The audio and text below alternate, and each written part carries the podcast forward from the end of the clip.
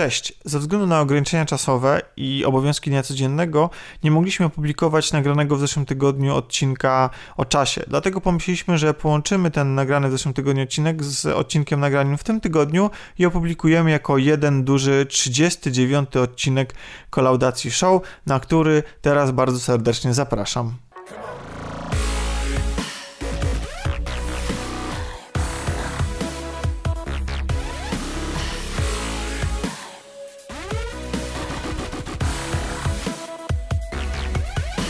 Dzień dobry. Dobry. Bardzo dobry. Cześć wszystkim, cześć Aniu, Hej. cześć Kasiu, Cześć. cześć Cześć, Piotrze cześć. i cześć wszystkim, mówi Tomek. Trochę nas e, nie było, mieliśmy małą przerwę, ale spożytkowaliśmy ją myślę, że bardzo sumiennie i aktywnie na nic nie robienie. I świętowanie urodzin różnych. 100 lat, 100 lat. świętowanie różnych urodzin, na imprezowanie. I bawiliśmy na przykład się w ostatni weekend na imprezie rozgrywka Party 4.0. Masę ludzi zjawiło się na miejscu, z którymi mogliśmy się spotkać i w ogóle było super was spotkać, przybić piątkę, porozmawiać. Dziękujemy za wszystkie miłe słowa. O dziwo chyba nie usłyszeliśmy żadnych słów krytyki.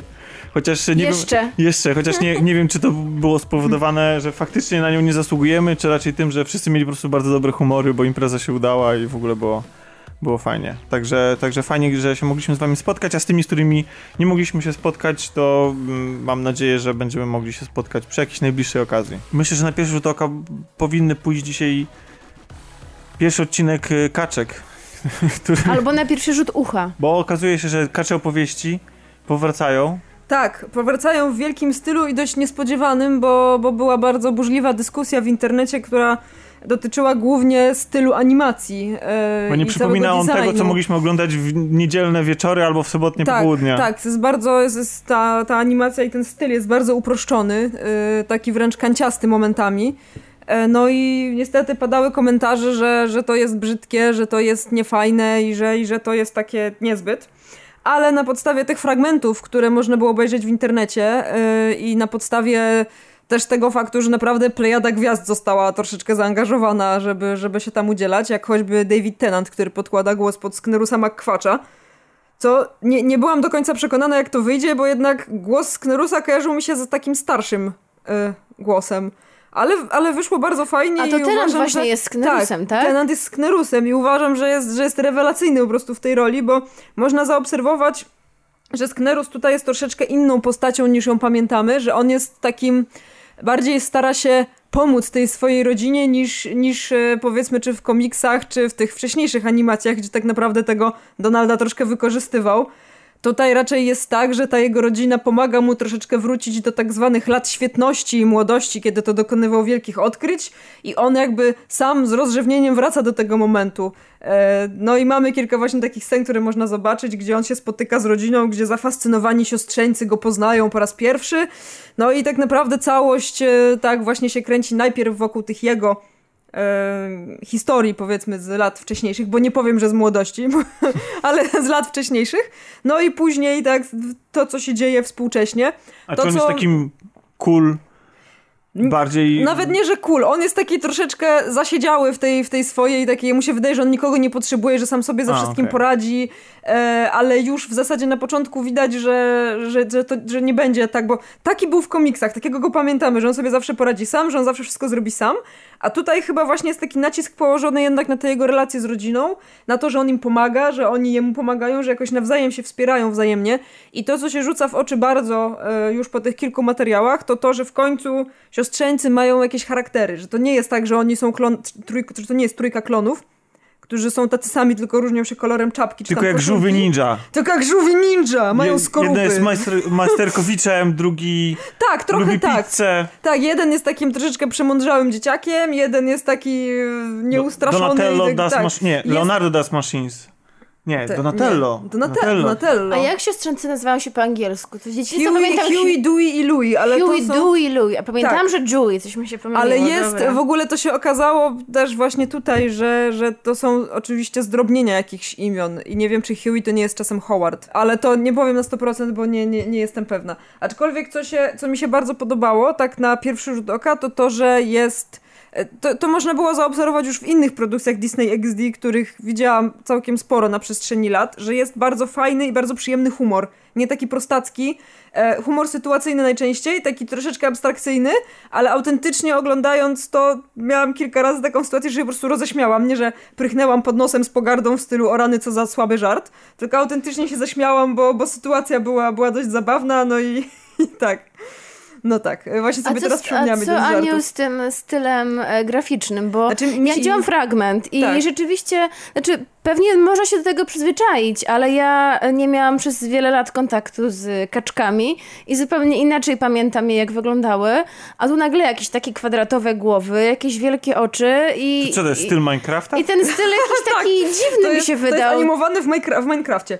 Ale ja myślę, znaczy wiesz co Kasiu, bo generalnie jest tak, ja nie widziałam tej serii ostatniej o myszce Miki, ale wiem, że już się pojawił taki styl animacji we wcześniejszych jakichś produkcjach Disneya właśnie nawiązujących do tych starych bohaterów więc to nie jest zupełna nowość. Poza tym troszeczkę się to też wpisuje w inne produkcje Disney XD, które nie są takie w te produkcje skierowane nie, nie do młodych dziewczynek, tak, które produkuje Disney, bo zauważyłam, że, że tam no, jednak mają, mają różne style animacji po prostu. Tak, jeżeli sobie ktoś przypomni na przykład Finasza i Ferba, to ta animacja też była taka mocno kanciasta i taka, taka nietypowa, ale to sam design to jedno, a to jak to jest wszystko zanimowane i jak to wszystko jest połączone, to drugie, bo to się to ze sobą gra bardzo fajnie przez to, że niektóre kadry są jakby żywcem wycięte z komiksów. W sensie widać nawet rastrowanie w niektórych miejscach, takie jakby tła jakby standardowo były stworzone w komiksach, więc to jest bardzo fajny zabieg, mi się to bardzo podoba, ale rozumiem czyli? też e, nakładanie takich e, jakby folii, A, które okay. mają jakieś kropeczki, nie kropeczki, taki jakby sposób cieniowania może. To jest coś, co się kojarzy z komiksem lat 60 70 Tak, coś, coś w tym stylu.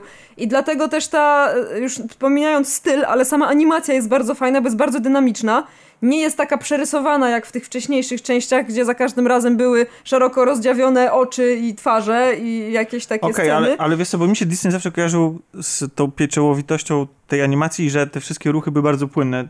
Oczywiście są czasami, płynne. czasami są ale z drugiej, po mhm. drugiej stronie były kreskówki Warner Brothers czy Hanna-Barbera, barbery i one były z kolei takie mhm. strasznie obcinane, znaczy robione taniej po prostu I, i, i teraz jest pytanie, czy Disney sobie tnie koszty i robi znaczy, te, te mi się wydaje, tych mi się wydaje, że nadal to są nie płynne, jest, czy... Tak, mi się wydaje, że to nie jest tanie, bo to wygląda, mimo że e, jakby tutaj widać e, jak wyglądają te postaci, że ten design jest troszeczkę zmieniony, to w dalszym ciągu wszystko jest bardzo, bardzo szczegółowe, więc wszystkie na przykład mamy jedną taką lokację lokację w, tam właśnie w pierwszym odcinku, gdzie nasze kaczki pojawiają się w piwnicy u Sknerusa McQuacza, gdzie widać jakieś tam artefakty, które on zdobył. To wszystkie, wszystkie tła są przygotowane bardzo pieczołowicie i animacja, w ogóle jakby ekspresja tych bohaterów i ich sposób poruszania się jest bardzo płynny, e, bardzo ładny, taki przyjemny dla oka. Nie ma, nie ma takich zgrzytów. To jest na przykład je, mam jeden ulubiony film Disneya, który bardzo lubię, ale w którym właśnie był problem z animacją i to jest Atlantyda. Królew 3. Nie, Atlantyda. Atlantyda ma animację bardzo taką, bo to był ten moment, kiedy oni się trochę chcieli przerzucić na animację 3D, ale nie za, nie za bardzo wiedzieli, jak to zrobić. I kreska, w ogóle sposób rysowania tych bohaterów, ona była tak skrajnie kanciasta, że mieli kwadratowe palce. Prostokątne, przepraszam, tak? I, i o ile jakby sam ten design mi nie przeszkadzał, to w połączeniu z tym, że ta animacja była taka mocno toporna jeszcze, chociaż ja uwielbiam ten film, to, to nie, niezbyt przyjemnie się to oglądało i teraz na przykład się bardzo zestarzał ten film. E, już tak troszeczkę źle się go no, muszę ogląda. do niego wrócić. Ale ja, ja go uwielbiam. Oglądam sobie go tak średnio raz w roku, najczęściej w jakiejś podróży, bo po prostu go lubię jakoś tak. Takie przygodowe filmy Disneya do mnie bardzo dobrze trafiają. To jest, taki, to jest coś jak Moana, tylko troszeczkę jakby no, no in, w innych realiach, jasne. no i jeszcze starsza, więc tam jest troszeczkę bardziej brutalny ten, brutalna ta animacja. Wow. Mam wrażenie, że to był taki eksperyment, żeby zrobić coś troszeczkę dla starszych yy, oglądaczy. Mhm. No ale już dość o Atlantydzie. W każdym razie tak skojarzył mi się ten styl po prostu rysowania, tak, tych bohaterów, którzy faktycznie byli ludźmi, a mimo tego byli tacy strasznie kwadratowi. I tam nawet jest jedna scena, w której pojawia się kot. I ten kot był jedyną ładnie narysowaną postacią w całej tej animacji. Ale tutaj faktycznie jest tak właśnie w tych, w tych nowych kaczych opowieściach, że mi się to na przykład podoba.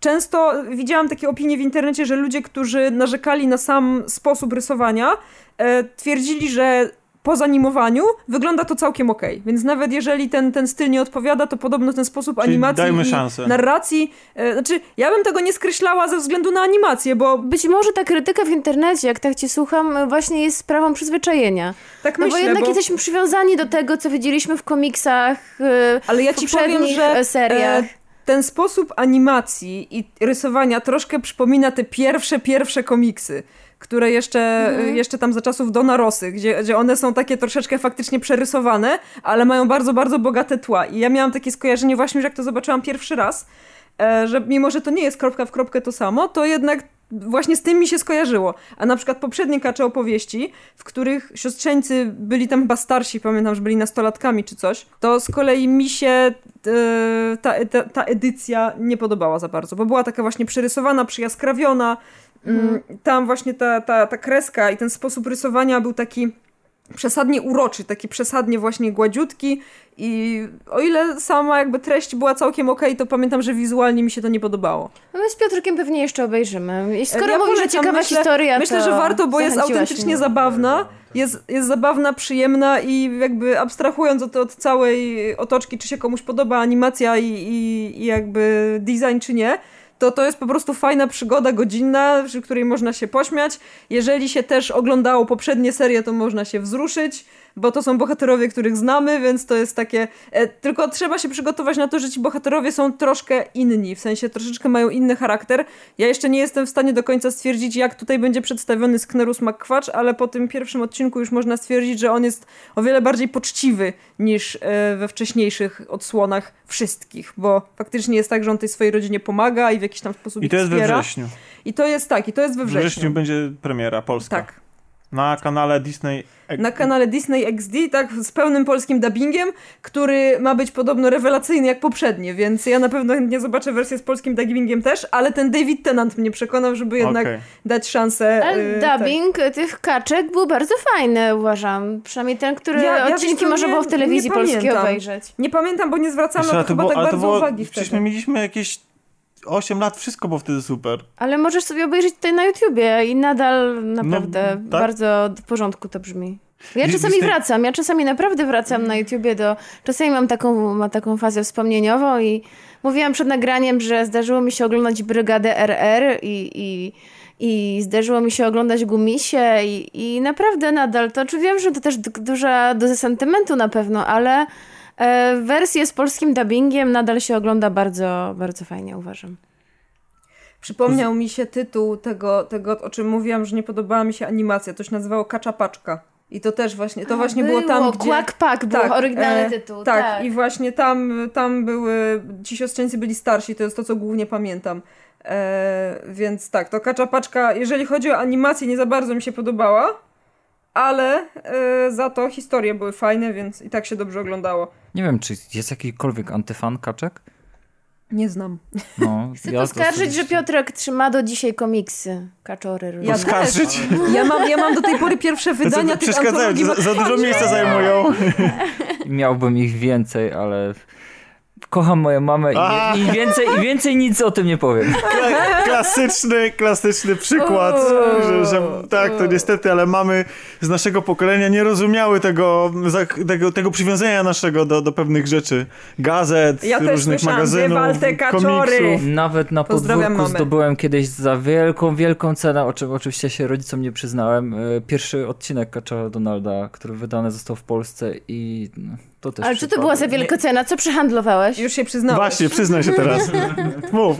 Niektóre rzeczy nie powinny pozostać, zostać, pozostawać zachowane w tajemnicy. O. Powinny pozostać, tak? No, no, dobrze, dobrze. Ja pamiętam, że w tym w Kaczerze Donaldzie, w Kaczerze Donaldzie była ta giełda z Kaczogrodu, że się kupowało akcje i tak dalej. To, było, to tam było, było. Ale to już, to już były te to już, to już były te nowsze, e, wydaje mi się, okay. Niestety ja, ja, moje kaczory Donaldy już też wylądowały w koszu, niestety. A moje są nadal w pudłach w domu i czasem jak przyjeżdżam, to sobie zdejmuję ze strychu i grzebię sobie. Moi rodzice są bardzo ekspansywni i ciągle do mnie dzwonią, że mam coś zabrać albo to wyrzucą. Ja już naprawdę prawie nic tam o nich nie mam. Nie, to bardzo dobrych nie... rodziców, bo dzwonią przynajmniej do ciebie.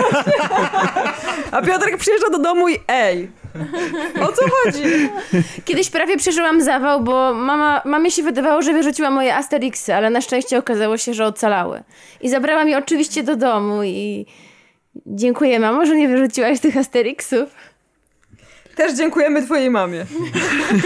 No dobrze, miałem takie ładne przejście, teraz nie wiem jak zrobić płynnie, żeby przejść do tematu filmu, który jest dosyć ciekawy z opisu i prawdę mówiąc wzbudził moje zainteresowanie nawet chociaż nie jestem kociarzem. Ach, no to jak to? Znaczy, nie można zrobić przejścia z kaczek na koty? No, no, a to gdzie tam kaczki już były? Po drodze, po drodze były jeszcze mamy. mamy zwykle lubią koty. Kaczek niekoniecznie. Pytanie, czy, czy mamy, które mieszkają w Stambule, lubią koty ze Stambułu? Mm, wiesz co, nie było tam przedstawionej żadnej e, postaci mamy, ale myślę, że tak, bo cały ten film jest przepełniony miłością do kotów i mówimy tutaj o filmie Caddy z polskim tytułem Sekretne życie kotów. E, jest to dokument, który Żeby niesamowicie długo... Być, zobacz memy, nie? Film ten jak na dokument niesamowicie długo utrzymuje się w kinach i ma bardzo dużą publikę. E, przeczytałam, że w Stanach e, już pierwszy weekend osiągnął 3 miliony, jak na dokument 3 miliony dolarów zarobił.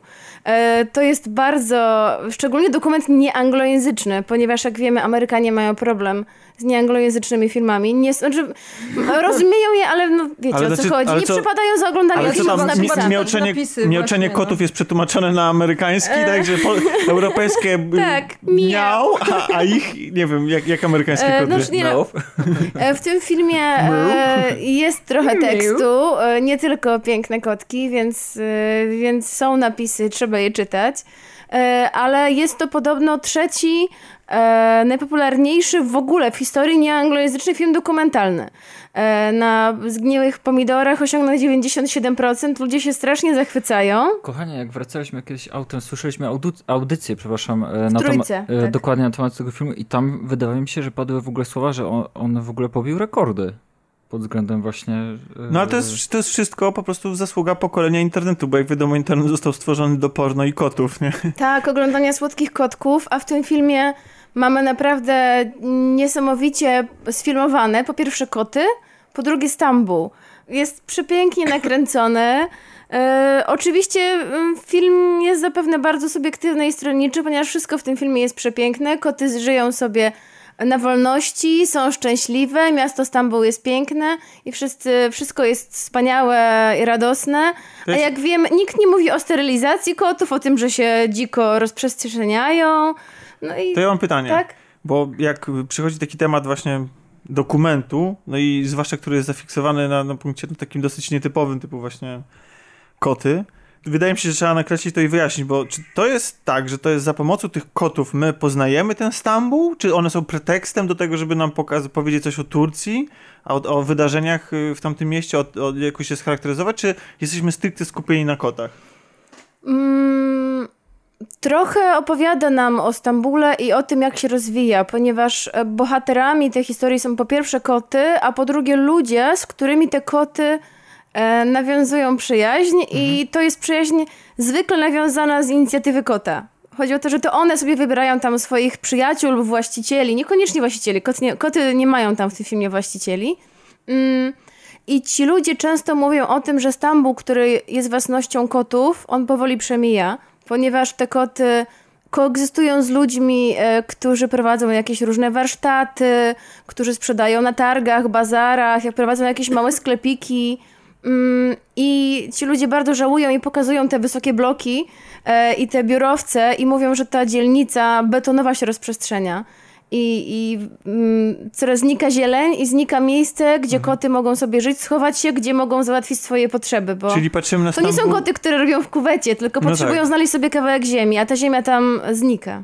Czyli patrzymy na ten Stambuł oczami kotów, na świat Całkowicie oczami kotów i właśnie w audycji, o której wspomniał Piotrek, było powiedziane, jak zostały nakręcone niektóre sceny, ponieważ widzimy rzeczywiście świat z perspektywy kota, czasami kamera goni za kotem, I e, Mm, jakoś, Ryszard Jeźwiński przy, opowiadał... Przyczepiali kotom GoPro? E, nie, Ryszard Jeźwiński opowiadał, że... chodzili na czterech łapach. że przy, kamery były przyczepione do takich małych samochodzików, które można zdalnie sterować. I kamery podążały samochodzikiem za kotem. So cute. Zastanawiam się właśnie, jak te koty nie zainteresowały się tymi samochodzikami. To jest niesamowite. One jakby... Myślę, były przebrane, jak, jak, jak, jak ten pies w filmie Głupi i Głupszy, tylko tutaj były takie koty, nie? Naprawdę, oni, no ale to tym bardziej powinny, że koty są ciekawskie z natury. Nie wiem, czy oni filmowali to na tyle długo, Może że one się już po prostu, oswoiły Albo tymi... powycinali te no. sekwencje, które one zaczepiały kamery na przykład. Tak myślę, no przecież nie kręci się filmu od tak, to prawdopodobnie jakoś dłużej trwało, ale to, co najbardziej mi się spodobało w tym filmie, to to, że właśnie każdy kot ma swój zupełnie inny charakter, jak, jak ludzie. Znaczy, jako właścicielka psa i kota wiem, że zwierzęta mają swoje charaktery, ale nie spodziewałam się, że to jest aż e, na taką skalę. Każdy zupełnie z kotów przedstawionych w filmie jest zupełnie inny, ma inne cele, inny sposób życia, czym innym się kieruje. E, innych sobie wybiera właścicieli. E, były koty, które, mm, cudowna kotka na początku filmu, która e, chodzi po ludziach i żebrze po jedze, o jedzenie, staje na dwóch łapkach, żebrze o jedzenie i potem to jedzenie w pyczku zanosi swoim dzieciom, małym koteczkom. O. Był pokazany inny kot, który nie zniża się do poziomu żebrania o jedzenie.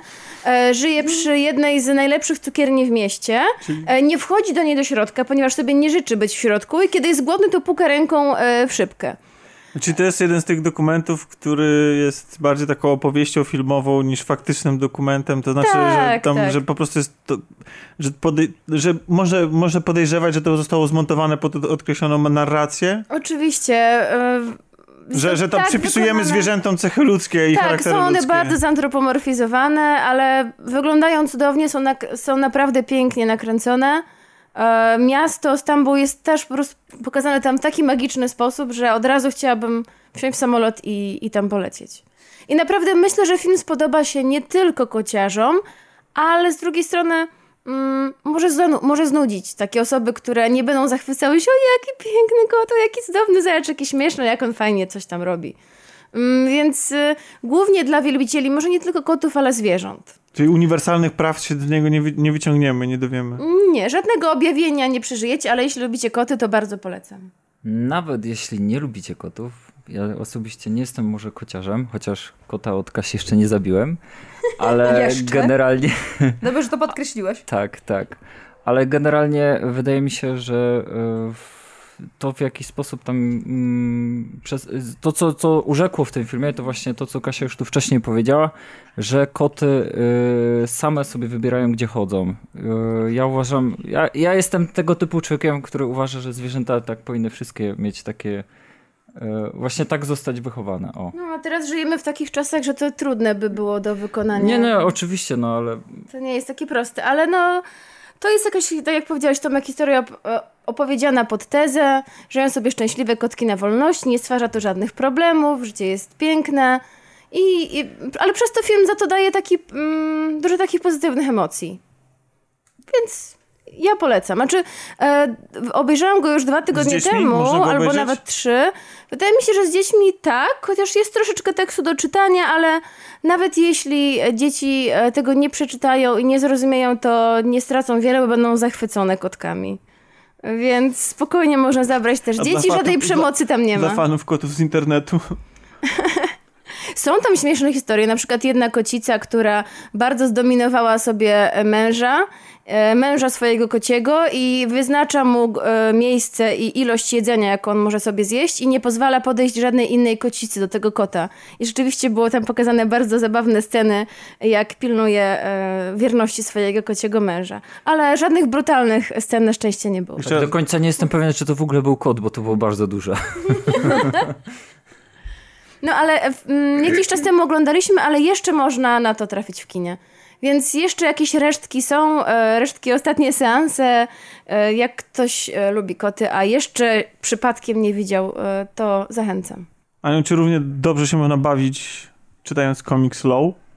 Oj, to jest, to jest bardzo trudne pytanie, bo tematyka tego komiksu jest dość przyciężkawa. Nie jest o kotach? można tak powiedzieć. Nie jest o kotach. To jest komiks osadzony w postapokaliptycznym świecie.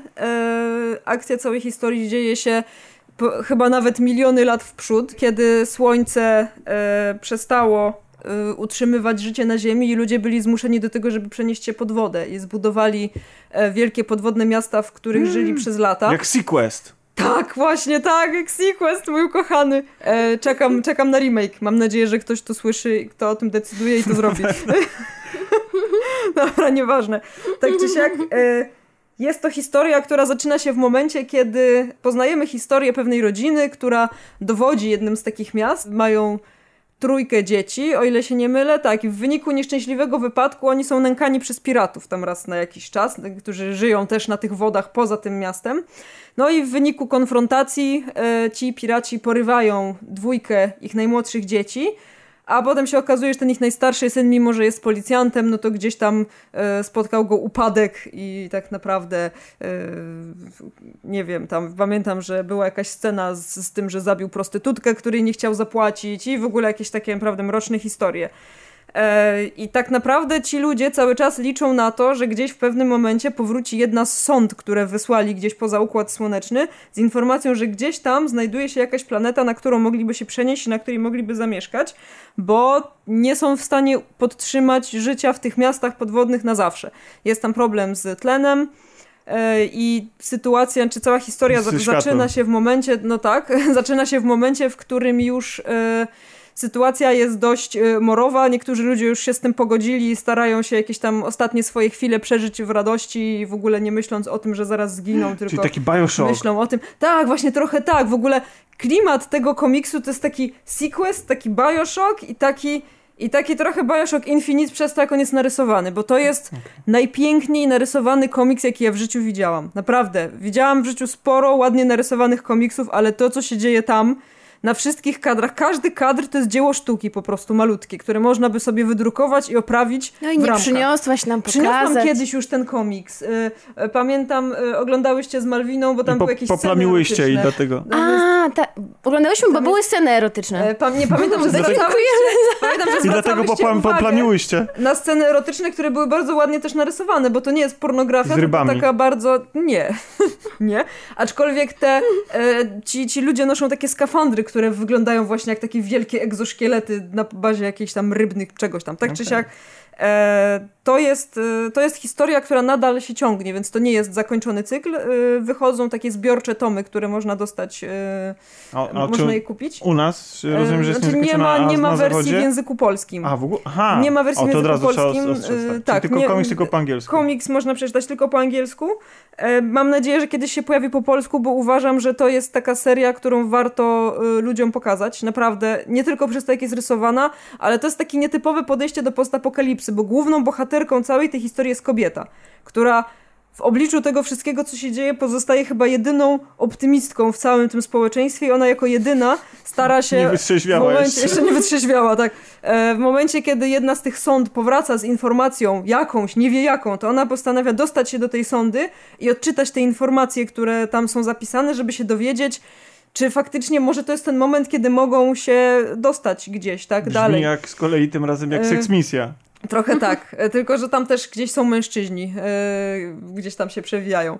E, no i cała historia tak naprawdę opiera się na tym, jak ona stara się też trochę przekonać innych, żeby jej pomogli, tak? Zabiera ze sobą tego swojego syna, nieudacznika w cudzysłowie, tak? Bo on faktycznie też pod wpływem tej podróży z nią troszeczkę zaczyna mieć poczucie jakiegoś obowiązku, że jednak może warto było coś zrobić ze swoim życiem, a nie tylko położyć się i umrzeć, bo takie miał wcześniej podejście. W ogóle w tym, w tych brzmi, miastach podwodnych, jak które... plan na życie. Tak.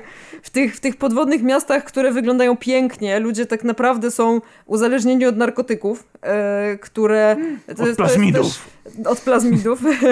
które w jakiś sposób, powiedzmy, wypaczają im to poczucie rzeczywistości, że im się wydaje wszystko piękne i kolorowe, a tak naprawdę wszystko jest brudne, e, brzydkie, nudne i czeka ich śmierć. Więc taki klimat. A to z kolei mi przypomina kolejną grę. We Happy Few? We Happy Few. Widzisz, czyli to co najlepsze po prostu, że ten, ten komiks jest rysowany od 2014 roku, więc to jest... Ale e, mówicie o, taka, o grach, które no, wam się kojarzą, a ja tutaj sobie przeglądam różne strony, gdzie są recenzje komiksu Low i przynajmniej na dwóch jest on określony jako komiks dla graczy. Co, a czym się, przepraszam, a, czy, a czym się, czym się określa ja komiks dla graczy? Ja nie wiem, żebym go określiła Bohaterowie mają paski energii nad sobą na przykład? Mają. Nie mają, właśnie to jest słabe. Ale, yy, a mają takie diamenciki mieć? jak w The Sims? Nie mają, a powinni mieć. Jestem I tak, rozczarowany. I, tak, I w ogóle wszystko widzisz z perspektywy pierwszej osoby, nie? Tak, całą historię oglądasz i widzisz tylko swoje ręce gdzieś tam na niektórych A na końcu jest wielka walka z bossem. Tak. Znaczy jeszcze nie wiem, bo nie doczytałam, ale pewnie tak będzie. Znaczy myślę, że komiks faktycznie zważywszy na to, że w klimacie jest podobny do faktycznie tych najlepszych gier, w które grałam i dobrych seriali, które pamiętam, e, dobrych historii, to myślę, że jeżeli ktoś jakby siedzi w tych tematach i interesują go nietypowe postapokaliptyczne światy, to może mu się ta historia spodobać, bo pomijając to, że jest pięknie rysowany, ja się na początku trochę obawiałam podejścia do tego komiksu, bo bałam się, że się skończy tak, że się okaże, że on jest super narysowany, ale historia kuleje, albo jest taka przeciętna, ale nie. Myślę, że ta historia jest doskonale zilustrowana właśnie przez te obrazy, bo tam jest tyle ekspresji w tym wszystkim, że nawet to dodaje większej powagi tej historii niż ona chyba miała być w założeniu. W sensie, że dokładnie... dodaje dramatyzmu. Jest tak, mam wrażenie, że doskonale po prostu pasuje do typu opowiadanej historii. Ten sposób, w jaki właśnie te komiksy są rysowane. Także e, mi się udało ten komiks sprowadzić e, przez jedną z polskich księgarni, która e, kosztował mnie chyba 40 zł jeden tom cena okładkowa jakieś chyba tam jest 10 dolców, o ile dobrze pamiętam. Więc. Y, no to cena jak na anglojęzyczny komiks tak, myślę, bardzo w porządku. Można go, można go dostać w całkiem dobrej cenie. A ile tomów już wyszło? Chyba, wiem, że 17 zeszytów. Wow, a, ale... Zeszytów, okay. tak, a w każdym tomie jest po kilka zeszytów. Nie wiem ile jest tomów, bo akurat sprawdzałam sobie ile jest zeszytów, nie ma informacji a ty masz to w wersji papierowej, nie ja mam... Marvel Unlimited czy coś takiego? Nie, nie, nie, nie, ja mam to w wersji papierowej właśnie, bo udało mi się znaleźć w dobrej cenie w jednej z księgarni internetowych, ale... Yy Myślę, że to jest taki komiks, który warto jest mieć w wersji papierowej, bo też sam sposób wykonania okładki, gdzie jest ta folia nałożona, no nie, no... no nie, Ale ten tak taki jeden mówić. tom, ile w sobie zeszytów zawiera? Chyba trzy albo cztery. Trzy albo cztery zeszyty, nie pamiętam dokładnie, ale jest... Znaczy jest to dość spory kawałek historii, bo to jest jakby, pamiętam, że czytałam, czytałam i wydawało mi się, że już to tak strasznie idzie do przodu, że tam się już tyle dzieje w tym, w tym, w tym jednym tomie. E, oczywiście to nie jest całość, ale powiedzmy też nie ma takiego strasznego cliffhangera, żeby nas zirytować, ale chcę się czytać dalej, bo no ja, ja bardzo bym chciała wiedzieć, co się tam dalej dzieje, tylko niestety obawiam się, że już kolejnych tomów nie uda mi się kupić e, po tak takiej tanio. okazyjnej cenie, tak, bo z tego co widzę, jakie są ceny na Allegro na przykład, to to bywa różnie. Czy można dostać to w Polsce, tylko trzeba się z tym liczyć, że, że trzeba się będzie troszkę wykosztować, ale mam bardzo dużą nadzieję, że ktoś y, to jednak u nas wyda w wersji polskiej. Jesteś zachwycona, polecasz? Tak, jestem. Y, wydaje mi się, że jeśli chodzi o takie komiksy, bo ja sobie też komiksy dzielę na kategorie, ale w kategorii y, science fiction, post-apokaliptik, szaleństwo, to w tym roku myślę, że to jest najlepszy komiks, jaki czytałam.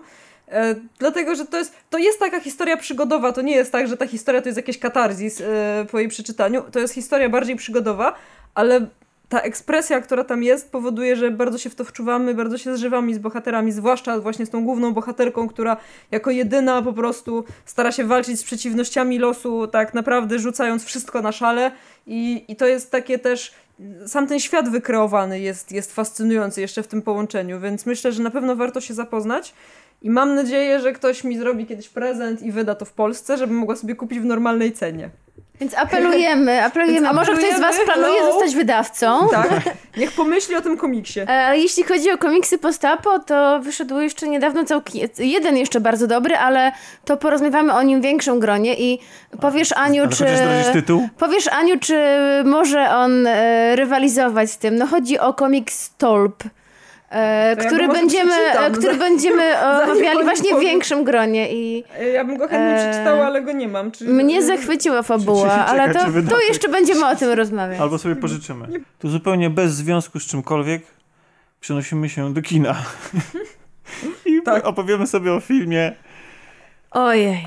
No nie, takie ojej, o, tak strasznie. Nie był, nie, bez przesady. No ja troszkę się zmęczyłam. Okej. Okay.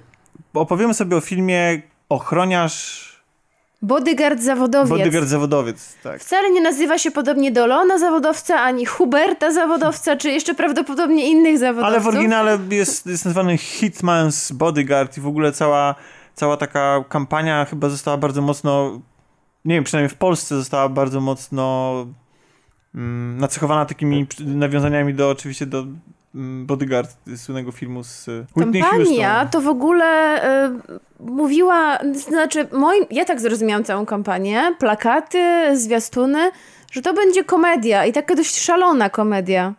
A wiesz co, nie, ja prawdę mówiąc, mi się wydawało, że to, był, że to była na zwiastunach. Okej, okay, była, tak, było tam dużo humoru. I no. ten plakat przecież No ale właśnie plakat jeszcze, mężczyzna, no. niosący drugiego mężczyznę. No ale jacy mężczyźni? E, no ale No, właśnie ale- o to no, chodzi. jacy I jacy mężczyźni? mężczyźni? Ryan Reynolds, Samuel Jackson, e, no to nie sugeruje ci to komedii. Wiesz co, ja przyznam szczerze, że tego plakatu nie widziałem wcześniej, przed premierą. Widziałem trailer i ten trailer bardziej mi sugerował, że to będzie coś w stylu takiego próby powrotu do tak zwanych buddy movies, tak? Czyli filmów opartych na przyjaźni męskiej dwóch przeciwstawnych sobie charakterów, którzy są zmuszeni współpracować razem i gdzie różni ich absolutnie wszystko, a później się okazuje, że są najlepszymi się, bardzo się kumplami. nie lubią, tak, a na tak. końcu oczywiście okazuje się, że coś ich łączy, Tak. ratują sobie życie albo robią sobie jakąś niesamowitą przysługę. Lubicie w ogóle takie kino?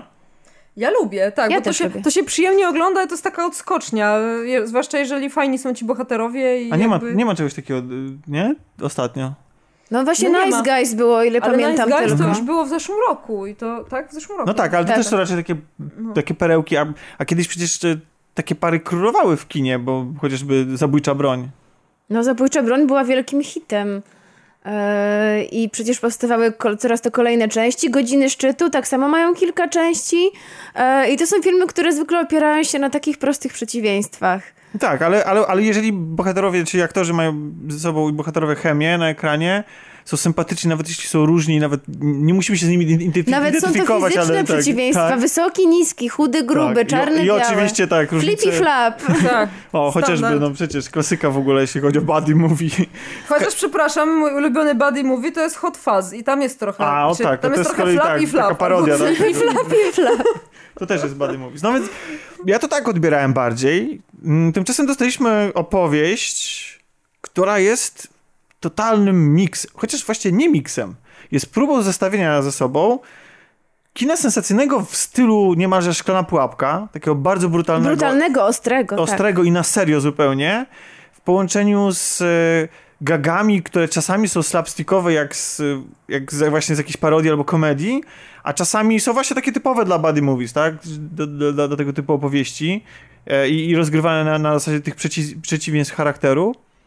Tak, jeśli nie ma sceny akcji, to wtedy jest scena dyskusji dwóch głównych bohaterów, no, którzy się ścierają w jakiś sposób. Tak, I ona ma te być... sceny w założeniu miały być śmieszne, ale mnie szczerze mówiąc niezbyt rozśmieszyły. Znaczy, jest ich tak dużo, ja mam wrażenie, że tam, że, że ten film próbuje strzelać humorem tak, szyb, tak, tak gęsto i tak często, jak bohaterowie strzelają do swoich wrogów, albo ktoś do nich strzela, że to jest tak, że większość tych żartów zwykle przy takim natłoku humoru po prostu nie siada, ale tak, ja się z tobą zgadzam, to są bardzo proste żarty, ale z, niektóre z nich są bardzo trafne, zabawne i urocze. Ale ja nie nawet. mam nic przeciwko prostym żartom. Chodzi mi o to, że mm, w sceny, kiedy mm, widzimy tylko i wyłącznie dwóch bohaterów, jest bardzo dużo scen w samochodzie, no więc mamy, całkowicie skupiamy się na ich dia- dialogach między nimi.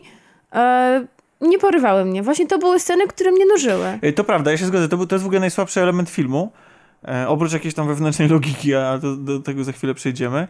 Bo to A jest. to powinno napędzać ten film, ten konflikt Tak, właśnie. to O to prawda. chodzi w tym gatunku. To prawda. Film, kiedy staje się, kiedy jest, y, przechodzi w slapstick, kiedy te sceny są tak totalnie przerysowane, to wtedy wydaje mi się, że zyskuje najwięcej. To kiedy jest, prawda, jest tak. niemalże taką parodią samego siebie i dzieje się to zazwyczaj w scenach retrospekcji. Kiedy bohaterowie wspominają na przykład y, sytuacje, w których poznali swoje partnerki życiowe. E, tak, i bardzo, bardzo mnie to zdziwiło, że jakby te sceny nie do końca pasują do, do reszty filmu, ponieważ właśnie te retrospekcje są bardzo slapstickowe, są śmieszne, w taki właśnie absurdalny, przerysowany sposób, mm, a to, co się dzieje w rzeczywistości, nie jest takie. Jest momentami bardzo poważne i wręcz dramatyczne. To jest dramatyczne, bo film się rozpoczyna od... Y, właściwie od bardzo brutalnej sceny, która ma nam nakreślić y, zbrodnie wojenne i, i, i postawę bohatera, który, który jest grany przez... Gary Goldmana? Dokładnie. Tak.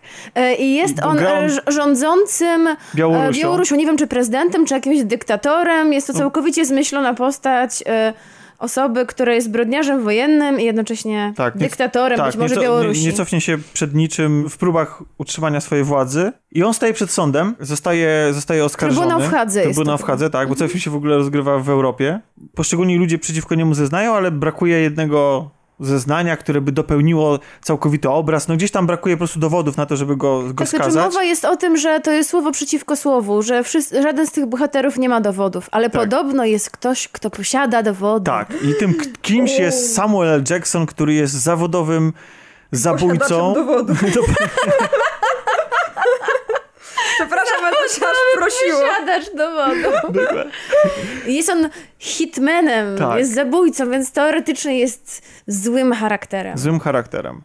No i tylko, że trzeba go przewieźć z super strzeżonego więzienia. Ale najpierw jeszcze trzeba go przekonać, żeby Ach, zeznawał. Tak. Trzeba go przekonać. W związku z tym pojawia się bohaterka, moim zdaniem najlepsza w całym filmie, czyli Salma Hayek żona głównego bohatera i jest ona tutaj towarem przetargowym, ponieważ jego nie mogą zwolnić z więzienia, ale obiecuje się mu, że jego żona zostanie zwolniona, kiedy, w przypadku kiedy on będzie zeznawał. Tak.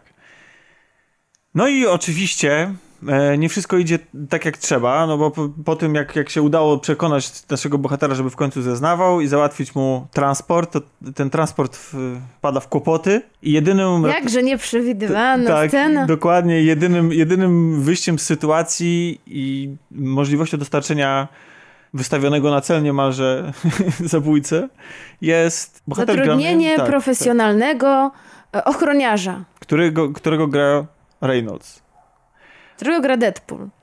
tak, dokładnie. Którego, Deadpool. którego gra Deadpool. A nie jest to taki zwyczajny ochroniarz, ponieważ kiedyś, jak twierdzi, miał licencję AAA, czyli trzy, trzy razy A i zasługiwał... Znaczy, ej, mógł ej, ej. Tak, dokładnie. A ta ocena świadczyła o tym, że, że standard jego usług jest najwyższej jakości, mógł dzięki temu zarabiać największe pieniądze i służyć naj, naj, naj, najbogatszym ludziom, którzy się obawiali o swoje życie, a zazwyczaj to byli jacyś przestępcy, tak? No bo to, to im były potrzebne jakieś tam mm, jakieś no, tam ochrona. biznesmeni, którzy robią szemrane interesy. Interesy, dokładnie. No ale w wyniku jakichś tam wydarzeń, to nie będziemy spoilować, tą licencję traci. I teraz próbuje jakoś wiązać koniec z końcem. No i jak się, jak się okazuje, to mm, w jego mniemaniu stracił tę licencję przez swoją dziewczynę z Interpolu, która obecnie właśnie pracuje w Interpolu i to właśnie ona go prosi o pomoc w przetransportowaniu i to, to, nie, to też jest super bohaterka. Mamy już Deadpoola, a tym razem jest to Elektra. Elektra z serialu, no teraz Defenders też, ale wcześniej też i Daredevil. Daredevil, dokładnie. No więc mamy Elektrę, mamy Deadpoola, mamy Samuela. Jacksona, który też gra w superbohaterskim filmie. No, nie jednym. Nie jednym. W Avengersach. Jak się nazywa? O właśnie, w Avengersach. Jak się nazywa ta postać jego z tym takim okiem? Nick Fury. Nick o, Fury. Nick, Nick Fury. Mamy tak. Nika, mamy Deadpoola, mamy Elektra. Ej, to właściwie faktycznie całe super... Chociaż też mam wrażenie, że chyba wszyscy grają w superbohaterskie kin, kinie, bo się ciągle kręci super, superbohaterskie Czy to będzie kino. płynne przejście? To będzie płynne, y, to będzie bardzo płynne przejście, ponieważ ten film... Jeszcze chwila. Ten, ponieważ ten film się wydaje właściwie też o superbohaterach, bo nasi bohaterowie w, w ramach logiki filmowej są absolutnie niezniszczalni. Samuel Jackson, ja nie wiem ile on ma lat, i nie wiem ile jego bohater ma lat, ale jest absolutnym, totalnym mistrzem w zabijaniu. On wyjdzie z każdej niemalże sytuacji. E, z kolei... Nawet ranny, kulejący, Dokładnie. ledwo zipiący, rozwala wszystkich naokoło. To jest najlepszy hitman w okolicy, tak? A Reynolds z kolei też prawem logiki filmowej potrafi sobie poradzić, mimo tego, że jest skierowany na trochę bardziej fajtłapowatego, chociaż tak naprawdę no, dającego... To jest właśnie ten taki rozdźwięk, bo to jest człowiek, który jest z jednej strony w tych scenach poza scenami akcji taki dosyć nieporadny życiowo, tak przynajmniej jest... Tak... Nie radzi sobie w kontaktach z płcią przeciwną. To jest akurat mega dziwne, totalnie nie wierzę w Co za postać graną przez Reynoldsa, który ma jakieś problemy z płcią przeciwną. No i oczywiście w tych kontaktach mu pomaga oczywiście Samuel L. Jackson, który jako doświadczony... Doświadczony tak, radzi mu, tak. Doświadczony przede wszystkim małżeństwem, no Salmo Hayek, no więc A to jeszcze powiem tylko szybko, dlaczego mi się podoba postać Salmy Hayek, ponieważ jest przedstawiona jako bardzo bezkompromisowa, super władcza, dominująca samica alfa i po prostu Salma Hayek gra to w świetny, przerysowany sposób. Ona jako jedyna, mam wrażenie, z obsady wyczuła się w tą konwencję na 100%.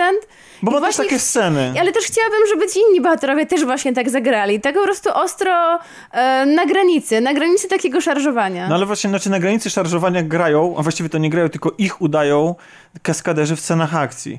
Bo te sceny z kolei są, i tutaj właśnie żaden z naszych bohaterów nie jest fight łapą, wręcz przeciwnie, są niemalże super bohaterami. Oni są nietykalni dla kul i samochody, którymi jeżdżą są nietykalne. Znaczy nie, one przyjmują w siebie właśnie. ilości kul po prostu jak gąbka. Była scena lepsza niż u wszystkich ich wściekłych, ponieważ no to chyba nie będzie żaden spoiler. Jest scena, jak samochód jedzie, odpadają mu po kolei wszystkie części, on nadal jedzie, skacze, wręcz lata.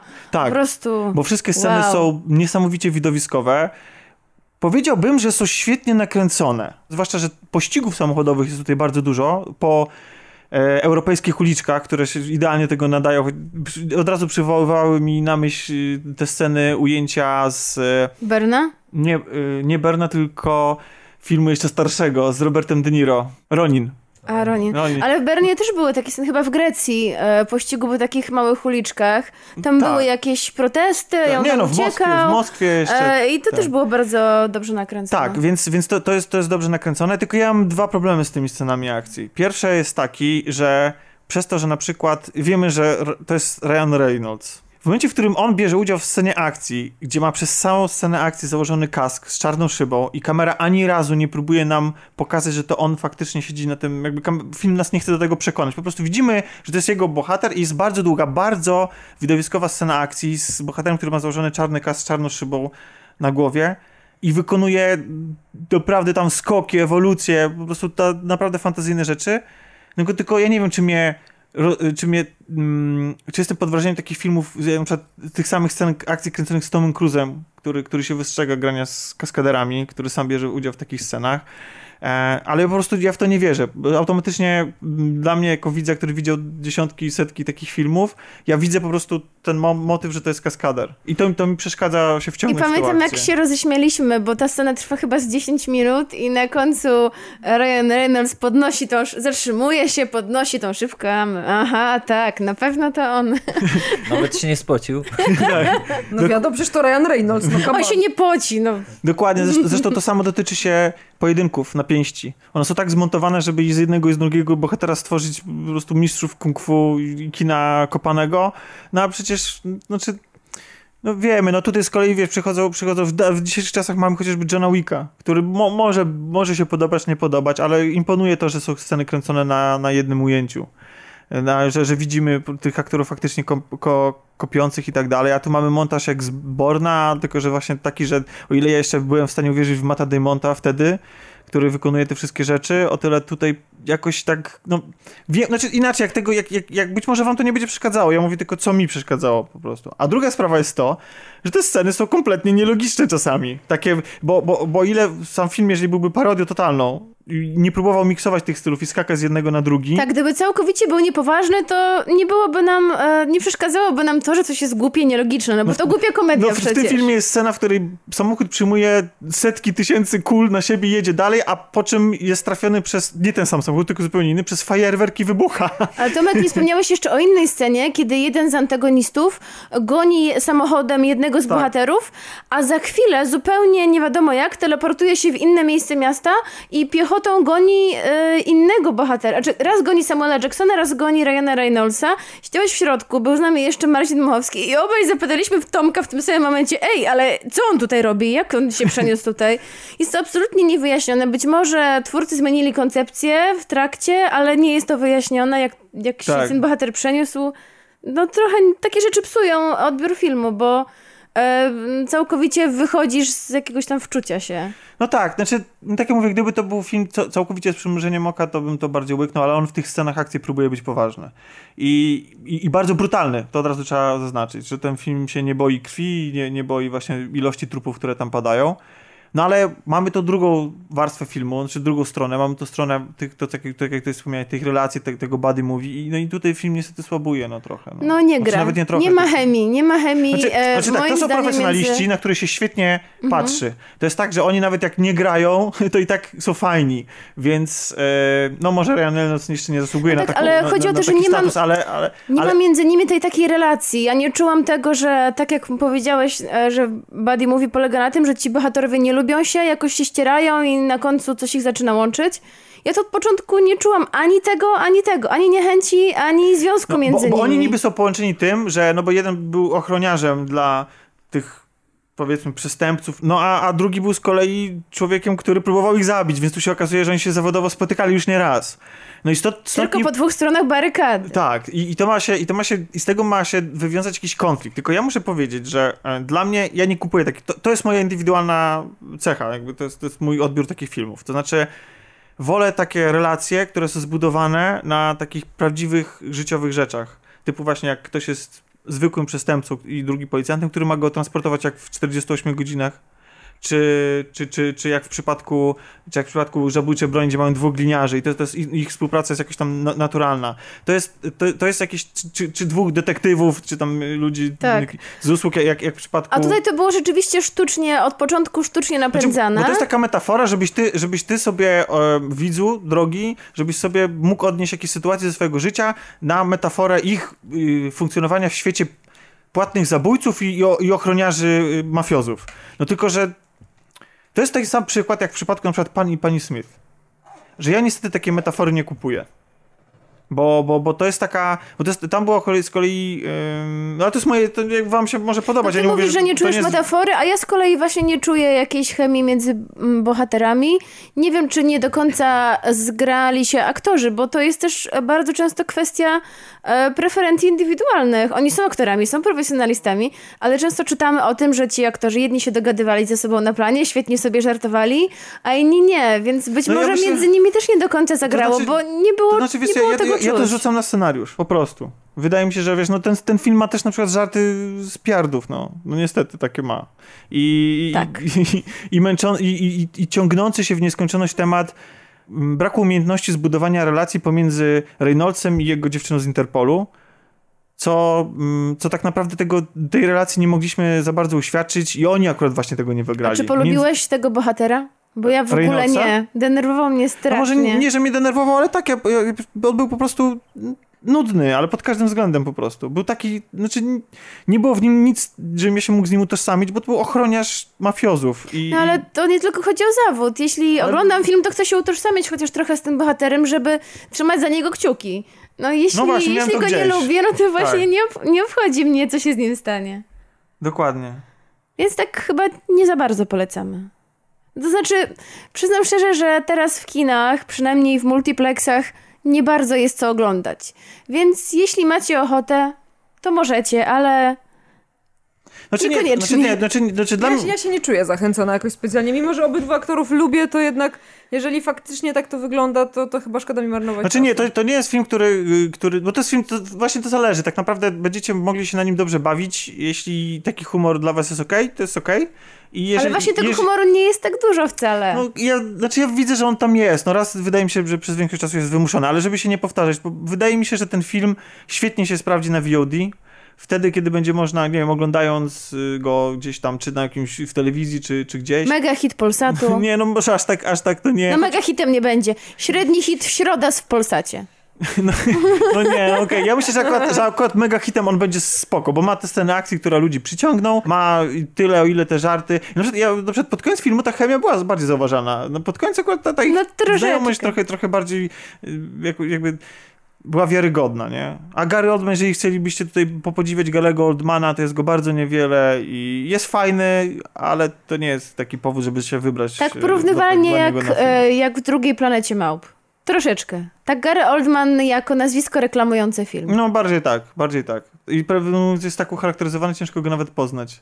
A tak, bo tutaj jest z kolei, wydaje mi się, odniesienie do Ukrainy, ponieważ bohater jest, e, podano mu jakieś dioksyny i ma twarz zniszczoną, tak jak e, były prezydent tak. e, Ukrainy, więc rzeczywiście ma taki, jest taki dziobaty, że, że trudno go poznać. Zastanawiałam się właśnie, czy to Gary Oldman? Tak, więc to jest taki, a może na wieczór z kumplami, to też sobie można się wybrać na wieczór z kumplami. Chociaż lepsze filmy w tym, w tym roku były, to na pewno, no taki Rosół z Polsatem, nie? To jest taki film, nie? Do rosołu z Polsatem. Jest już późno, Pewnie, ja muszę iść do domu, więc ja bym, się, ja bym się po, pożegnała tym optymistycznym akcentem. Okej, okay, to się żegnaj, y, Kasiu. Y, Aniu. Kasiu, Aniu. E, dobrze, Piotr, pożegnam się. Dzięki, było miło. Y, na razie. Do usłyszenia następnym razem. Do usłyszenia. Ania już się z nami pożegnała. I ja trochę żałuję, że też my razem z nią nie poszliśmy. Bo będziemy znowu mówić o filmie tak pod rząd, który chyba nas nie zachwycił. I musimy o nim powiedzieć bo to wydaje mi się, że to dosyć ważna premiera. Właściwie... Ale nie będziemy po nim tak bardzo jechać, nie, jak po Defenders. Nie, jeszcze bardziej. Dlatego, że ten film się stara być y, czymś ambitnym i sprzedawać nam jakąś prawdę o świecie i być inspirujący, a przede wszystkim jest w swojej warstwie wizualnej, formalnej, jest y, strasznie napuszony i to niesie ze sobą ryzyko już po stronie reżysera, że może się okazać, że robi film o niczym, albo że będzie banalny, albo niezrozumiały. Chciałam wam zdradzić, że Tomek już po raz drugi chciał przełożyć mówienie o tym filmie.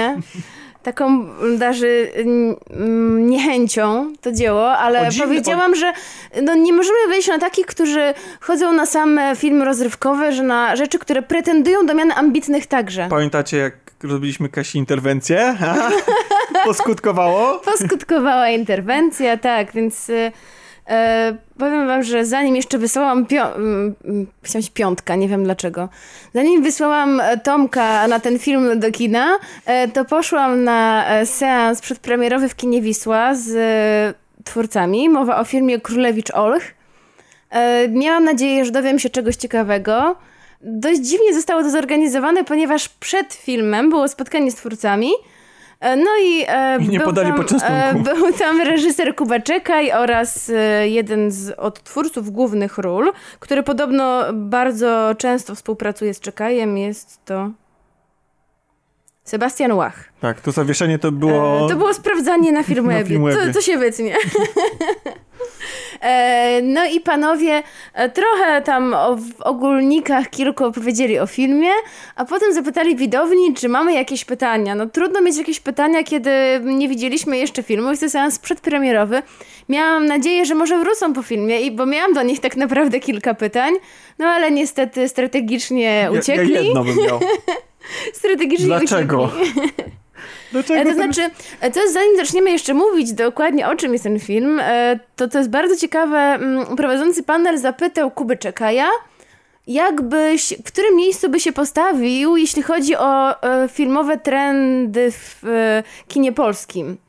Mm, I przy jakim reżyserze, z jakim czuje więź. Więc tutaj padło nazwisko Szulkina, którego ja darzę ogromną sympatią. Mhm. Strasznie lubię jego filmy, ale niestety muszę powiedzieć, że z Szulkinem to e, nie miało dużo wspólnego. Bardziej bym powiedziała w stronę Żuławskiego, albo trochę taki Lynch wannabe. E, bo tak jak już powiedział Tomek, od strony wizualnej film tak stara się być bardzo symboliczny, jest taki oniryczny, jest dużo takich scen, e, których znaczenia musimy się domyślać. Dużo? Właściwie niemalże każda scena do powiedzmy połowy filmu wygląda w ten sposób, że jest sceną niemalże wyjętą z lincza, jakąś bardzo symboliczną. Mamy rzeczy, które oczywiście dzieją się w jakiejś naszej rzeczywistości, ale postacie, które tam występują już od pierwszej sceny w ogóle, to są postacie bardzo symboliczne. One to nie są żywe postacie, to nie są bohaterowie, z którymi nasi bohaterowie głównie się spotykają, tylko to wszystko jest po to, żeby ci później wrócić, do, do, żeby do tego wróciła później wspomnieniami oglądając ten film. I żeby sobie, a tak, to była figura tego i tego w jego tak, życiu. Tak, to był taki archetyp. Tak, tak, tak. Bo film opowiada o bardzo zdolnym chłopcu, bardzo inteligentnym. Nie wiem nawet ile on ma lat, chyba 14 albo 15. E, chłopiec jest na tyle inteligentny i uzdolniony matematycznie i fizycznie, że wygrywa bardzo dużo różnych konkursów i jest tam wspomniane, że od przyszłego roku zaczyna studia. E, więc naprawdę musi w bardzo szybkim trybie zaliczać te wszystkie kolejne klasy. Mieszka on z mamą, E, samotnie wychowująca go matka jest bardzo ambitna. Znaczy ambitna tylko i wyłącznie jeśli chodzi o oczekiwania wobec syna. E, bardzo jest wymagająca. E, właściwie całe jej życie opiera się na krążeniu wokół syna i dbaniu o niego, tak naprawdę o to, żeby wygrywał kolejne konkursy. I również ze względów finansowych, bo trzeba powiedzieć, tak. że oni nie żyją zbyt bogato, ponieważ ona go samotnie wychowuje, a sama trudni się opieką, opieką nad, nad dziećmi. dziećmi. Tak. E, I no, tak jak powiedziałaś, archetypi. Dojrzały, e, wbrew pozorom, moim zdaniem dojrzały, nad, nad, e, nad wieku zdolniony syn, bardzo niedojrzała, wymagająca matka i w pewnym momencie pojawia się równie niedojrzały, chociaż w trochę inny sposób ojciec. I to tak naprawdę to są wszyscy bohaterowie w tym filmie, bo oni tam się tylko nie, no, przewijają. Tak, to mamy, mamy człowieka, który odpowiada za zorganizowanie konkursu naukowego, tak, w którym może wziąć udział nasz bohater i tam wygrać jakąś określoną sumę. Czy to jest jakieś stypendium, czy coś takiego? Przepraszam, ale to mi zupełnie umknęło. Chyba tak. Znaczy nie, to nie jest stypendium, po prostu e, dużą no jest, finansową tak, nagrodę. Tak, dużą finansową nagrodę.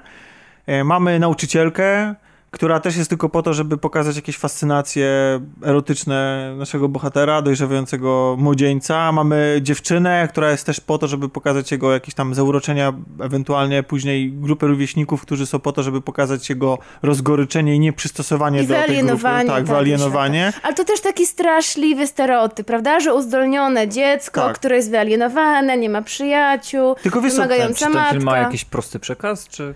Ma, ba bardzo, i to, bardzo prosty. I, I to jest właśnie problem z tym filmem, że on po prostu ma bardzo taką zawoalowaną, symboliczną i trzeba przyznać bardzo efektowną formę, formułę. To znaczy, bo jeszcze ale... jednego nie powiedzieliśmy, że projekt, który przygotowuje główny bohater, e, on ma zamiar udowodnić, że wszystko, co nas otacza, nie jest prawdziwe. Że to jest tylko symboliczne, że jesteśmy tak jakby hologramami. E, takie ambicje ma główny bohater. E, I to się właśnie wiąże z tytułem filmu Królewicz Olch, odniesienie do króla Olcha Goethego.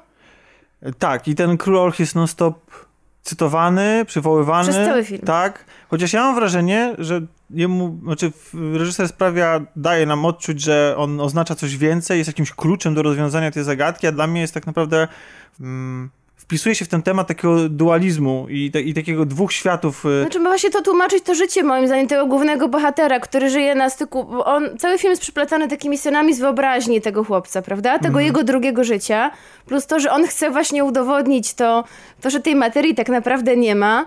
A Król Olch, jak wiecie, ważne dzieło romantyzmu, czyli przeciwstawienie tego ulotnego, elfów, lasu, magii i nauki. A on chce to połączyć w jedno, ten, e, ten chłopiec właśnie.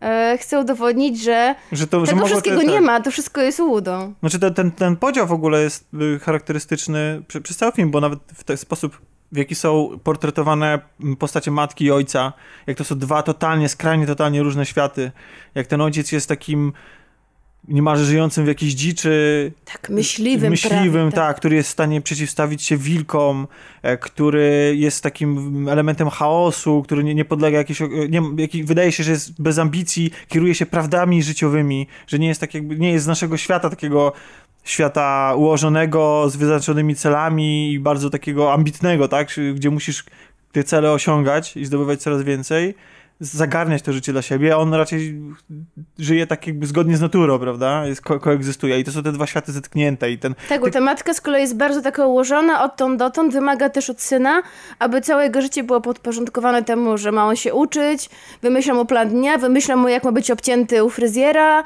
wszystko ma być dokładnie tak, jak ona mówi. Tak. I to jest... Y, mam wrażenie, że, że ta treść służy formie, a nie forma treści. I ta, ta forma jest bardzo ładna, przepiękne ujęcia, efekty specjalne, jakieś wizualizacje, wszystkie te, te sceny, to, to, to, naprawdę fajnie się ogląda, w ogóle film się zaczyna świetną sekwencją, bardzo prostymi zabiegami typu krople na obiektywie. Ale też znowu linczowska scena, jak z zagubionej autostrady, tak. bo kilka razy w filmie pojawia się scena, kiedy widzimy e, pasy... E, no tak. Pasy tak. przymykające pod samochodem. No i, i, i, tak się zaczyna film. No jak, jak widzisz pasy drogowe namalowane I poziome. taka ala Rammstein nawet, taka trochę elektroniczno-industrialna, tak. trochę e, niemiecka, bo w ogóle e, czy Tomek zrozumiałeś, bo ja szczerze mówiąc nie. Znaczy, wiem dlaczego w filmie pojawia się niemiecki, no bo Goethe. A dlaczego tak dużo scen jest po angielsku? Absolutnie nie rozumiem nie, znaczy, e, dlaczego. No, czy to jest tak po prostu? Wydaje mi się, że, że to jest no nie chcę tutaj wyjść też na ignoranta, być może tego nie zrozumiałem, ale, ale, ale to, jest, to jest jakiś element właśnie przyrostu tej formy. Nad treścią, no. Że, że nie wiem, może, może przez to, że ten film, on, ten film miał premierę zdaje się wcześniej na świecie, dopiero u nas później, tak? Tak, tak Więc i objechał trochę festiwali. Być może to jest jakiś ukłon w stronę widzów zagranicznych, no nie wiem. Żeby... No ale to dlaczego cały film nie jest po angielsku? Bo tam się właśnie przeplatają sceny polskie z niemieckimi i z angielskimi. Czy te niemieckie to nie są tak od czapy, bo e, no, bohater uczy się języka tak. niemieckiego i on przygotowuje się na lekcję niemieckiego i przygotowuje właśnie Goethego, e, króla E, po niemiecku. Ja mam zasadniczy problem z tym filmem, jest dla mnie taki, że oprócz właśnie tego przerostu tej formy i że ona de facto tak naprawdę no, obiecuje dużo więcej niż, niż daje, bo to jest po prostu opowieść o zbuntowanym, żyjącym pod uciskiem matki nastolatku i, i, i walce o jego duszę pomiędzy dwoma systemami na życie, tak? Dwoma pomysłami na życie. I, i, i to, to, no to niestety, ale te postacie... I to odniesienie prostu... do romantyzmu też jest takie bardzo ale ono jest takie strasznie narzucające się, no tak, i ono ciągle on występuje. jest w końcu ofiarą, czy on jest bardziej jakimś takim... Wiesz co, ja bym go traktował jako ofiarę. Tylko, że ja niestety w żadnym wypadku nie mogłem do niego zapałać sympatią. Ja w ogóle nie mogłem zapałać sympatią do żadnego z bohaterów, bo oni przez pierwszą połowę filmu na siebie non-stop szczekają. Jest jedna scena, dosłownie użyłem tego słowa szczekają, bo tam nikt ze sobą nie rozmawia. Tam nie ma ani jednej prostej linii dialogu. Wszyscy Właśnie mają ja do siebie pretensje. Ja na to zwróciłam uwagę, że w filmach w ogóle takich artystycznych e, to często lub pretendujących do mian artystycznych bohaterowie nie rozmawiają normalnie. Oni albo wymownie milczą, albo krzyczą. Kiedy normalnie w życiu powiedziałbyś coś drugiej osobie, no, to, jest, to, oni tam po prostu to nie, milczą. To nie jest w filmach artystycznych, to są w filmach pretensjonalnych.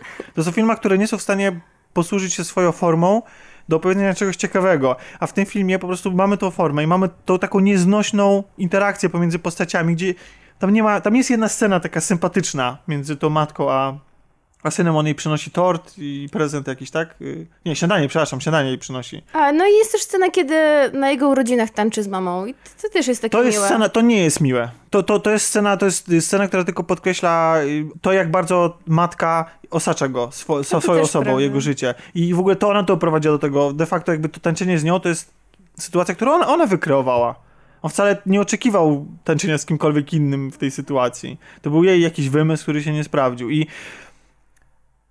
i zresztą to już było właśnie po pojawieniu się ojca, bo kiedy pojawia się ojciec, to na szczęście pojawiają się też inne emocje, ale wcześniej, kiedy oni są sami we dwoje i kiedy i oni mają jakieś interakcje ze światem, to było tak nieznośne, że ja miałem ochotę wyjść Jest to męczące. Męczące. I, I, jeżeli ja nie znajduję chwili oddechu, bo nawet Lynch wie, wiedział kiedyś, bo z czasem to zatracił, chociaż teraz przy Twin Peaksie już teraz to zdaje się, że, że odzyskał tą, umiejętność. On wie, że, że, że musi być jakaś chwila oddechu od tego wszystkiego, że musi być jakiś, jakaś płaszczyzna, gdzie ty na chwilę dotkniesz tą stopą suchego, suchego, żebyś czuł, że ten grunt rzeczywistości jest, że ty masz jakieś zaczepienie, że nie istniejesz tylko i wyłącznie w sferze... Mogło, jasne, istnieją takie filmy, które od początku do końca takie są poetyckie, no ale to w takim razie ta forma mnie nie urzekła po prostu. Znaczy wizualnie jest piękna, I jeśli ale właśnie masz nie, taką no. wizualną formę, tak nie wiesz tak do końca o co chodzi, e, to oczekujesz, że film też jakoś cię uderzy, że będzie jakiś mocny, że to zakończenie jakoś cię walnie i że przynajmniej ja tak oczekiwałam, że wyjdę z tego kina pod dużym wrażeniem, a im bliżej do końca,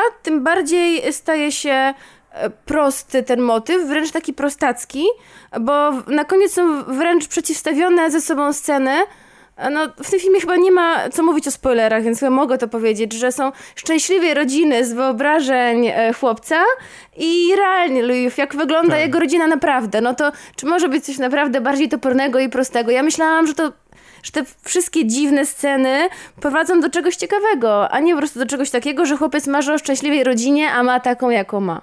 Tak, po prostu. Liczyłam na coś więcej. Moja rada, unikajcie filmów, które powstały po 2010 roku, które mają ujęcia, które się zaczynają ujęciami pasów namalowanych na jezdni podczas jazdy, po prostu. Ale też z drugiej strony film nie jest taki straszny, tylko że właśnie tak jak powiedziałeś, ta forma całkowicie go przerasta i obezwładnia i E, I ja wyszłam z tego kina zastanawiając się właściwie po co. I w ogóle to jest ciekawe, bo ten film jest ewidentnie kinem studyjnym, festiwalowym.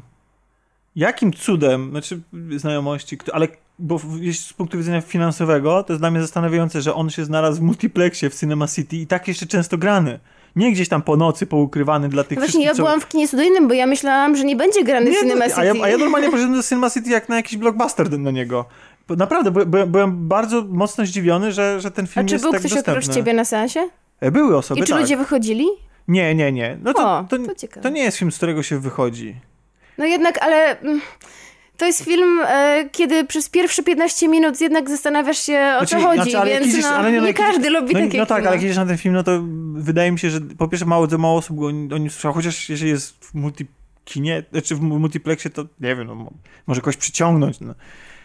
Niestety nie oglądałam poprzedniego filmu, Baby Bump, który podobno był e, objawieniem i właśnie na tym filmie, chociaż też był e, bardzo e, różnie odbierany mhm. i też ma bardzo skrajne oceny, podobnie jak ten film. Jest i bardzo chwalony, i bardzo krytykowany. Więc nie mogę się odnieść, ale też podobno tutaj widziałam recenzję, że ma formułę takiego wideoklipu, że jest bardzo nowoczesny.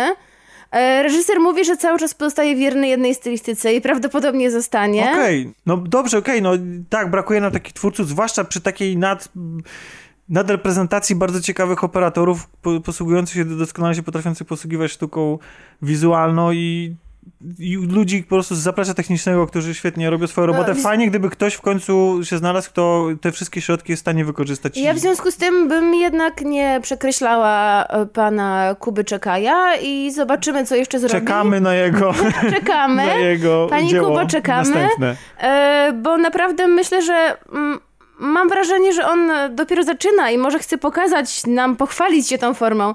I być może na przyszłość troszeczkę ją zredukuje na rzecz bardziej przekazu, bo ja jednak wolę od kina artystycznego oczekuję, że właśnie ta treść mnie walnie.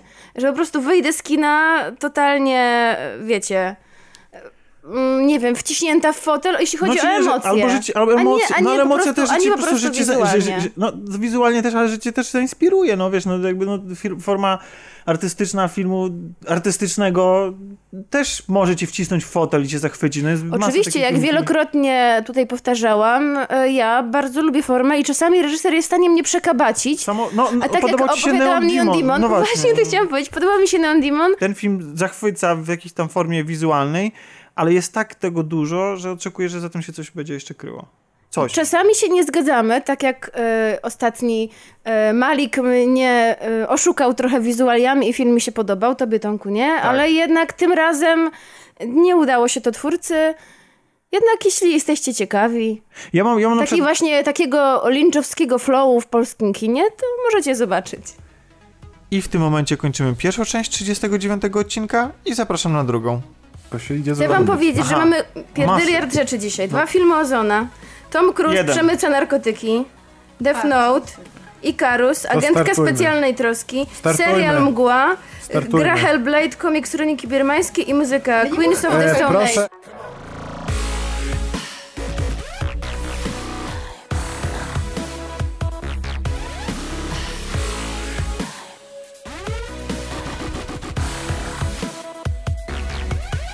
A żeby przez ten ambitny plan przebrnąć, to potrzebna bardzo dużego i bardzo mocnego składu i dlatego jest mi bardzo miło powitać przy naszym klaudacyjnym stole Kasię. Cześć. Malwinę. Cześć. Marcina. Cześć. I Czarka. Dzień dobry. A ja jakbyście zapomnieli mam na imię Tomek. Rozpoczynamy taki łączony, więc chyba 39 można tak powiedzieć. 39B, bo to jest łączony odcinek z poprzednim 39, który Ojej, się nie ukazał. Tego nie, nikt tego nie wysłucha naraz. Godziny. Wysłucha spokojnie. Będziemy 4 godziny. No, będzie, będziemy mocni po prostu. No, rzadko, ale w wakacje, ale za to jak walniemy, to z przytupem. Jak z armaty. Jak z armaty. Dokładnie. No, no, długo nas nie było, to długo się naczytało, dużo się naoglądało i nasłuchało. A co oglądaliśmy, Kasia? Ciu? Dużo. Co? na przykład, wybierz pierwszy z listy. Na Rzuć przykład, kamieniem i traf, na pewno trafisz w Tomka Cruza. Właśnie, byliśmy w kinie. No co ty? Naprawdę? Tak, byliśmy jak w kinie. My. I tak jak ostatnio tam Cruz mumi powodował u mnie ból czoła, bo tak często uderzałam ręką o twarz, tak tym razem to nie chcę, się teraz, nie chcę się teraz pytać, jakie części ciała ból wywołał ciebie teraz. No właśnie nie wywołał, bo mm, Tom Cruise po prostu... był Tomem Cruise'em. Był Tomem Cruise'em i miał swoją charyzmę i mam wrażenie, że cały film opiera się na jego charyzmie właśnie. E, gdyby jego nie było, to to byłby średni film, a tak jest przynajmniej dobry. A jaki film? Barry Neal. Barry Seal. Seal. Seal. Seal, Neil. Barry Seal. No to w tym wypadku jest to bardzo ważne. Dobra, Barry Focz, Foczka. Barry, Barry Foczka, ponieważ jest to postać prawdziwa. Cały film jest oparty na faktach, a z tą postacią mogli być zaznajomieni już widzowie serialu Narcos. ponieważ jest to człowiek, który pracował dla CIA, Białego Domu, Pablo Escobara. Byłego domu, byłego domu powiedziałem? No to byłego Białego Domu. Bo byłego, bo tak. Bo całość się dzieje w latach A 80. Biały, bo kokaina, tak? O tak, bo, bo, bo właśnie natura, natura jego pracy polega na tym, że przemycał narkotyki, chociaż y, to zawsze się odbywało trochę przy okazji różnych zleceń, a to dla wojska, a to dla CIA, a to dla różnych y, agencji rządowych. E, miał za zadanie, i tak się właśnie jego rozpoczęła mm, kariera, miał za zadanie fotografować y, powstańców i w ogóle mm, zmiany zachodzące na froncie w, Europie, w Ameryce Ameryce Południowej. Południowej i przede wszystkim środkowej. środkowej. Tak. Nicaragua, e, kontras i te, te, sprawy. No i przy okazji gdzieś tam za którymś razem trafiło mu się, że się nim zainteresowali ludzie Pablo Escobara. E, no tudzież współpracując z Pablo Escobarem. mu propozycję nie, nie, do odrzucenia. Nie do odrzucenia, na którą on bardzo chętnie przystał, bo ponieważ e jak to powiedział mu agent e, CIA, który go zwerbował i który był jego mm, opiekunem? opiekunem, tak, agentem prowadzącym. Tak E, jak ten, jak Tom Cruise się poskarżył, czy Barry, jak się poskarżył na brak środków finansowych, bo mu się rodzina powiększyła, no to ten mu odpowiedział, znajdzie sposób na to, żeby sobie poradzić. No więc ten, ten no, on wykorzysta ten sposób. Zresztą miał już wcześniej, kiedy pracował e, kiedy pracował w liniach komercyjnych, kiedy woził pasażerów i w tych liniach mu się ewidentnie bardzo nudziło, bo dla zabawy potrafił na przykład Y, wlecieć w turbulencję, spowodować, że samolot wlecił w turbulencję tylko po to, że, żeby jakoś się rozerwać. No ale przy okazji właśnie tych lotów przemycał już z Kuby cygara, więc dla niego to była nie pierwszyzna. Chociaż mocno zastanawiające jest to, jak po prostu bezrefleksyjnie podchodzi do tego, co, co robi, jeśli chodzi o ten przemyt narkotyków. W drugą stronę z kolei przemycał na zlecenie rządu znaczy władz, władz amerykańskich broń dla kontras. Potem dla, dla różnego rodzaju rebeliantów. Tak ale zupełnie mu nie przeszkadzało, że ta broń trafiała też w ręce kartelu. I Wręcz przeciwnie, też... było to nawet dużo wygodniejsze i potrafił na tym więcej zarobić. Bo właśnie o pieniądze się w całej tej historii rozchodzi, o gigantyczny sukces e, samego Barego, jeśli chodzi na jakimś etapie tej całej jego działalności, ale też wszystkich ludzi, którzy byli z tym powiązani procederem ponieważ e, samo CIA sfinansowało mu ogromny połacie terenu, na który wybudowało na przykład w Stanach Zjednoczonych, na Florydzie, na Florydzie to zdaje się. Nie, to nie było na Florydzie. To było w. E, no gdzieś tam w Stanach. To były jakieś środkowe Stany, straszne tak, zadupie. Tak, yy, więc w, w ukryciu. To, to miejsce, na którym się przelatuje z jednego wybrzeża tak. na drugie. Tak, więc w ukryciu przed wszystkimi zorganizowali mu. E, przede wszystkim podarowali mu firmę, podarowali, podarowali mu samoloty, e, podarowali mu e, wielkie płacie terenu, na których ukryli obóz szkoleniowy dla kontrast, kontrast. których przywozili z, z Ameryki Południowej. E, natomiast to drobne miasteczko, które kiedy Barry wraz z rodziną do niego przyjechał, było bardzo podupadające i właściwie No zabita dechami dziura, dosłownie tak. zabita dechami, powybijane szyby, a potem miasteczko się bardzo szybko wzbogaciło, a szczególnie banki w tak. tym miasteczku. I wszyscy, Na każdym kroku znajdował się bank. nosem. Nie, właśnie, właśnie nie, to jest ale byli szczęśliwi, że mamy tutaj tak. prominentnego obywatela, który sponsoruje e, bardzo wiele e, działalności, które... Filantrop. Tak, filantrop, dokładnie. E, charytatywnych. Czy robił tak jak Pablo Escobar, że wychodził na plac i rozdawał pieniądze? Tak, aż nie, ale miał ale bardzo, ale, jeśli, ale, ale miał bardzo, bardzo dużo problemów podobnych do Pablo Escobara, e, związanych z tym, co ma zrobić z pieniędzmi. E, ale głównie fizycznie, no bo, gdzie je wepchnąć. No tak, tak. I w jaki tak. sposób je wyprać. No bo w sumie e, fizycznie tona kokainy jest mniejsza niż tona dolarów, które, znaczy ilość dolarów, które się za nie dostaje. Więc Wszyscy są to problemy, dokładnie, pierwszego świata. Dokładnie. Teraz będzie trzeci. No a tutaj jest trzeci, tak. moim zdaniem zabawna scena, kiedy właśnie po raz pierwszy zostaje zwerbowany i, e, i kartel mówi mu, ile ma przewieźć narkotyków. Okazuje się, że to są setki kilogramy kokainy, setki.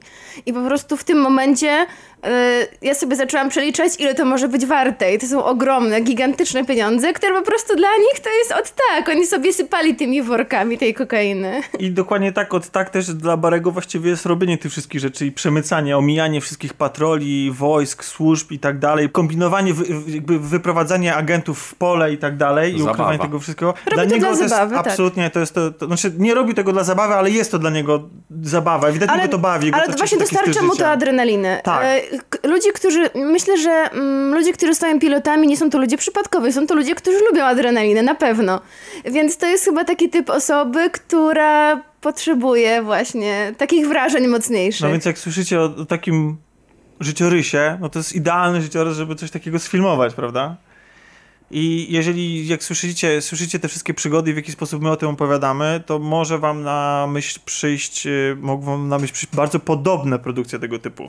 Produkcje, Rekiny które, wojny. Rekiny wojny i Pan Życia i Śmierci. No ale też Wilk z Wall Street e, był też w podobny sposób nakręcony. O broni. No tak, ale, tak, chodzi, tak, ale, chodzi mi raczej o to... Tak samo Wilk z Wall Street, to też był film o przekrętach tak no, naprawdę, ale... Takie energetyczne Tak, i spo, chodzi też o sposób pokazania tego, um, taki um, lekki. bardzo lekki, um, jakby nie czuć ciężaru tego, co tak naprawdę się dzieje, że to są e, poważne przestępstwa, że tak naprawdę nie ma tam w tych bohaterach, ani też widzach w momencie, kiedy to ogląda, żadnej takiej refleksji, że może komuś właśnie, to jednak robi krzywdę. No właśnie, ale to, co ja słyszałam, mm, że mm, w tym filmie z Tomem Cruzem, zapomniałam jak się nazywa. Barry, Barry Seal. Barry Foczka, dobrze, u Foczki.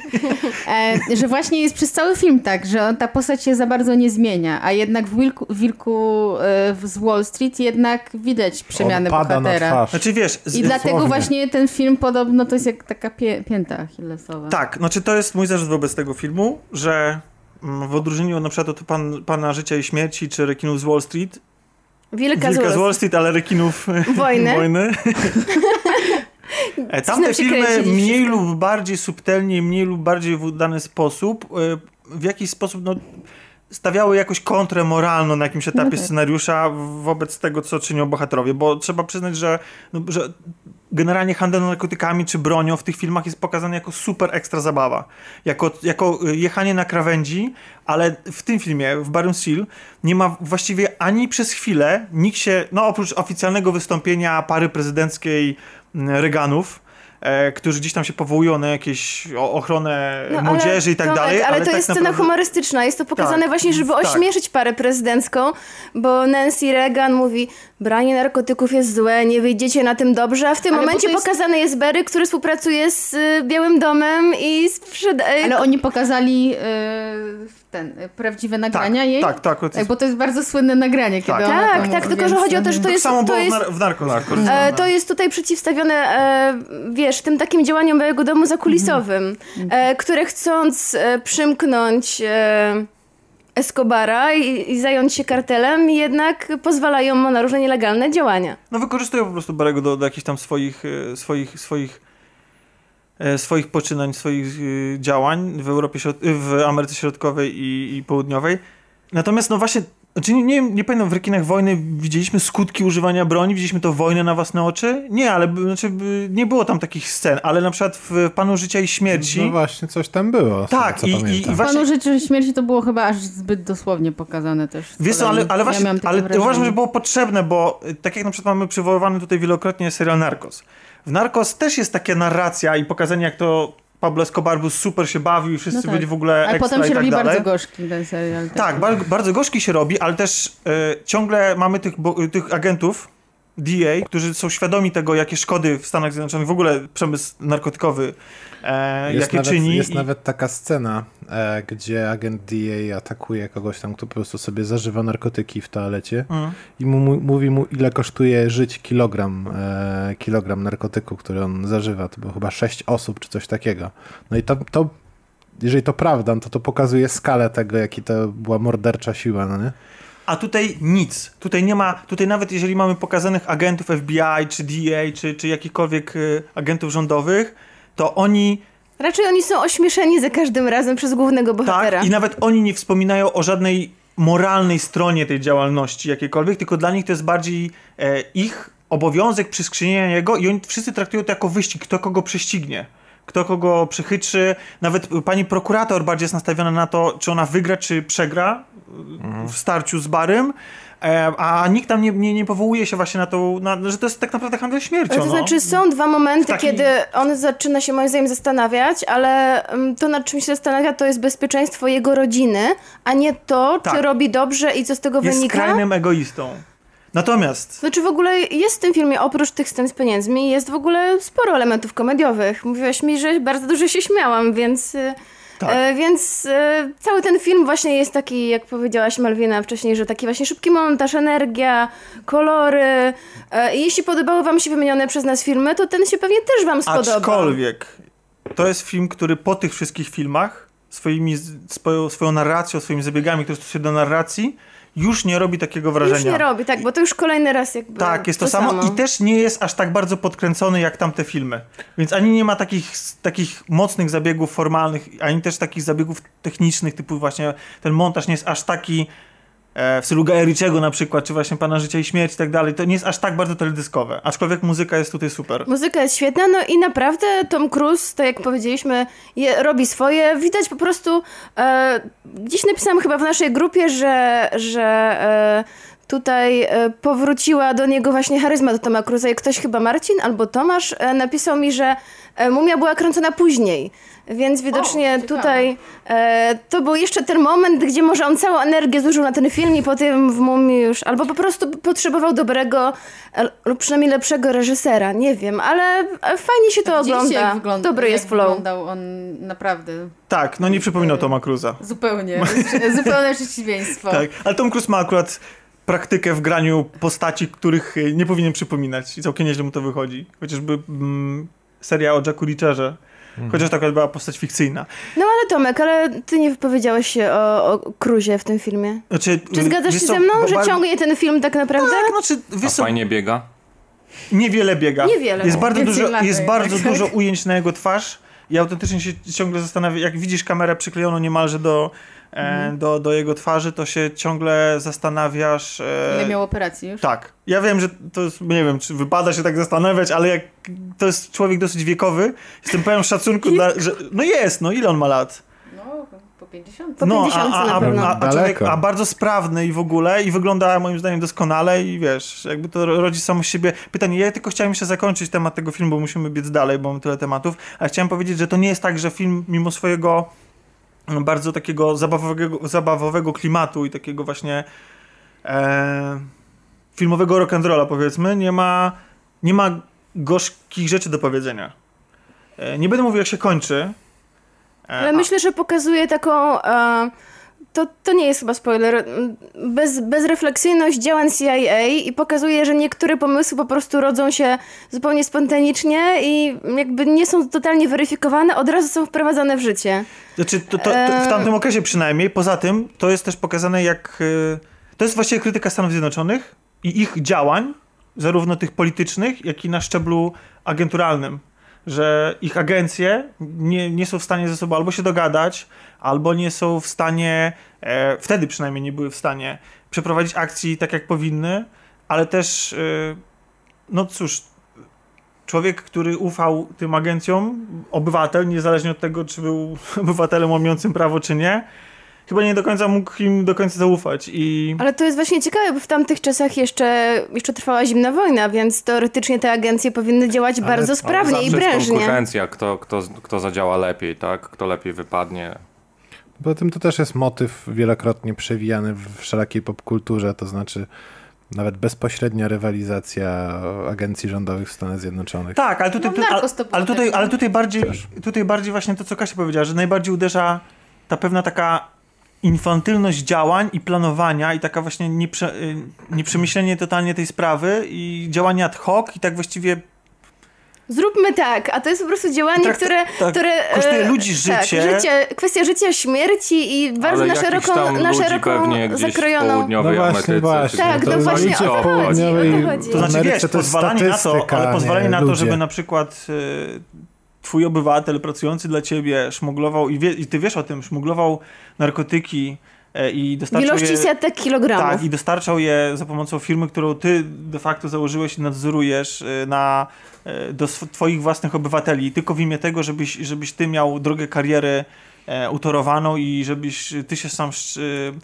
po szczeblach kariery piął i nie wiem, i traktował to też jako w sumie jako zabawę, nie? Bo oni też w tej agencji, ta CIA jest tak pokazane, jakby oni się po prostu sami licytowali z biura, kto więcej, nie wiem, wypije wieczorem na imprezie, nie? Chciałbym tylko powiedzieć, że to są te same agencje, które dozbrajają losowe ugrupowania e, militarne w różnych częściach świata. Dokładnie. Momentami mam wrażenie, że po, tak. porzucie kostką po prostu. Tak, i nie zdają sobie sprawy, jakie zupełnie będą skutki I, ich działań. I, i, te, I te karabiny, które oni dowożą, to nie mhm. są karabiny na wodę, tylko tam giną setki tysięcy ludzi. No zresztą tak? no, żyjemy zresztą w I rzeczy... widzimy to na co dzień. Tak, tak, żyjemy w rzeczywistości, która jest y, trochę właśnie przez taki styl. Y, Więc myślę, że szmuglowanie, szmuglowanie narkotyków to jest jeden z mniejszych grzechów tutaj, jakie możemy mieć. No to wiesz, no nie wiem, czy te ofiary tego całego procederu by się z tym zgodziły. Ale nadal film brzmi jak lepsza komedia niż Bodyguard tak, znaczy, podsumowując. Tak, ja się śmiałam jest... i dobrze się bawiłam, oglądałeś ja się, się przyjemnie. Ja się, też, ja się też dobrze bawiłem, aczkolwiek no, trzeba pamiętać właśnie o tych wadach tego filmu i to jest też nie jest film, z którego widzicie olśnieni i dowiecie się niesamowitych rewelacji, zwłaszcza jeśli widzieliście wcześniej podobne tego typu filmy albo serial Narcos który zresztą polecamy bardzo. A wiecie, dlaczego pomyliłam? E, powiedziałam Barry Neal zamiast Barry Seal. Mm. Ponieważ pod spodem miałam napisane Death Note. I właśnie pomyliłam Seal's Note. Ha. Jak jesteśmy przy jednej, przy jednej komedii, to przejdźmy od razu do parodii. Płynne, płynne przejście. To jest ekranizacja mangi, anime i mangi. Anime i mangi, tak. tak. Amerykańska, wyprodukowana przez Netflixa, która się, która jest to bardzo głośna premiera. Jeszcze, jeszcze był film aktorski japoński w międzyczasie. Okej, okay. wow. no ja, ja go nie widziałem. Był. Nie widziałem, ale wiem, że jest. E, nie wiem, jak, jak, jaką oceną się cieszył i renomą wśród fanów anime. Lepszą niż są. Natomiast, Nawet to sprawdziłem tak z ciekawości. Natomiast Death Note, czyli Notatnik Śmierci na Netflixie jest absolutnie zmierzczony chyba przez wszystkich. I, e, zniknął i, ze strony głównej Netflixa następnego dnia, czy jeszcze następnego. E, ja go widziałem i nawet... Obejrzeć można, tylko nie ma Można, można, nie tylko trzeba sobie go tak. wyszukać. Tak? Trzeba go sobie wyszukać. No, to nie jest tak, że to jest spersonalizowane? Że... Mm, bardzo możliwe, ale to byłoby dziwne, bo ja go oglądałem i potem nie widziałem go ale w kontynuuj oglądaniu. E, może go nie, nie miałeś na stronie głównej, bo już go obejrzałeś. I nie, nie obejrzałem, byłem w połowie filmu, bo musiałem sobie dawkować. Nie, to nie, nie jest tak, bo po obejrzeniu Okji ona nadal mi wyskakiwała reklama. No mówię, a tu no byłem w połowie filmu i musiałem go sobie ręcznie wyszukać. Słuchajcie, ja, ja, ja już nie mogę, tak? tak Tomek? To znaczy, to jest film, dla tych, którzy nie wiedzą, jest to historia o tym, jak e, na Ziemię trafia notatnik śmierci tytułowy, który daje moc właścicielowi taką, że po zapisaniu, po wyobrażeniu sobie twarzy konkretnej osoby i zapisaniu jej nazwiska w tym notatniku, ta osoba umrze. I dopisaniu, jak ma umrzeć. Można, a jeżeli To nie... coś jak polski zaczarowany ołówek. A jakby mieć połączone te dwie rzeczy... Można byłoby rysować i wszystko byłoby realne. Cudowne by byłoby. Wszystko, by... wszystko byłoby śmiercionośne. Wtedy. Dokładnie. E, I jed, właśnie taki notatnik znajduje główny bohater. Plus Light. należy pamiętać, że notatnik ma również bardzo wiele zawiłych zasad. Tak, bardzo zawiłych. Przepraszam, ale prawie spadłam z fotela. Fotel chciał Czy... mnie zabić. Może ktoś, ktoś cię wpisał na listę. Tak, już, tak, pewnie. Za ten żart. Za ten żart.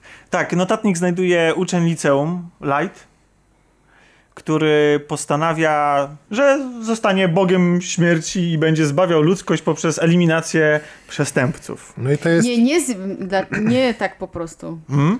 Ponieważ e, nie wiem, czy to będzie spoiler, mówiąc, e, bo chcę wymierzyć sam sprawiedliwość, jakby e, z powodu Własnej śmierci członka swojej rodziny. No, dawnej.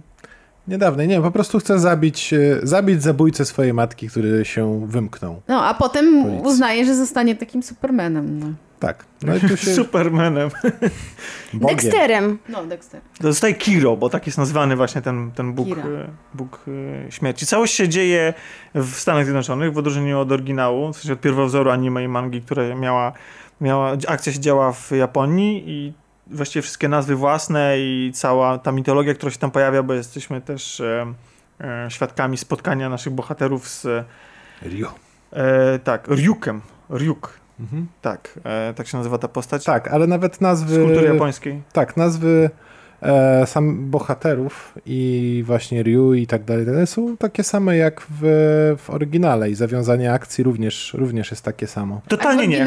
W oryginale nie? No nie, no tak. Przecież też jest uczniem liceum, tylko że tam jest jednym z najlepszych uczniów liceumów. Tak, a tutaj, a tutaj, tutaj jest po prostu a tu jest kimś tam ale trochę przegrywem, ale też nazywa się Light na przykład, nie? Tak, znaczy w ogóle jeśli chodzi o nazwy własne, to tu jest ich bardzo dużo, ponieważ na przykład y, naprzeciw jemu zostaje wysłany do walki, znaczy do odnalezienia, kto jest, to, y, kto jest tym Kirą oraz powstrzymania go, zostaje wysłany tajemniczy L, który jest super inteligentnym cukrzykiem detektywem, prawdopodobnie. Detektywem. detektywem. On, y, I na pewno bardzo dobrze wyspanym, ponieważ... Ale no to ten główny bohater jest, jest wreszcie się. dobry czy zły? E, to nie jest, widzisz, to powiedziane. Widzisz, no. to jest tak, że w oryginale właściwie ty powinnaś jako Z kim widz... się identyfikuje widz? Właśnie, właśnie oryginał, znaczy oryginał, ja tutaj mówię o pierwowzorze, czyli anime, bo mangi nie czytałem, jest y, o tyle ciekawy, że on tobie daje do rozważenia, komu ty właściwie w tym, mhm. Mm, no w właśnie tym, to w tej jest, historii będziesz kibicowała. To są prawie, prawie tak samo, to są równowe, równorzędne postaci. I L, i Light. Mówisz o... o... o mówię o anime. anime. Mówię teraz o anime. Mhm. I ty, oglądając anime, mandze w sumie jest to samo, e, obserwujesz po prostu starcie dwóch niesamowicie inteligentnych e, e, ludzi, którzy bawią się w kotka i myszkę. I tak, I tak mniej więcej wygląda anime, że oni się bawią w kotka no to i jest. To jest, w anime jeden, jest bardziej kryminałem, staras... gdzie tak. taki Sherlock Holmes, gdzie właśnie Sherlock Holmes i Moriarty się próbują nawzajem przechytrzyć. Zaszachować. Tak, tylko że, tylko że my historię oglądamy z punktu widzenia bardziej Moriarty'ego. I nie wiem, I tego anime, nie ma w przynajmniej, filmie. przynajmniej przez większość swoją część E, bo też nie jest ideałem, ale przez swoją większość część e, bardzo mocno trzyma w napięciu. I, I, do pewnego momentu e, jest, jest właśnie jest, jest oparte w całkowicie właśnie na, na, na tym napięciu mm, tych, tych wzajemnych próby przechytrzenia się jednej, tego L i Lighta. Trochę mniej ich interesuje właśnie ten kontekst społeczny, to pod koniec anime się to bardziej rozbudowuje, gdzie widzimy właśnie skutki tego, jak, jak, jak, jak Kira jest postrzegany właściwie jako Bóg, jak kolejne Y, kolejne społeczeństwa próbują e, go zaakceptować albo się mu przeciwstawić i tak dalej. Mm, ale, ale to jest właśnie to, co trzyma przy tym anime. Bo tam te, te, te, te, te tematy moralne nie są aż tak bardzo poruszane, to właściwie ty sobie sama jako widz. E, to jest takie typowe, typowe anime dla, dla nastolatków z taką właśnie tak. wartką fabułą. Aczkolwiek bardzo dobrze się, do pewnego momentu bardzo dobrze się Wiem ogląda. do którego. Tak, tak. No ale co z tym filmem? No właśnie, a film film wykorzystuje z anime oryginalne postaci. Motyw. I motywy. I kompletnie je... I spieprza sprawę od początku do końca. Kom kompletnie je przeinacza. Ci bohaterowie, mimo tego, że noszą te same imiona, kompletnie nie mają tych cech, które mają e, bohaterowie z, z, z, oryginału. I nawet nie chodzi o to, że wiecie, no bo to teraz może, może powiedzieć, o, podoba wam się oryginał, widzieliśmy, e, to dlatego wam się nie podoba anime. Nie, e, czy film aktorski. Nie, wcale nie, ponieważ zastępstwo tamtych bardzo charakterystycznych i ciekawych postaci, których chciałeś oglądać na ekranie, masz przygłupów no, tak, i Light... największym przygłupem jest główny bohater. Jest główny bohater. Malwina, oglądałaś ten film? Tak, tak ja nie widziałam, ja tylko czytałam mangę, ale to bardzo mało stron przeczytałam. W każdym razie można powiedzieć, że nie znam ani anime i mangi, tylko kojarzę mniej więcej o co chodzi, ale nie czytałam, Więc... nie oglądałam. A film widziałam, ten Netflixa i no... Tu mam pytanie, Malwina. Jest to bardzo słabe, no. Czy, czy właśnie będąc w takiej sytuacji jak ty, nie znając mangi ani anime, tak czy film może zachęcić do sięgnięcia po anime? Wie, wiedząc to, co Wydaje ty wiesz, że anime że... jest lepsze, tak? Wydaje mi się, że może zachęcić, bo bo jestem tak nieusatysfakcjonowana tym, co zobaczyłam, że mam wrażenie... Jak, Potrzebujesz czegoś lepszego. Potrzebuję czegoś lepszego, żeby poznać bardziej tą historię, no. Żeby wyjaśnić naszym słuchaczom, bo mam wrażenie, że się teraz skupiliśmy na ocenie, A nie powiedzieliście, a... co jest nie tak. Tak, właśnie. No właśnie to... mówimy. Tak. No, zaczęliśmy. Tomek czy... zaczął mówić o, o, o, o tym, że bohaterów. To... Główny bohater jest... Idiotą idiotą to raz. Który w, ale... Znaczy tak, ani nie jest zabawny, ani nie jest inteligentny, ani nie jest przystojny. Ani nie jest charyzmatyczny. Nic. Bo prostu... Kira z oryginału, z anime, był... to jest... Y, no, był... To był bardzo przemyślaną postacią. To była postać, która miała określony pogląd na świat. I oczywiście to był psychopata. Ale, ale... z tych takich ultra inteligentnych, zimnych, których lubimy, nie? No takich, których chcemy, ale przede wszystkim właśnie w jakiś tam stopniu trochę im kibicujemy, nie? I, mm, i, i ten Light jest absolutnie wyzuty z tego i do tego jeszcze w ósmej, y, w ósmej minucie filmu mamy przekomiczną scenę, kiedy on y, po, poznaje Ryuka, Ryuka tak. E, czyli właśnie to postać z, z, innego wymiaru, tak w cudzysłowie, żeby, żeby tutaj nie, nie wchodzić strażnika, w Strażnika notatnika. Tak, tego strażnika notatnika który też tutaj jest w ogóle w, w oryginale jest bardzo fajną postacią, takim obserwatorem i człowiek i, i tak. postacią, która robi to wszystko a w filmie dla jest, zabawy. A w filmie jest maszkarą, która robi he, he, Dokładnie. He, he. William Defoe chyba podkłada pod niego tak, głos. Znaczy tak. ogólnie jest fajnie zrobiony ten Ryuk, y, jak wizualnie. Tylko szkoda właśnie, Wiesz, że dlaczego jest, fajnie nie mówi. dlaczego jest fajnie zrobiony? Bo go nie widzisz. Tak, bo, bo, bo zabrakło pieniążków tak, ale jest nie, cały dobrze czas to zrobili właśnie. Cały czas jest w cieniu i tak sobie dopowiadasz trochę, tylko właśnie szkoda, że on więcej nie gra. Znaczy, wiesz co, bo tam właściwie nie było miejsca na to, żeby więcej grał, ponieważ film trwa półtorej godziny. I w tych półtorej godziny wyobraźcie Widać sobie... było, że jest strasznie ściśnięte wszystkie I o, wątki. I o ile anime można zarzucić, że jest trochę rozwleczone i jest tam za dużo tych wątków i przeciągnięte. Jest właśnie roz, rozwleczone jest moment, o którym rozmawialiśmy, który nam popsuł to anime. To jest ten, który, którego mogłoby nie być.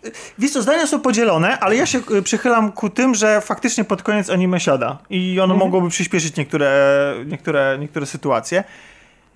Ale wracając do filmu. Tak. W filmie pojawia się bardzo dużo wątków. Ja, ja, ja w ogóle nie wiem, bo anime się składa z 37, zdaje się, odcinków.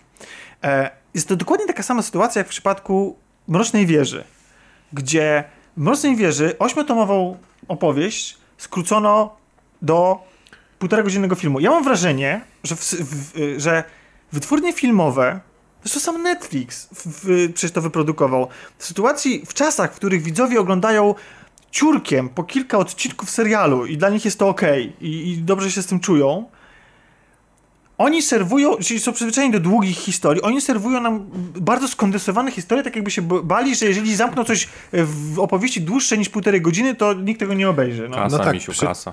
Znaczy, to też, ale, no, ale bez przesady. Znaczy, wiesz, to są, to są historie, one bardzo mocno na tym cierpią. Bo to, jest, bo to jest wrzucanie na siłę rozmaitych wątków, tak jak tutaj mamy. Wątek sierocińca, nie wiadomo skąd.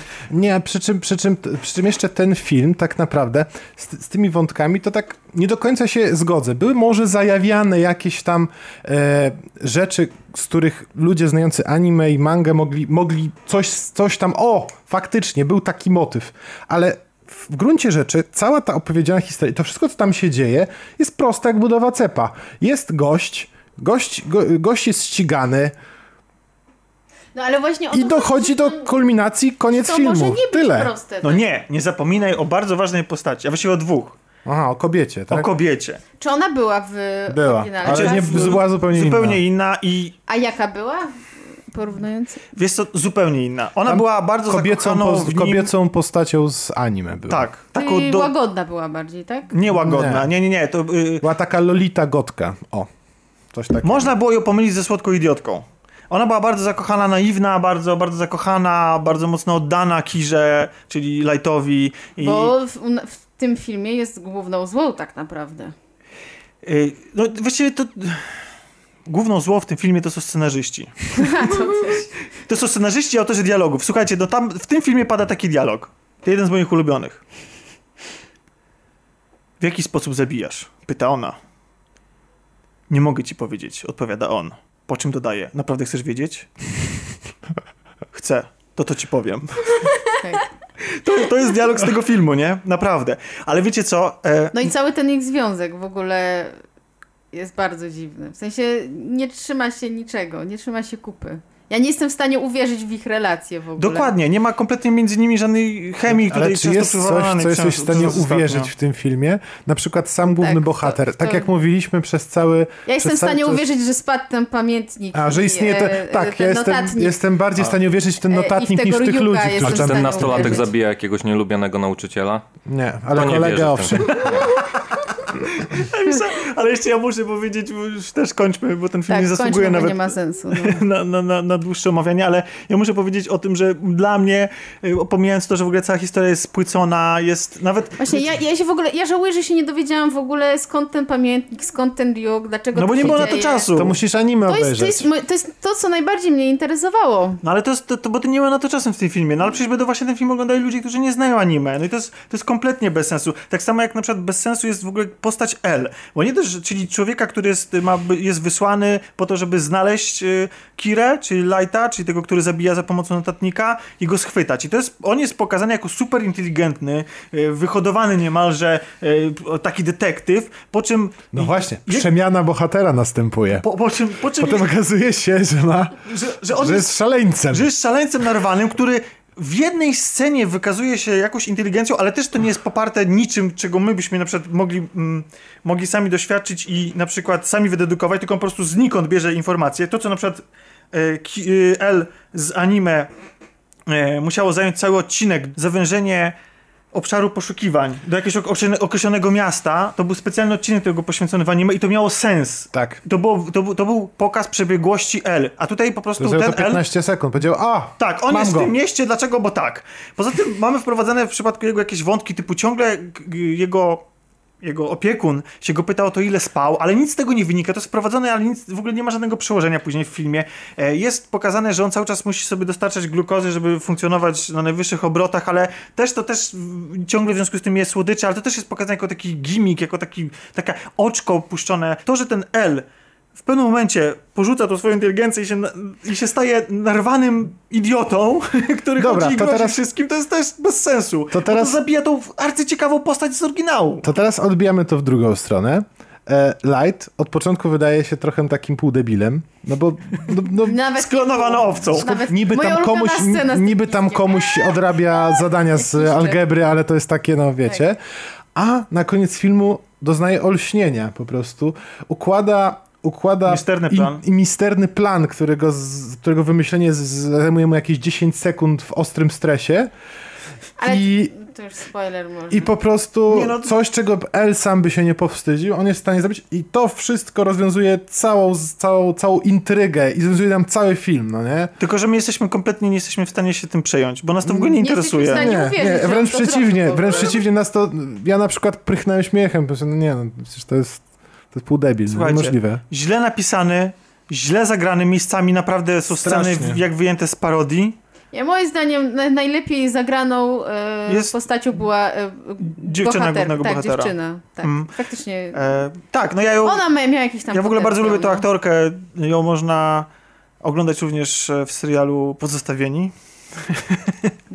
Będzie specjal. tak, będzie specjal z tego serialu, kiedy się nim zajmiemy. Ja, jeżeli chcielibyście mm, po prostu szukacie jakiejś rozrywki i słyszeliście o tym tytule i żeby go sprawdzić, to ja myślę, że mogę z całą pewnością odradzić, nie, po prostu. A, ja, chyba, że... a ja polecić anime. Tak, anime polecamy. Nawet jeśli... E... Albo mangę. Tak, znaczy ja... Okay. Ja mangę też czytałem. Okay. Lepsze jest niż anime? Podobno jest lepsza. Mm. Tak? Okay. No, równości. E, anime też ma swoje wady, ale początek i do pewnego momentu ogląda się je fenomenalnie i bardzo wciąga na samym początku. A przede wszystkim ma świetnie nakreślone postacie, które chce się oglądać na ekranie. A ja bym chciał jeszcze y, tutaj w tym miejscu pozdrowić Toperza. Dobrze, tak. pozdrawiamy. Tak. To tak, bo to on mi w ogóle zajawił ten temat y, właśnie notatnika śmierci i żeśmy na ten temat sobie trochę porozmawiali, więc myślę, że... A wiemy, że, że nas słucha, więc pozdrawiamy Toperza. No, kolesiostwo. Pozdrawiam wiele osób. Marcin, chcesz kogoś pozdrowić? Mamę. Pomyślę. Dobrze. Dobrze, skończmy. Ja pozdrawiam Czarka. Pozdrawiam Alina. No to co teraz? No niech teraz Marcin trochę coś poopowiada. Właśnie, no. Marcin opowiedz Bo tak nic nie mówi. Ale ja nic nie oglądałem. Jak nie, ale nie, oglądałeś, nie, nie oszukuj. Dobrze, oglądałem jedną rzecz. E, Czarek też ją oglądał, Tomek oglądał. Ja nie. Mówisz o Ikarze. Tak. Dokładnie. To przedstaw naszym słuchaczom, gdzie mogą go obejrzeć i co, cóż to jest za twór e, audiowizualny. Oczywiście tam w tym samym miejscu, w którym mogą obejrzeć Notatnik Śmierci, ale lepiej, żeby tego nie robili, czyli na Netflixie. Jest to dokument opowiadający... Właśnie tu mamy problem ze... z z klasyfikowaniem tego, tak? Zacznijmy od tego, jaki, jak się zaczyna. Myślę, że. Na, no właśnie. Bo to może przyciągnąć ludzi. To jest e... taki super size me, tylko tyle, że traktujący o sterydach. O dopingu, o tak, dopingu. o dopingu. Czyli e, tak jak w super size me mieliśmy człowieka, co postanowił, że będzie jadł e, McDonalda non-stop codziennie e, jako jedyne posiłki. E, to tutaj mamy człowieka, który je, amator, amatorsko jeździ, e, zajmuje się kolarstwem. E, jest kolarzem, amatorem, ale takim e, dość... Hardkorowym. Tak, hardkorowym, bierze udział w różnych wyścigach i przygotowuje się, a w zasadzie już wziął, e, wziął udział w takim e, powiedzmy mini Tour de France dla amatorów. To jest najtrudniejszy wyścig dla amatorów. Najtrudniej, bo to jest zebranie tych najgorszych odcinków z Tour de France, czyli głównie e, górskie, górskie odcinki w jeden tam, nie wiem, tygodniowy czy, czy kilkudniowy cykl, e, gdzie, gdzie, gdzie no jest ciężko, tak? No i on e, osiągnął pewien poziom, był nie wiem, 25 czy, czy 20 pewnego roku i, i stwierdza, że zainspirowało go to, to, że wyszło na jaw oczywiście, bo Lance Armstrong był dla niego wielki, on jest idolem jego, tak? To on go e, pchnął w kierunku kolarstwa. Postanowił go naśladować nie tylko w kolarstwie. E, tak, i postanowił e, naśladować go, żeby sprawdzić, czy ten doping faktycznie mu dużo da, ale też, żeby spróbować oszukać system, bo mimo, że to są amatorzy, to też są testowani. I postanowił zajść w ciąży. Podobno to co pospie- Nie wiem, jak wyniki. na to odpowiedzieć. Za dużo telenowel Malwina. Nie, no, nie, no, podobno no, nie, no, nie, no ma, chce, tak? chce dojść do źródła i dowiedzieć się, w jaki sposób Lance przeprowadzał swoją jak kurację się to udało? Jak, jak, dopingową jak i ją powtórzyć po prostu. Po tak. prostu bo... A czy w takich amatorskich ym, wyścigach y, też trzeba tak, dać tak, się badać? Bo to się, bo, to się, bo to się tylko nazywa amatorskie, ponieważ nie należy do, tego, do tej wielkiej go świata kolarstwa, tylko, ale same zasady i w ogóle wymogi fair play i tak dalej, wszystko jest bardzo podobne, więc to jest... E, więc on w tym tak. momencie po prostu chce popełnić przestępstwo. Tak. Aha. I szuka kogoś, kto mu pomoże popełnić I są chętni. I są chętni. Znaczy, ten, ten, ten na początku chętny taki w zajawieniu tematu jest y, człowiek ze Stanów Zjednoczonych, który zajmuje się ale on się początkowo antydopingiem. Tak, ale to jest w ogóle ktoś bardzo ważny, niestety tak, nie pomnę on się, nazwiska. On się początkowo zgadza, ale potem się autorem wycofuje. metod wyszukiwania tak. e, dopingu i tak dalej. Ale, on, ale na początku on w ogóle mówi takie zdanie i... Ale on jest, e, ale mimo tego, że nie jest autorem tych wszystkich rzeczy, to on, to on sprawia wrażenie człowieka pogodzonego z tym, że, że sportowcy biorą tak. i będą brać i wszyscy biorą. Tak.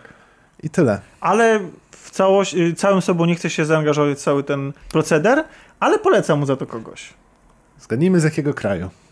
A jaki kraj ostatnio został zdyskwalifikowany? Nie został. Znaczy, część sportowców została zdyskwalifikowana z olimpiady w Rio. Federacja Rosyjska. Dokładnie. E, I poleca mu człowieka, który jest e, szefem ośrodka Antydopingowego. antydopingowego tak. To jest Rusada to laboratorium. Czyli odpowiednik e, tej światowej, znaczy taki, no, odpowiednik no, światowej wady, tak? Tak, tak. Znaczy nie, oni razem... To jest jakby oddział. Tak, to jest taki oddział. Oni chyba wszyscy razem są zrzeszeni i tak, pracują tak. pod taką organizacją międzynarodową, która właśnie ma e, dbać o przestrzeganie zasad e, antydopingu. Tak. Czyli pan Rodczenko... Czyli badać który... po prostu sportowców na całym świecie no. I, pod kątem i, dopingu. I pan, tak. ten pan właśnie ochoczo, tak, Rodczenko. ochoczo przystęp, przy, przystępuje na jego propozycję, tak? Zgadza się z, z nim. Człowiek niesamowicie charyzmatyczny. Tak. Uroczy. Ale człowiek jest... On jest tak, tak, tak tak ciężko o nim cokolwiek myśleć, bo on z jednej strony on nie ma jakiegokolwiek kręgosłupa moralnego. Żadnego się kompasu, wydaje. Nic. Absolutnie nic. On po prostu płynie, on płynie, a z drugiej strony jest tak uroczy i tak sympatyczny.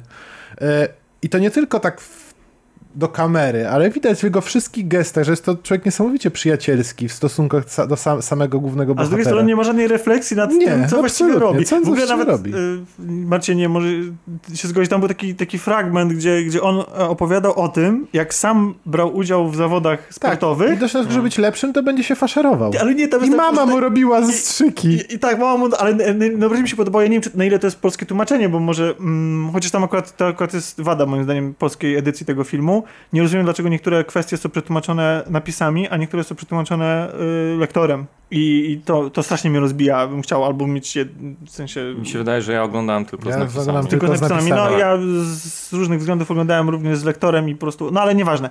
Generalnie, jeśli dobrze zrozumiałem i pamiętam, to on tam powiedział takie zdanie, że był zainteresowany dopingiem i antydopingiem. Tak. I w ogóle on był zainteresowany antydopingiem, więc pracował w instytucji antydopingowej, jednocześnie samemu się szprycując. Najlepiej. To jest, to jest cały pierwszy, pier, jedna trzecia filmu, to, to nie w takich absurdach. W sensie takich, ale to jest, że, to jest cały ludzi, ten którzy... człowiek w pigułce. To jest człowiek, który się szprycował, a potem zaczął pracować jako laborant w tak. poszukiwaniu szprycy. Tak, tak? Ale, ale, nie na tej zasadzie właściwie, że tak jak hakerzy później pracują... Y, czy nie. twórcy wirusów później pracują On jakby nadal startował, to by się nadal szprycował ogólnie. No, tak, jakby, tak jakby w ogóle, tak jakby to, to nie było w to zaangażowane żadne wartości moralne, a jedyne, jedynie co, to, to po prostu jakaś konkurencja i zabawa, kto wygra. Mhm. I po prostu tylko to, że startujemy w różnych kategoriach. I w tym wypadku chodzi o bycie jak najlepszym po szprycy.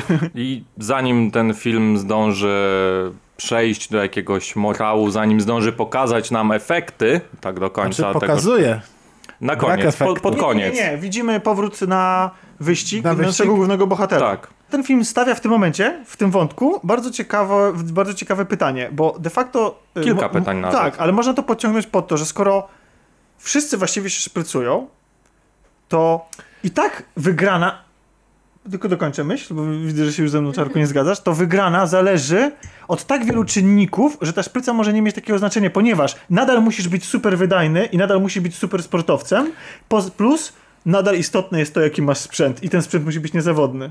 Tak, i to, co mówisz, dotyczy się nie wszystkich, tylko odnośnie tego, tego wyścigu, tych dziesiątki najlepszych, bo on mówi, że jest stawka, jest bardzo wielu kolarzy, którzy dają z siebie wszystko, ale 10 jest poza zasięgiem całej reszty. Na, na oni są, poziomie, oni są na, innym poziomie, poziom. na astronomicznym poziomie. Oni są bardzo blisko siebie, ale są kompletnie gdzie indziej niż cała reszta. Czyli film daje... I w domyśle, w domyśle jest powiedziane, że oni chyba nie są że On właśnie też chciał się tam znaleźć w tej dziesiątce, tak? Dokładnie tak? To tak, był bo mu bardzo mało zabrakło. Tak no, ale, to w takim razie y, nie rozumiem, bo jeżeli mówicie, że oni nie są do końca czyści, ci najlepsi, to, to nie jest wykrywane podczas badań? No właśnie o tym mówimy właśnie, cały czas. I właśnie o tym o jest tym dalsza filmu. część filmu.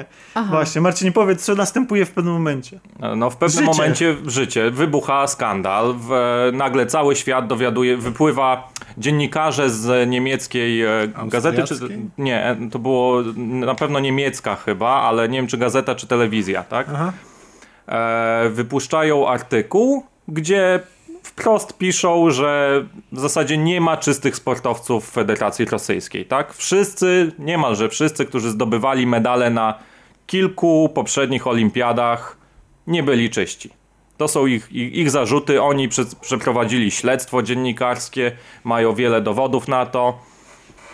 No i oczywiście nasz, e, powiedzmy, wspólnik głównego bohatera, czyli pan Rodczenko, jako jeden z głównych e, przedstawicieli e, antydopingowców w Rosji, popada w tarapaty, tak? Zaczyna mieć problemy, zaczyna mu się e, palić koło tyłka, tak?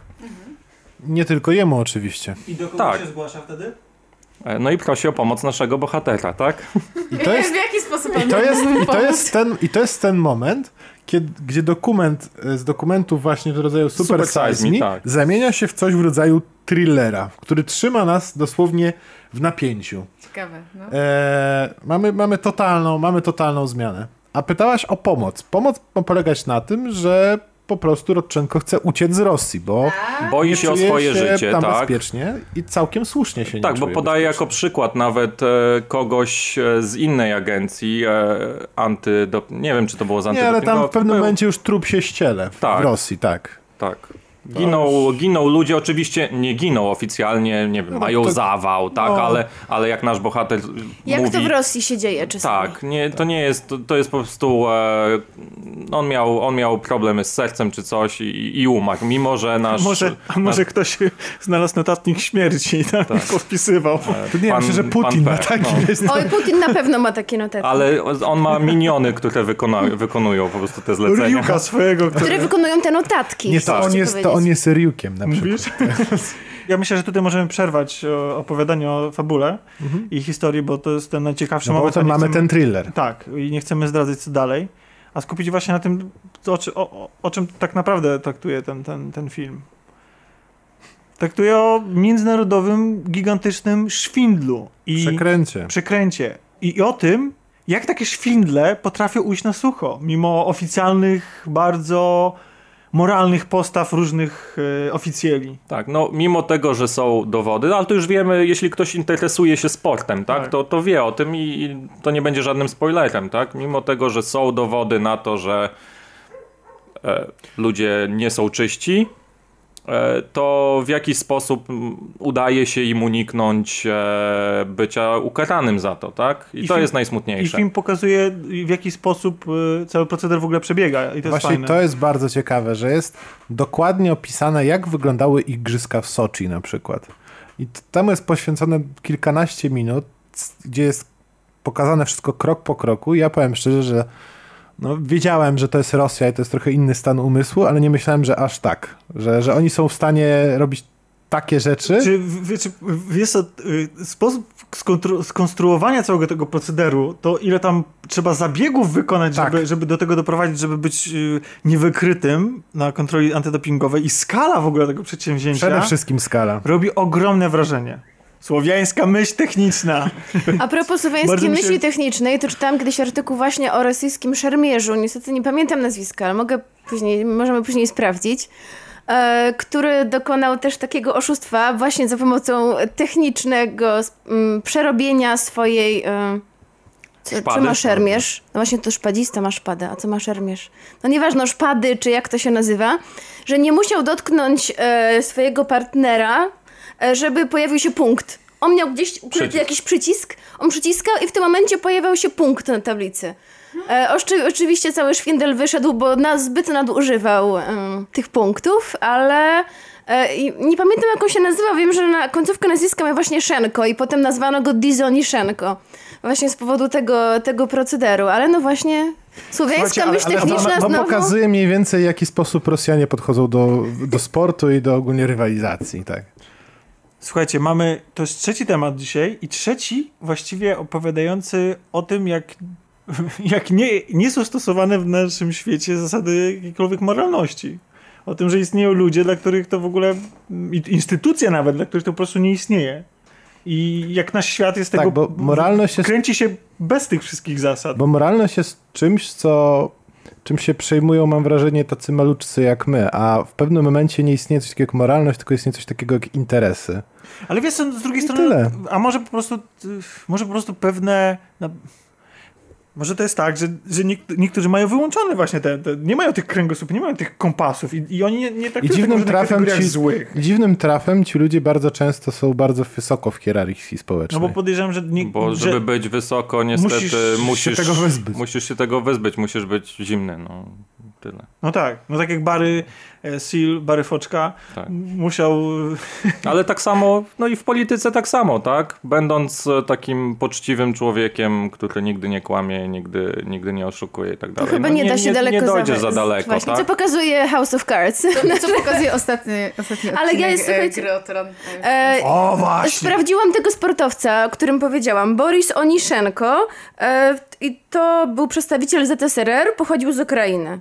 I w 1976 na Igrzyskach Olimpijskich dokonał właśnie swojego słynnego przekrętu. Polecamy. Szacunek. W ja nie, ja jeszcze... jeszcze, jeszcze nie szprycowanie, ale tak, nie doping. No właśnie, co polecamy?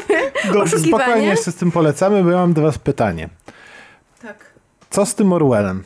Bo, y, Orwellem w filmie? Tak, Jaki właśnie? Powiedzmy, bo jest tak powracający motyw. A, tak, bo to jest motyw powracający, motyw, który niby ma służyć wytłumaczeniu temu, co się dzieje. Sam Rodczenko jest wielkim fanem roku 1984 no i, no i jest to cytowane wielokrotnie no, dzieło, wydaje ale... Mi się, wydaje mi się, że to ma trochę się wpisywać w całą wymowę sportu jako takiego, który przecież jest, stoi na, oparty na zasadach fair play i, i przede wszystkim dążeniu człowieka do granicy jego wytrzymałości takiej naturalnej, tak? Że ciężką pracą, treningiem i tak dalej A to osiągasz... jedno wielkie Plus oczywiście do tego dorobiona jest polityka. No i... właśnie mam wrażenie, że to bardziej chodzi o tą, tą Rosję i ten, ten system, który tam działa. A ja, właśnie, a ja mi się wydaje, że to nie wcale nie, że największa krytyka wcale nie spada na Rosję bo y, największy, tak, jak, tak jak w przypadku Barego Sila, że wcale największa krytyka e, znaczy... nasza jako widzów nie jest, nie, nie spada na tego człowieka, który robi źle, tylko na ludzi, którzy pozwalają na, na to. to i są y, którzy dostają za to pieniądze, są powołani i mało którzy oficjalnie mówią, że będą się tym zajmować, żeby takim I ludziom... I wykorzystują to teoretycznie w dobrej wierze,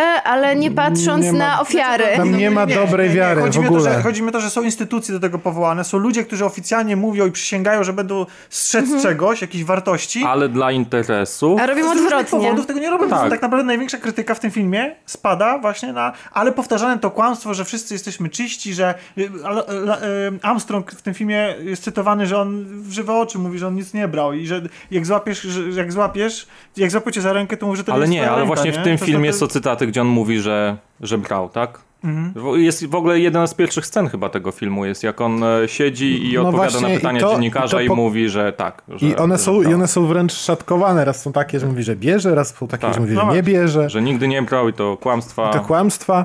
E, ja mam też wrażenie, że ten Orwell tam jest po to, żeby troszkę naszego głównego bohatera chyba e, wy, wybielić, pokazać, pokazać co, też trochę, system, pokazać on? też trochę dokładnie, że jest ofiarą tego systemu. Ten system współtworzył. Ale Tak, on, tylko że on tak naprawdę nie ma sobie nic do zarzucenia.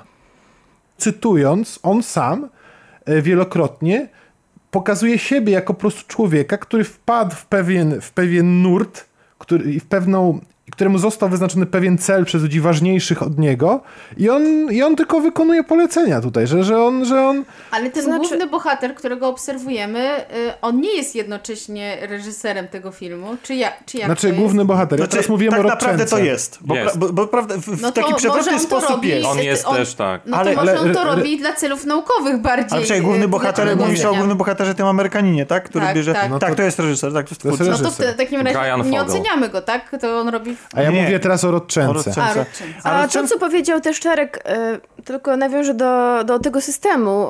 Y, myślę, że może też, nie, nie oglądałam filmu, chodzić o to, że teraz sport jest nastawiony bardzo na przekraczanie granic ludzkich możliwości. Osiągnęliśmy już jako gatunek ludzki jakby tak dużo, dotarliśmy o swoich barier i w tym momencie bicie kolejnych rekordów i zwyciężanie to są setne sekund i to zależy od różnych czynników, No. między innymi pieniędzy, sprzętu, tak jak powiedzieliście, i także dopingu. Bez tego już nie da się osiągnąć nic tak naprawdę. I może to o to chodzi, że ten system już poszedł tak bardzo w... Wiecie, w tą taką stronę, No że tak. bez konkretnych Tylko z, rzeczy... z drugiej strony masz takiego Usana Bolta, który bez dopingu... A skąd wiesz? A i właśnie, właśnie chciałam i właśnie o to chodzi. I A właśnie, skąd wiesz? I to jest właśnie E, problem. są też podejrzenia. Ten problem podejmuje ten film. Właśnie. Są podejrzenia, bo bo to, to jest właśnie ten świat, w którym nikt nikomu nie może ufać, a wartości są schowane Nic nie w książki. I tam zamknięte. E, Polecamy. Polecamy. Polecamy. Aż się prosi o to, żeby zrobić przejście, bo jak jesteśmy już przy kłamstwie, żeby zrobić przejście do filmu kolejnego, ale sobie odpoczniemy teraz od filmów. Wrócimy do tego filmu później. A teraz przeskoczymy może e, do Birmy. No to jesteśmy tak naprawdę też trochę we Francji. No, Nadal zostajemy. Tam było Tour de tak. France, mamy troszkę tutaj też, mamy trochę pana, Birmy, trochę Francji. mama pan, i mamy trochę pana, Kanady. Mama, mam, mama, mama. Mama, mama. Mama, mama, mama. I mamy On jest, pana... ale on jest tatą, bardzo tacierzyńskim tatą. Tak, tak. I mamy pana Guya Delisle, który jest Kanadyjczykiem, e, mieszkającym we Francji. Jest jednym z bardziej, myślę, poczytnych współczeskich, współczesnych francuskich... E, francuskich. Współczeskich, to Współczesnych, fajny wyraz. Współczesne, kanadyjskich współczeskich. Ale, ale gdyby ktoś był współczesnym i czeskim, to współczeski to świetne słowo by było. Na szczęście A to jest dobre nazwisko. współczeski. Tomasz Współczeski, miło mi.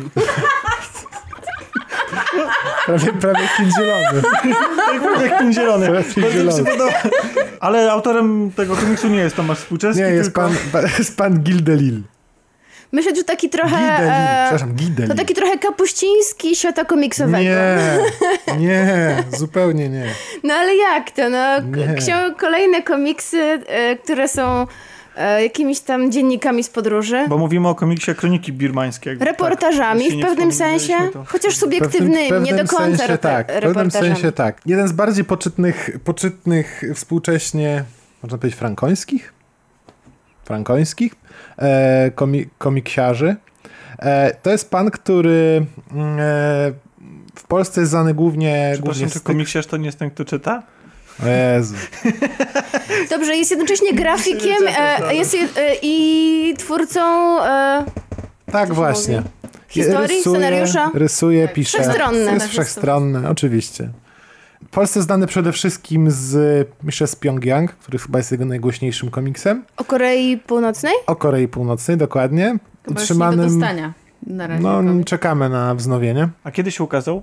W 2004 roku. Czy wtedy się Pyongyang. nazywał Fenian? Tak. Tak. Wow. Ej, to w ogóle to, to wydanie z tamtego roku z, tą, z tym tytułem musi być... Są, jest wydanie Fenian, Aha. jest wydanie Pyongyang w Polsce, nie? Są Wow. dwa wydania. No właśnie, dlatego mówię, że, że to, tamto wydanie z 2004 pe- pewnie skoczy jego cena za jakiś czas. Ale a propos kronik birmańskich, nie powiedziałeś Czarek, że to jest wydanie drugie, tak? Tak, tak. To jest wznowienie. I tutaj są nawet wznowienie. przypisy, e, które aktualizują pewne wydarzenia. Znaczy, e, No są... bo to, jest, bo to jest komiks oryginalnie z 2007 roku i jest bardzo mocno osadzony w tamtym czasie, tak? Odnosi się do konkretnych rzeczy, które się dzieją we wspomnianej Birmie. Nie w Birmie, ten kraj się inaczej Ojej, nazywa. tak, tak. On się... Mi, Myanmar. Myanmar. Jak można nazwać tak kraj? no przecież oni sobie, ci Gosia, wojskowi go tak nazwali. Tak, grabisz sobie dzisiaj pamiętasz, grabisz? Pamiętasz jak, pamiętasz, jak oni nazwali swoją stolicę, którą tam przenieśli? Nie, jak? No właśnie, nie. nie pamię... Tego się nie da zapamiętać. Było pewnie od nazwiska jakiegoś generała. Nie, to coś tam znaczy w ogóle. Po Ale dlatego powiedziałam, jak można tak nazwać, bo oni sobie to nazwali. Przejęli władzę nad krajem i stwierdzili, że sobie zmienią nazwę, bo tak. Bo pomogą. Bo tak. I przyniosą stolicę. Czy to jest ten pomogą. kraj, w którym się dzieje akcja Johna Rambo? Nie. To jest ten kraj, być może słyszałeś o takiej noblistce, która ma areszt domowy. Jest Miała. słynna działaczka, źle, już źle nie ma tego aresztu. po polsku to jest Myanma. Myanma. E, I ta słynna, słynna działaczka e, właśnie... Ja wcześniej o tym słyszałam jeszcze zanim e, czytałam komiks i właśnie po tym dopiero jak czytałam artykuł o tej noblistce dowiedziałam się o Birmie, e, że to jest właśnie o jedna... Myanma. O Myanma. Jedna z ostatnich tak... E, jak to powiedzieć, ostrych dyktatur tak naprawdę na świecie. Ale też podobno bardzo piękny kraj. Chciałem są powiedzieć, takie, są momenty. Chciałem powiedzieć, że miałem rację. Akcja czwartego filmu z, tak? z Sylwestrem Stallone Czwarty? o tytule John Rambo. To ten, do którego to ten, nie istniał. Ten, nie, którego, ten, którego nigdy nie widziałem. Zacytuję Wikipedię. Tak Akcja filmu rozpoczyna się w Tajlandii, gdzie John Rambo zostaje wynajęty przez grupę chrześcijańskich misjonarzy, aby przewiózł ich na drugą stronę rzeki do targanej wojną domową Birmy. Mianmy. Mianmy. Mianmy. Jest napisane Birmy. Bo Mianmy. Wikipedia się myli, no. Ale dlaczego w takim razie w link Birma. się nazywa Kroniki Birmańskie? Bo wtedy to jeszcze była... Ale właśnie, zmienili... Nie, no bo to chodzi o to, że tak naprawdę uznawana przez świat nazwa to Birma. Po prostu ci Aha. E, wojskowi, którzy przejęli tam władzę, wymyślili sobie, że nazwą kraj Myanmar, ale jakby... Oficjalna nazwa Republika Związku Myanmar. No właśnie, to jest oficjalna nazwa, ale nadal używa się nazwy nieoficjalnej Birma. Birma. A wiecie, że według Greków nie istnieje takie państwo jak Macedonia? Tak. Ale że nadal nie istnieje? Nie uznają nazwy Macedonia. Wow. To znaczy? No to znaczy to... Według nich to Azja jest... Mniejsza? Nie, e, kraj Skopie czy jakoś tak. Skopie jest stolicą? Chyba tak. Ale nie uznają, bo, tak. bo Macedonia historycznie to jest część Grecji, tak? Kiedy to było, jejku? Ale Grecy są dumnym narodem i cenią swoją historię. Dobra. E, żona naszego twórcy komiksów e, jest... E, Lekarzem członkinią lekarzy, organizacji Lekarzy Bez Granic i zostaje wy, wydelegowana w kolejne miejsce. On wspomina, że to gdzie tym razem jedziemy, kochanie? Dokładnie. Czyli to tak naprawdę jej zawdzięcza wszystkie Czyli te komiksy. Nie bo tak, żeby nie jeździł komiksy, po tylko świecie. zawdzięcza Podróże. miejsca, gdzie je pisze. Miejsce, gdzie je pisze. jeździ razem ze swoją żoną I zajmuje się dzieckiem. Z... Trochę tak. Świetnie. Mogłabym Ale tak dzięki temu dziecku robi ogromną karierę na osiedlu. Dzięki temu to dziecko jest bohaterem komiksów, które on pisze również. Tylko, że ma dziwną bardzo głowę. Tak. No, też chciałam powiedzieć, jak zaczęłam tą układkę. Jak taki, jak taki kotlet. Jak kotlet. Ale to Dobrze, jest... w każdym razie jak... to nie jest komy, bardziej jak, jak ten pierożek. Z... No może pierożek, Taki tak. chiński, nie? A y, co, co, co się dzieje, jaka Czyli jest fabuła komiksu? miała taką głowę, jak była mała. Pewno. No tak, wiem, proszę bardzo, nie, to było bardzo... Fabuła bar komiksu? Bardzo merytoryczna uwaga. Na pewno pod wpisem zamieścimy linka do zdjęcia Malwiny z czasów młodości, jak miała głowę jak kotlet. jak pierożek. Już nie chciałam powiedzieć, że pierożkiem jest nazywana inna część ciała, ale nie o jest to... Bardzo merytoryczne. Dziękujemy, to był 39 odcinek kolaudacji show. Wróćmy do Jest tego nasz autor komiksu, komiksu. E, oraz główny bohater. Najpierw przybywa z żoną do Birmy, opisuje pierwsze trudności w tym kraju, na przykład znalezienie miejsca zamieszkania, albo tym, że nigdzie nie ma klimatyzacji, albo no jeśli już właśnie, jest, to są dostawy prądu e, właśnie to, co, to, zatrzymywane. To, mhm. to, co teraz mówisz, te takie małe rzeczy, bo ty właśnie mówisz o tym, że nie można znaleźć mieszkania, albo o tym, że jest problem z klimatyzacją i tak dalej, i tak dalej, to jest to, co jest charakterystyczne dla tego, dla tego właśnie autora. Bo on wszystkie swoje komiksy, czyli na przykład, nie wiem, Kroniki Birmańskie, Jerozolimskie, e, pisze właśnie w ten sposób. To są bardzo krótkie, e, jedno, dwustronicowe, czasami troszkę trzy, e, historyjki, z jego pobytu tam. Absolutnie, absolutnie przedstawiające jego obserwacje i to, co jemu się tam przytrafiło, bo co zauważył ciekawego w jakiś sposób. Nawet wielokrotnie portretuje samego siebie, który rysuje coś. On robi komiks, w którym on sam rysuje coś, co się potem znajduje w tym komiksie. E, Muszę zacząć bardzo, spisywać takie bardzo, rzeczy, jak to się sprzedaje. E, ale bardzo ciekawy sposób jest to pokazane, muszę przyznać. Jak na przykład e, doznaje kontuzji łokcia e, i próbuje nauczyć się rysować lewą Dokładnie. ręką, to jest narysowany jeden, jeden kadr, kadr taką trzęsącą ręką. ręką. Albo kiedyś duża wilgotność powietrza i tuż mu się rozmazuje, to, to jest jeden rozmazany jest, kadr. Wiecie, tak jakby, jak pisaliście kiedyś E, piórem, takie, jak takie kartki były takie z takimi włoskami, to właśnie na nich się robiły takie plamy kleksy. od tuszu, takie kleksy. Takie kleksy. No i właśnie to wszystko pokazuje bardzo dużą osobist osobistość Osobowość. Oso nie, osobist subiektywność? subiektywność, ale to że, to, że te historie są takie właśnie mocno personalne. osobiste, personalne. On opowiada o swoim dziecku i o swojej rodzinie i o swoich problemach z tym, że e, nie ma co zrobić z popołudniem. I przez pryzmat tego, z, z jakimi on się tam, co on tam widzi, jakie ma tam problemy i tak dalej, i tak dalej, obserwujemy, jak wygląda miejsce, w którym się znajduje. Tworzy nam się pewnego rodzaju no tak, mozaika tego mozaika, wszystkiego. To prawda. Tych wszystkich, tych mhm. wszystkich elementów. To nie jest człowiek tak jak. Mm, mówiłem jakiś czas temu o komiksie Najlepsi Wrogowie, który był po prostu encyklopedią. On przedstawiał fakty. To jest coś kompletnie innego. To jest, to jest to Samo jest... życie. Tak, no trochę tak. Czasami trochę to są tak. takie nawet mm, absurdalne przemyślenia, które mamy idąc ulicą, po prostu nudząc się okay. i sobie coś tam pomyślimy dokładnie. głupiego i on dokładnie no bo to przelewa tego, na papier. Tego trochę, bo z tego tak naprawdę składa się życie, nie? Z takich, z takich rzeczy. Nie z tego, że generał jakiś tam w tym i tym roku zrobił to i to i, i zaatakował też... takiego, tylko z tego, że na przykład o, mamy problemy z dostawami prądu. Albo na przykład... Yy, Go, y, na przykład na klatkach nie ma prądu, nie działają domofony i tutaj miejscowi wymyślili, że będą wypuszczali sznureczki, czy, dzwonki, no nie? I tak dalej, i tak dalej. codzienne są wytłumaczone przez jakby... Czy jest pokazana geneza tych problemów? Tak, czyli jest pokazane, Trochę dlaczego tak, to się dzieje, jest. ten podkład historyczny, czy, czy to jest tak, że ty musisz dopowiedzieć, doczytać, domyśleć się? Jest powiedziane na przykład, że och... Mm, ale jest opisane, kto był kiedy generałem, kto przejął władzę. Są takie momenty, Są kiedy takie główny momenty, bohater tak. czyta gazetę i zdaje sobie sprawę, jak, jak duże bzdury tam piszą, albo jak jest cenzurowana prasa. Czyli co, ta narracja jest prowadzona w taki sposób, że nie ma odgórnego narratora, tylko że jesteśmy cały czas przy tym bohaterze i jego oczami patrzymy na tą Birmę i na te wszystkie Tak, wydarzenia? on sobie jeździ z wózeczkiem po mieście, albo czyta gazetę i ma jakieś czy, przemyślenia. Czy nie, czy nie ma czegoś takiego, że tak w roku tym i tym, ten... Nie, nie, nie, nie, nie, w ogóle... Faktograficzne takie. Czasami to nie jest nawet powiązane ze sobą, nie ma... Czasem jest kontynuacja w następnej nowelce, czasem, no, czasem nie ma tej nie. kontynuacji. No, dokładnie. I jednocześnie to, co trzeba powiedzieć, to to, że autor ma fajny humor. To znaczy on, on ogólnie rzecz biorąc... Yy, na pewno poza lepszy niż my w tym odcinku. To na pewno. Pierożkami przekroczyliśmy granicę. E, tam taki, to będzie wycięte. W komiksie nie ma nie. takich żartów. W komiksie nie ma takich żartów. E, są lepsze, zdecydowanie śmieszniejsze i takie, których nie trzeba się wstydzić. No ale właśnie chciałam powiedzieć, że e, ja chyba nie wiedziałam do końca czegoś spodziewać e, się po tym komiksie i e, tak jak początek wydał mi się właśnie taki śmieszny, absurdalny, tak potem przeszedł w ton poważny i tak właśnie mm, mam wrażenie, że stoi tak po środku między całkowicie poważnym tonem, pokazaniem jak strasznie tam się żyje, jak ogromna jest bieda i co cierpią ci ludzie, no, a właśnie ale... takim lekkim tonem i jakoś nie, no nie no w 100% zobacz, do mnie to trafia. No bo zobacz, Zgadzam się z tym, ale to właśnie trochę o to chodzi, że to nie jest komiks, który można określić jednym słowem jako, nie wiem, komediowy, albo taki, taki który słuchamy, otwieramy po to, żeby się porechotać, no nie do obrazków. Absolutnie nie.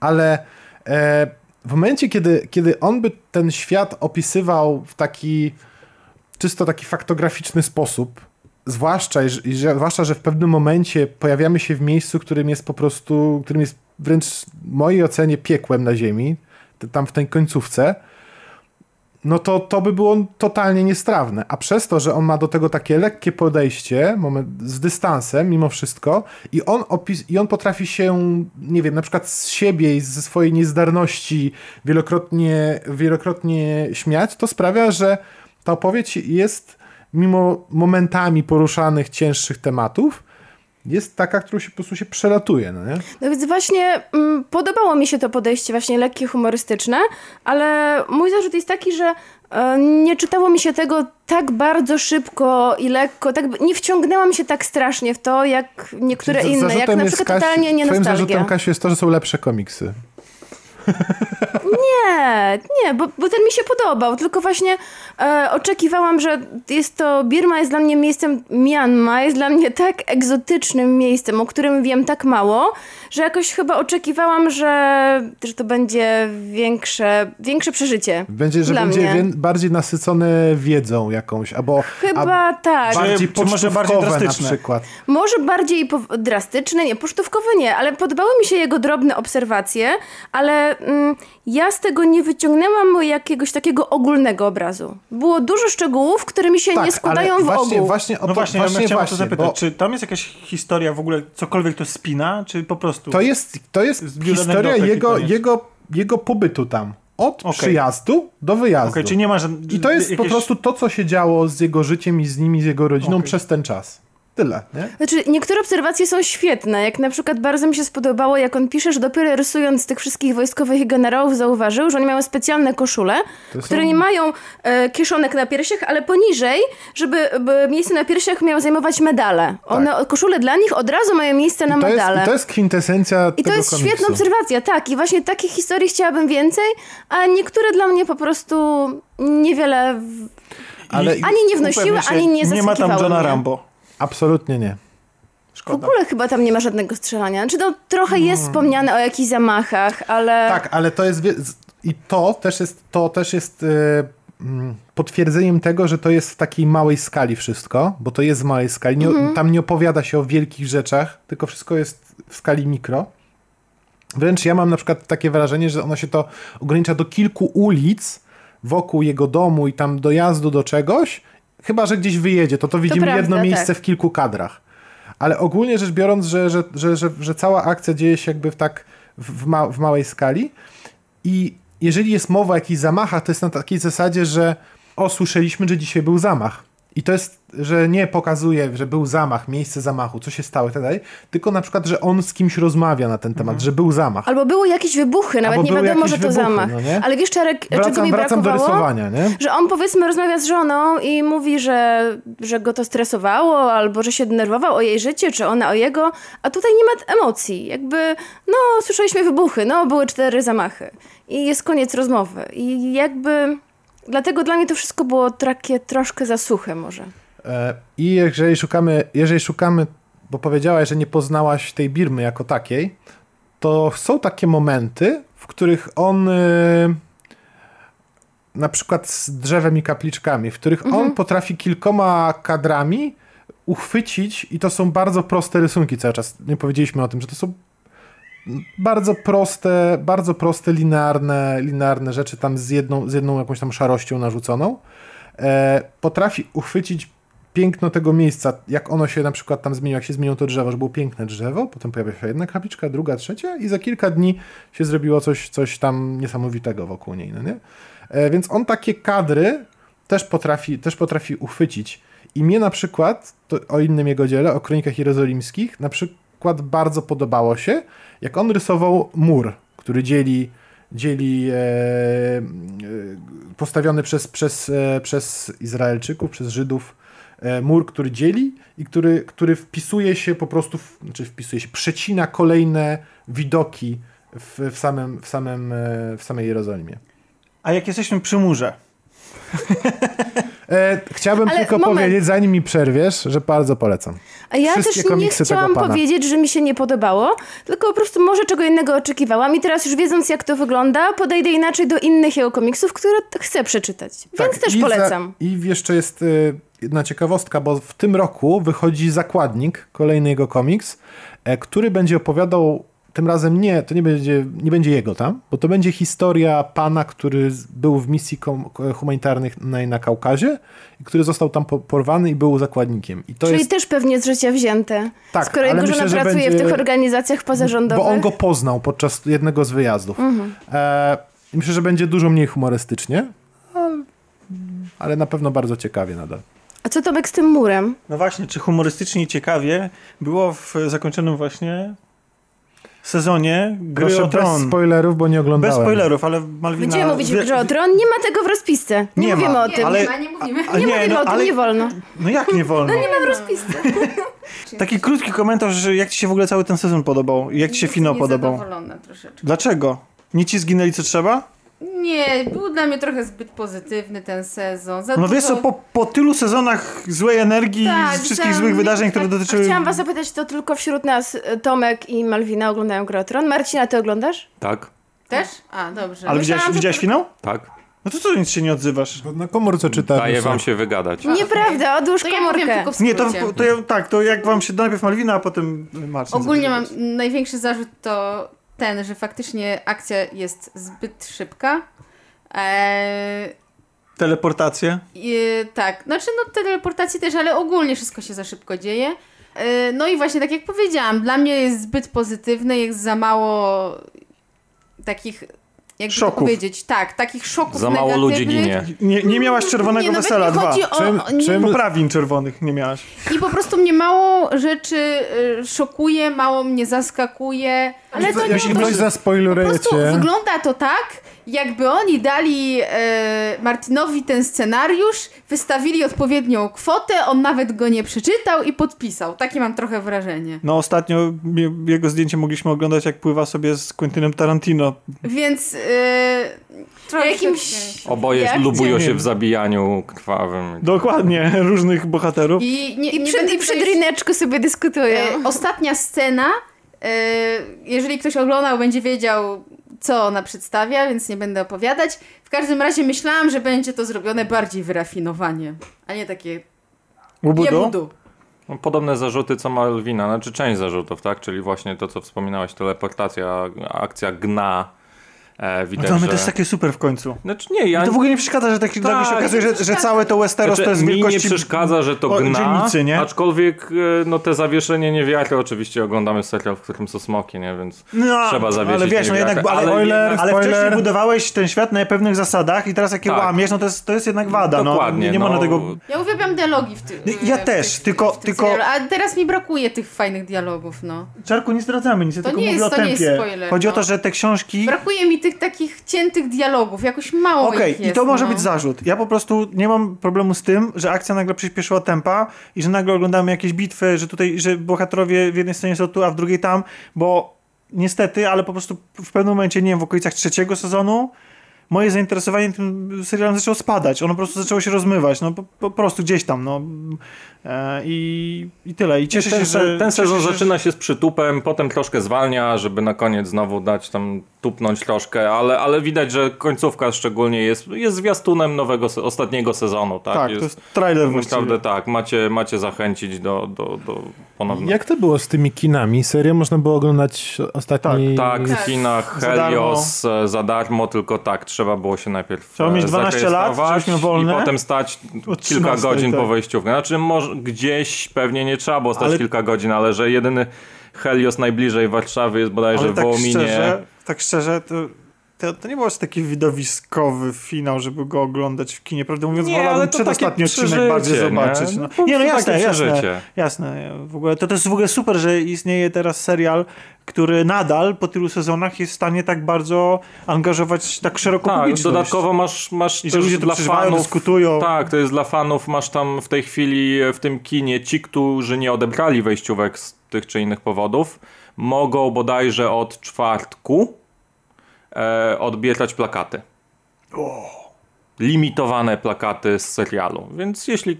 To Z wielkim dla- logiem Helios na pewno. Pewnie tak, Tak jak, oczywiście. tak jak ja mam plakat z epizodu siódmego, ale niestety z tym różowym paskiem multikina. To Taki. utnij. No ale wtedy, wtedy chyba nie będzie wymiarowy, jeśli chodzi o antyramy. Wtedy nie będzie kolekcjonerski, bo go Uciąłem. uciąłeś. Tak. Co, nam- co nam jeszcze Snow. zostało? Dużo Francji jeszcze nas nadal czeka. Na pewno e, tak kojarzycie taki francuski hit e, komediowy, e, który nazywa się Jeszcze dalej niż północ. Opowiadał o takim listonoszu, który został przeniesiony Nie. na, z Paryża karnie na północ Francji i tam miał różne Co nie? e, Nie przygody. kojarzymy. Nie kojarzycie tego? Nie. Jasne, że Naprawdę? Tytuł ci coś jeszcze, mówi, jeszcze dalej niż ale- północ? Tak. Bardzo znana komedia francuska. I na tym Ale z którego filmie... roku? Nie, 2005, Po 2006. 2000 na pewno sporo. E, I na tym filmie wypłynął komik Danny Boone, który zaczął... Czy, a, komik. Komik, okay. komik Dany Boon, który teraz zaczął, e, już e, jest tak dużą gwiazdą we Francji, bo kiedyś gwiazdą był Gérard Depardieu, e, teraz gwiazdą jest, jest Dany no właśnie. E, no i co? I Dany stwierdził, że jest już tak dobry, jest tak świetnym aktorem, że może teraz zostanie i reżyserem i scenarzystą, więc... Na pewno się sam, to udało. Sam zrobił film, w którym zagrał główną rolę, jak to także robił Gérard Depardieu. E, no i film e, pod bardzo okropnym, moim zdaniem okropnym polskim tytułem Agentka Specjalnej Troski, bo to już Agentka Specjalnej Troski to już pokazuje nam, że to będzie A jakaś kołaka straszna. E, oryginalny tytuł e, Raid Ding Czyli raid to jest nazwa jakby grom, tylko francuskiej mhm. jednostki, to jest nazwa własna raid, a ding to jest, że wariat, wariatka, czy jakby wariatka w gromie. Gromowładna. Okay. E, czyli Ale jakby... specjalnej troski taki film familijny od razu. Taki, wiecie, dwunasta w południe. No nie wiem, no Eddie Murphy. Na Polsacie. Do ciasta. Tak, do ciasta. Przed rosołem. Po rosole. Po nudel zupa. Nudel zupa. Nie, no, nudel zupa? Nie no, w Polsce? Nie no. Rosół z kluskami. E, więc wydaje mi się, że tak, o, film opowiada właśnie o takiej szalonej, e, szalonej e, policjantce, która dołącza do jednostki Ala Grom. Brzmi jak scenariusz dla... Nadal brzmi jak Polsa do 12. Dobra, ale to powiem, no. dalej, powiem dalej o co chodzi. Jest to bardzo ambitna policjantka, która... E, Chce być świetna, jest bardzo oddana służbie, ponieważ bycie policjantką jest jej marzeniem, ale przy okazji jest też bardzo niezdarna, jak to bywa w komediach. Jak z Utopia.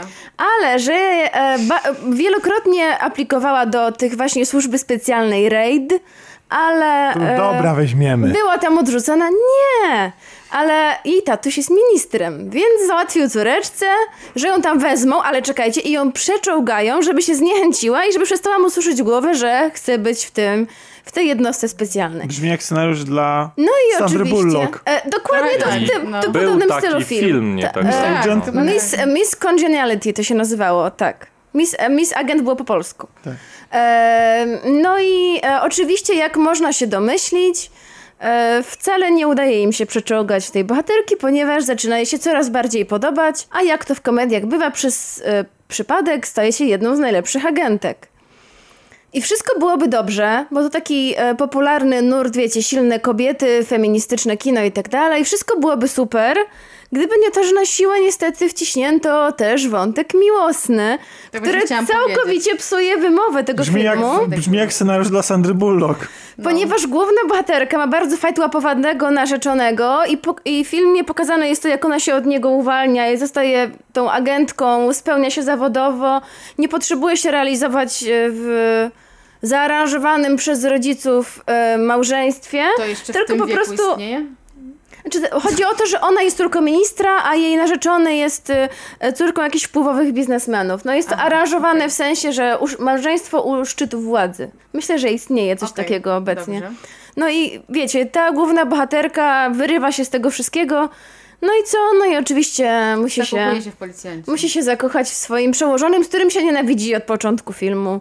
E, bohater grany przez danego Buna, który na początku oczywiście jest straszliwie przeciwny kobiecie w tych służbach, bo to jest pierwszy w ogóle taki... E, mm, taki przypadek, tak, jest precedens stworzony dla tej córeczki ministra, nienawidzi jej, no ale oczywiście jest wątek kryminalny, Czyli wątek mamy miłosny, przykład, wszystko że, pro, że protekcja prowadzi czasami do happy endu, jest dobra. Czyli kolesiostwo i te Kolesiostwo. Ale nie, no słuchajcie. Nadal kino familijne. Agentka specjalnej ale troski no cały jest czas dla mamy mnie... moralnie dwuznaczny odcinek teraz. Nie? E, Absolutnie. Ale wiecie co, agentka specjalnej troski, myślałam, że to będą dowcipy raczej bazujące na, na pierdzeniu, ale na szczęście nie. Na szczęście nie, chociaż są niektóre dowcipy i sceny slapstickowe bardzo głupie, to jednak widać, że Danny Boone jest naprawdę dobrym aktorem i, i ma sporo fajnych monologów i rzeczywiście śmiesznych scen. Film oglądało mi się przyjemnie, no ale nie jest to jeszcze dalej niż północ. I... Czyli co, do serniczka w niedzielę? Tak, nie warto iść do kina, ale spokojnie możesz sobie w Polsacie obejrzeć. Poczekajcie ze dwa lata.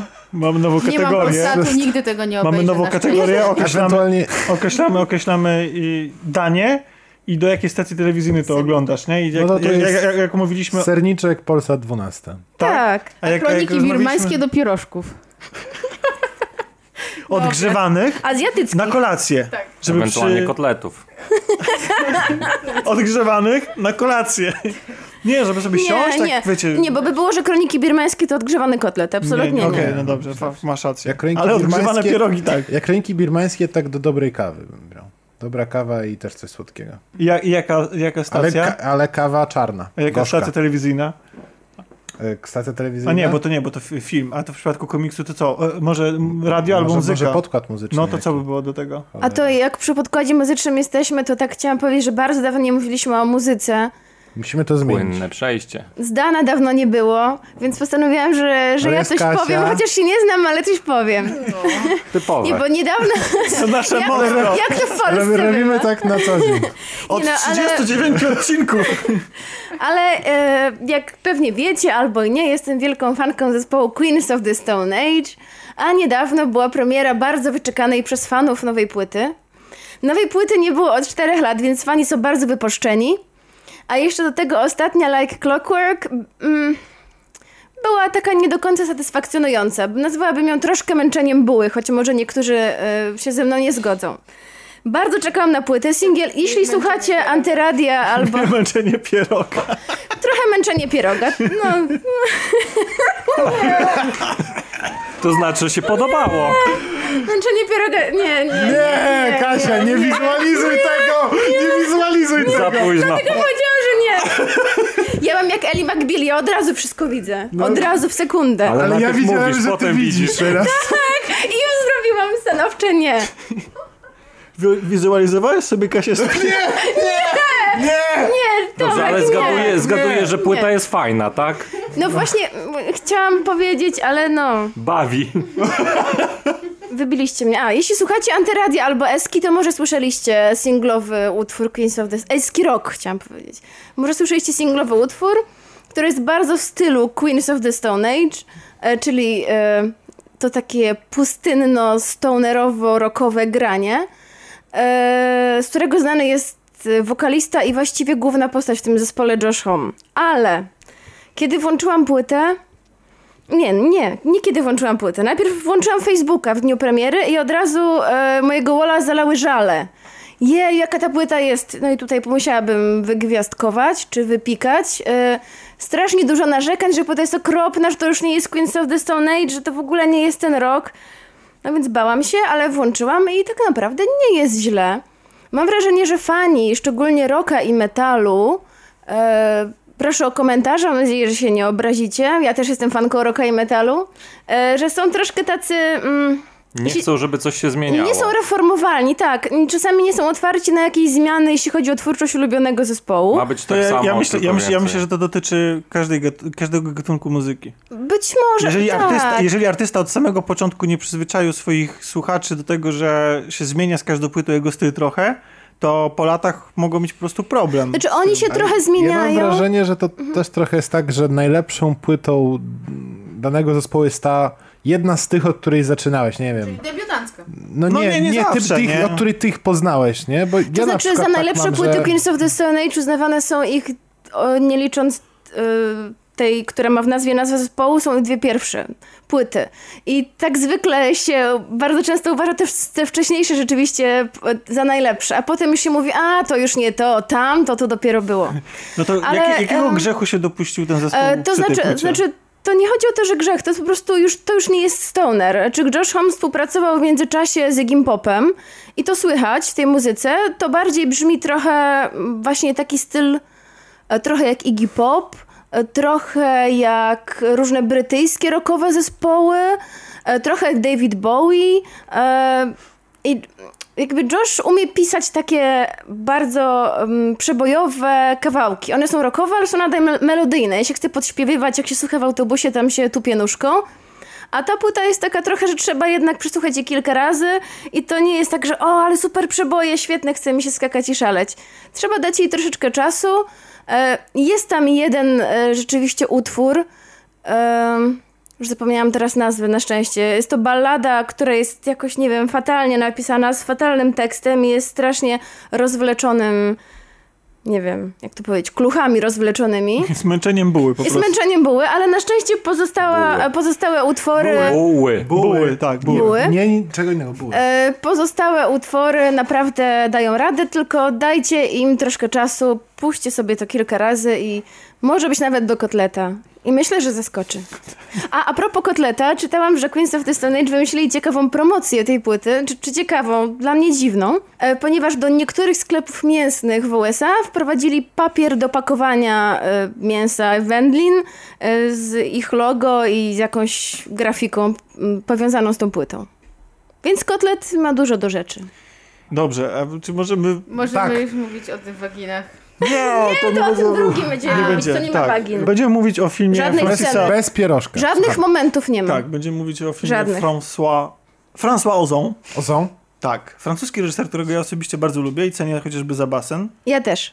E, I lubię też go, lubię i też cenię. Lubię go nawet jeśli przegina i robi nie najlepsze filmy i takie filmy, które właściwie są albo płytkie, albo banalne, no nie albo niczym. mu wychodzą. Nie wszystkie mu wychodzą, ale ja go i tak będę bronił, bo y, z jakiegoś powodu go się dobrze ogląda. Po prostu. Po prostu oglądasz ten film i może faktycznie go nie oceniasz jakoś najlepiej, to jednak jak lubię po prostu oglądać jego opowieści o kobietach, jego analizę kobiecej natury trochę, ale też ostatnio uderza w sferę taką seksualności e, kobiecej, nie tylko zresztą.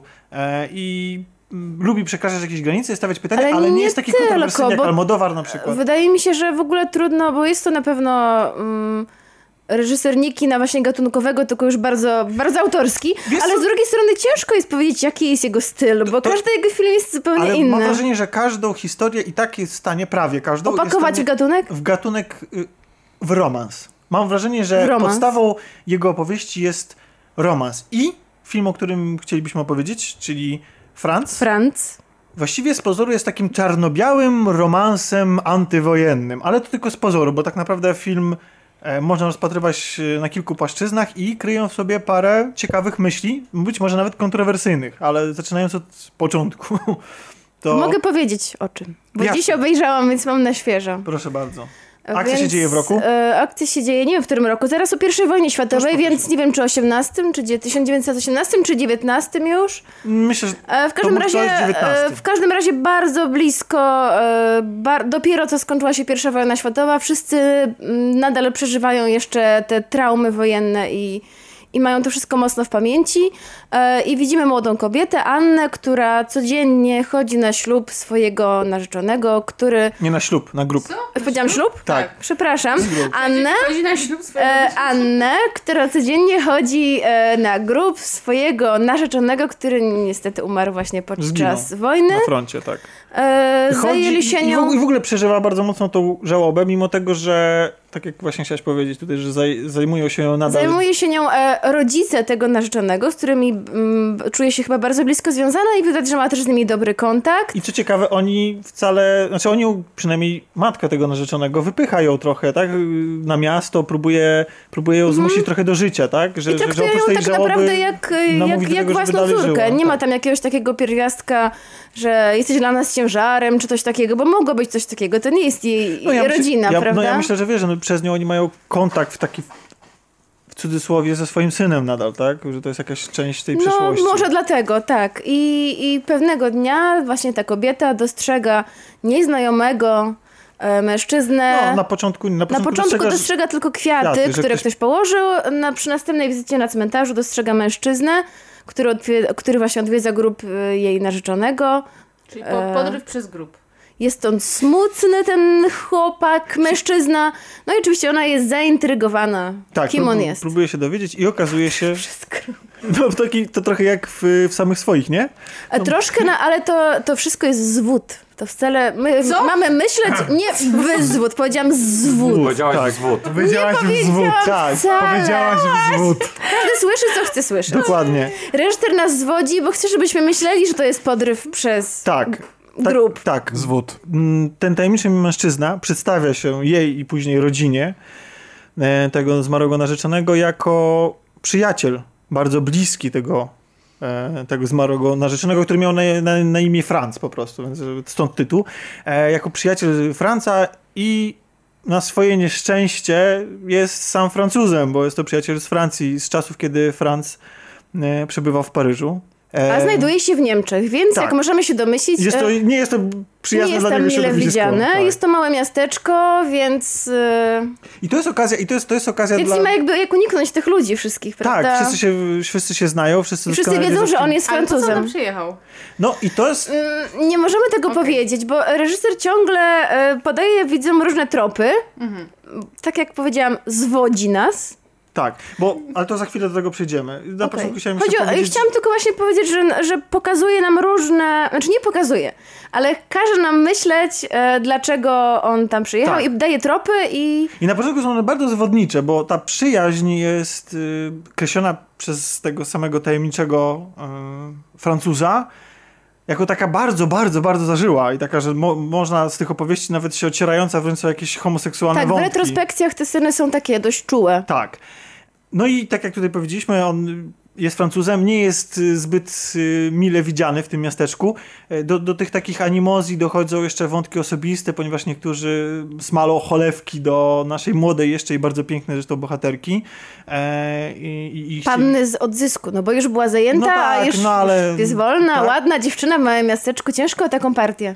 No i zresztą... a, tu krę- a tu kręci się wokół niej jakiś koleś i to jeszcze tak, Francuz, tak. a przecież Francuzi dopiero co wybili naszych, właśnie, i, naszych synów. I to jest y, okazja dla Ozona do tego, aby y, poruszyć takie antywojenne, pacyfistyczne wątki, bo on w tym momencie rozpoczyna y, dyskusję na temat tego, że wojna nie kończy się wraz z pokojem i jak długo jeszcze po zawarciu pokoju e, ta wojna się toczy w głowach ludzi, którzy brali w niej Kończy udział. Się, dopóki nie wiem, że pewne pokolenie. Albo nie zacznie się druga wojna, bo no. on w tych wątkach pokazuje... Pokazuje już te narastające nastroje. Znaczy nie narastające, te, które wcale nie umarły, bo on mhm. pokazuje jak wrogość do innych narodów biorących udział, do, do, wrogów po prostu z czasów wojny, pozostaje w tych ludziach i jak jest przez nich samych kultywowana, okraszana... E, Uwielbienie do Faterlandu. E, tak, o, okraszana e, patriotyzmem, o, o, okraszana oddaniem ojczyźnie, takimi... Ale takim patriotyzmem takim ksenofobicznym, bo patriotyzm to, może być pozytywny. nie, no nie, bo to, to, to by znaczyło, że musimy wszystkich podciągnąć pod jeden mianownik, a, a ludzie, których, których obserwujemy, mają różne pobudki. Jedni faktycznie mogą być jakimiś tam ksenofobami, a drudzy po prostu stracili bliskich i winią winią drugą stronę za to, że stracili tych bliskich. I reżyser robi bardzo ciekawy zabieg, ciekawy, dosyć prosty, ale bardzo efektowny. Mianowicie w pewnym momencie fabuły wysyła naszą bohaterkę do Francji. I widzimy drugą stronę barykady. Mhm. Widzimy zniszcz ogrom zniszczeń, który się tam dokonał w trakcie wojny. Ona widzi na, na, własne oczy i widzi, jest świadkiem i bierze udział w dokładnie w takich samych sytuacjach. Analogicznych, tak. Analogiczne ją spotykają znaczy, może ludzie nie są do niej wrodzy, ale odnoszą się do niej z taką dozą takiej trochę wyższości, takiego pobłażania. Ale też na przykład idąc O, do... jesteś Francuz? Tak, ale idąc do, co tu ale idąc, idąc do baru jest świadkiem do prawie identycznego... No i Niemką, tak, tak, ale chodzi o to, że, chodzi o to, że, że jest Późno. świadkiem dokładnie takiego samego przeżywania traumy wojennej i nienawiści do wroga we Francji, jak, jak re reprezentują Niemcy. I to, to jest ewidentnie taki y, manifest jakiś pacyfistyczny, ale też... Yy... A propos pacyfistycznego no. manifestu, jeszcze, jeszcze jest drugi wątek, który się dokładnie wpisuje w tę samą tezę. Mianowicie to, co już yy, mieliśmy w wielu książkach i filmach, czyli że yy, pokazane są dwie strony, które mają swoje... Y, każda z nich ma, okupiła to jakimiś ofiarami. Umarli młodzi chłopcy, które tak naprawdę wcale nie chcieli walczyć z jakich powodów e, uważali, że to jest ich obowiązek albo muszą. I wydaje mi się, że tu jest pokazane, że jakby żadna z tych stron nie jest do końca winna. Jest też powiedziane, że obaj bohaterowie, i Franz, i jego tajemniczy przyjaciel, że obaj byli e, pacyfistami, że nie chcieli walczyć, ale z jakichś powodów poszli na tę no, wojnę. No musieli, zostali, pod, podejrzewam, że po prostu zostali wcieleni, no jakby ktoś ich na tą wojnę wysłał. Ale to, to jest taki naiwny trochę humanizm, bo, bo o ile może faktycznie ta pierwsza wojna, bo, bo wojny są różne przede wszystkim. I mm, to nie jest jest tak, że obie strony są y, równie winne wojną. Wszystko zależy Nie mówię, że są równie wojny. winne wojną, ale... tylko równie winne śmierci. Y, ale to właśnie, no to... tutaj jest poruszane z tego, co rozmawiacie, coś takiego bardzo częstego, ale też chyba, wydaje mi się, dość oczywistego, że e, walczą państwa, narody, wydawałoby się na politycy, mapie, politycy. Idee walczą w cudzysłowie. W cudzysłowie, a tam na dole po prostu są ludzie. Tak, I oni dokładnie. są dokładnie, i ci po lewo, i to po prawej są dokładnie to ci sami. Są pionki, tak. I to są, I to są, ktoś ich pchnął na siebie, żeby się zabijali, ale tak naprawdę to oni nie mają żadnego powodu, żeby to robić. Oni się krzywdzą nawzajem, wyrządzają sobie os, os, os, niesamowite krzywdy, one potem w nich zostają, i, I co? I, on, no i, i, to, i to, nie jest, i to oni nie są, i oni są tak naprawdę jedni i drudzy są ofiarą tego tak, wszystkiego, co tam, co tam i, miało wiesz, miejsce. Czarek, w filmie pada nawet taka kwestia, wydaje mi się, że ten ojciec wypowiada, e, tego Franca. zmarłego Franca, że winicie Niemców za śmierć naszych dzieci, ale to my ich też zabiliśmy, bo kto e, prowadził te działania wojenne, kto wydawał te wszystkie rozkazy, kto kazał im strzelać, kto ich tam w ogóle wysłał. No tak. Każe nam troszeczkę inaczej myśleć, przemyśleć sobie kwestie ofiara, oprawca, tak jakby no tak, podczas wojny, też, że nie ma tam czerni i bieli. Wiemy też, że... No, ale no tak, jest agresor i... Właśnie. No tak. oczywiście. Znaczy, są wojny, gdzie coś, gdzie, gdzie, gdzie te strony są mniej więcej sobie równe, ale są też wojny... Okej, okay, ale agresor miała... to jest dowództwo, w sensie tak, no, ale... to jest e, ten Bismarck czy Hitler, no tak, a ci wiesz, no ludzie, którzy tam walczą, nie są ale jedni występują jako atakujący tak. czyjś teren, Ale też ktoś kazał im atakować, prawda? Okay, Dobrze, ale, chodzi, ale, chodzi, ale mowa o tych broniących, No tak, ale to już jest zagłębianie się w takie szczegóły, takie dys, dysputy, jasne, one są jak najbardziej uprawnione i powinny być y, podejmowane, no ale na poziomie takiego prostego, zwykłego życia, gdzie życie się po prostu toczy dalej. Trzeba gdzieś zakopać ten topór, trzeba gdzieś się Kiedyś pogodzić. to tak. trzeba zrobić, bo inaczej Dokładnie. nie da się tak żyć. Tak? I, I, I, właśnie ten film podejmuje ten wątek i jeszcze umiejscowienie tego akcji tego filmu pomiędzy dwoma największymi wojnami i gdzie jedna wynika de facto z drugiej tak naprawdę, z konsekwencji pierwszej wojny, -hmm. gdzieś tam w, jakiś tam w jakimś tam stopniu, też sprawia, da, daje, taką, daje takie wrażenie i, i daje taką myśl, że tak naprawdę żyjemy w ciągłej wojnie. Ale mówimy tutaj o tej wojnie, natomiast no nadal trzeba powiedzieć sobie jasno, że jest to romans. Yy, tak, w i mierze. ta wojna nie jest jedynym ważnym motywem w tak, tym filmie. Ponieważ ten romans E, bo to jest oczywiste, że w momencie, w którym ta rodzina przyjmuje tego przyjaciela Franca do siebie i, i kiedy on się staje dla nich taki bliski, po, po prostu no, w pewnym momencie im zastępuje ich zmarłego syna i narzeczonego być może też, no gdzieś tam, to, to, jest banalny wątek i on jest taki dosyć rzeczywisty, że to w takim, w takim kierunku musiało zmierzyć, ale ale to, to jest nie... pretekst tak Właśnie naprawdę. Chciałam powiedzieć, do, do pokazania czegoś jeszcze więcej. Innego. I to jest prawdziwa wartość tego filmu, bo E, Jak to o, powiedzieć, żeby jasne, to nie zaspoilerować? Ozon, ozon dla, dla, dla Ozona to jest okazja po to, żeby sięgnąć do swojego ulubionego, mam wrażenie, motywu poszukiwania i analizy prawdy. Prawdy. Tak. On strasznie lubi motyw prawdy w swoim filmie. Kłamstwa i prawdy. I nasz przyjaciel rodziny być może nie jest do końca tym, y, za kogo się podaje, ale ta tajemnica, kim on faktycznie jest, nie jest też aż tak bardzo ważna. To znaczy, ja od początku filmu, szczerze Jasne. mówiąc, tak myślałam, że tak będzie, i, ale tutaj nie chodzi o twist. Tak. To zupełnie tak, nie jest najważniejsze w tym momencie. Wa ważne jest to, co bohaterowie zrobią z tą informacją.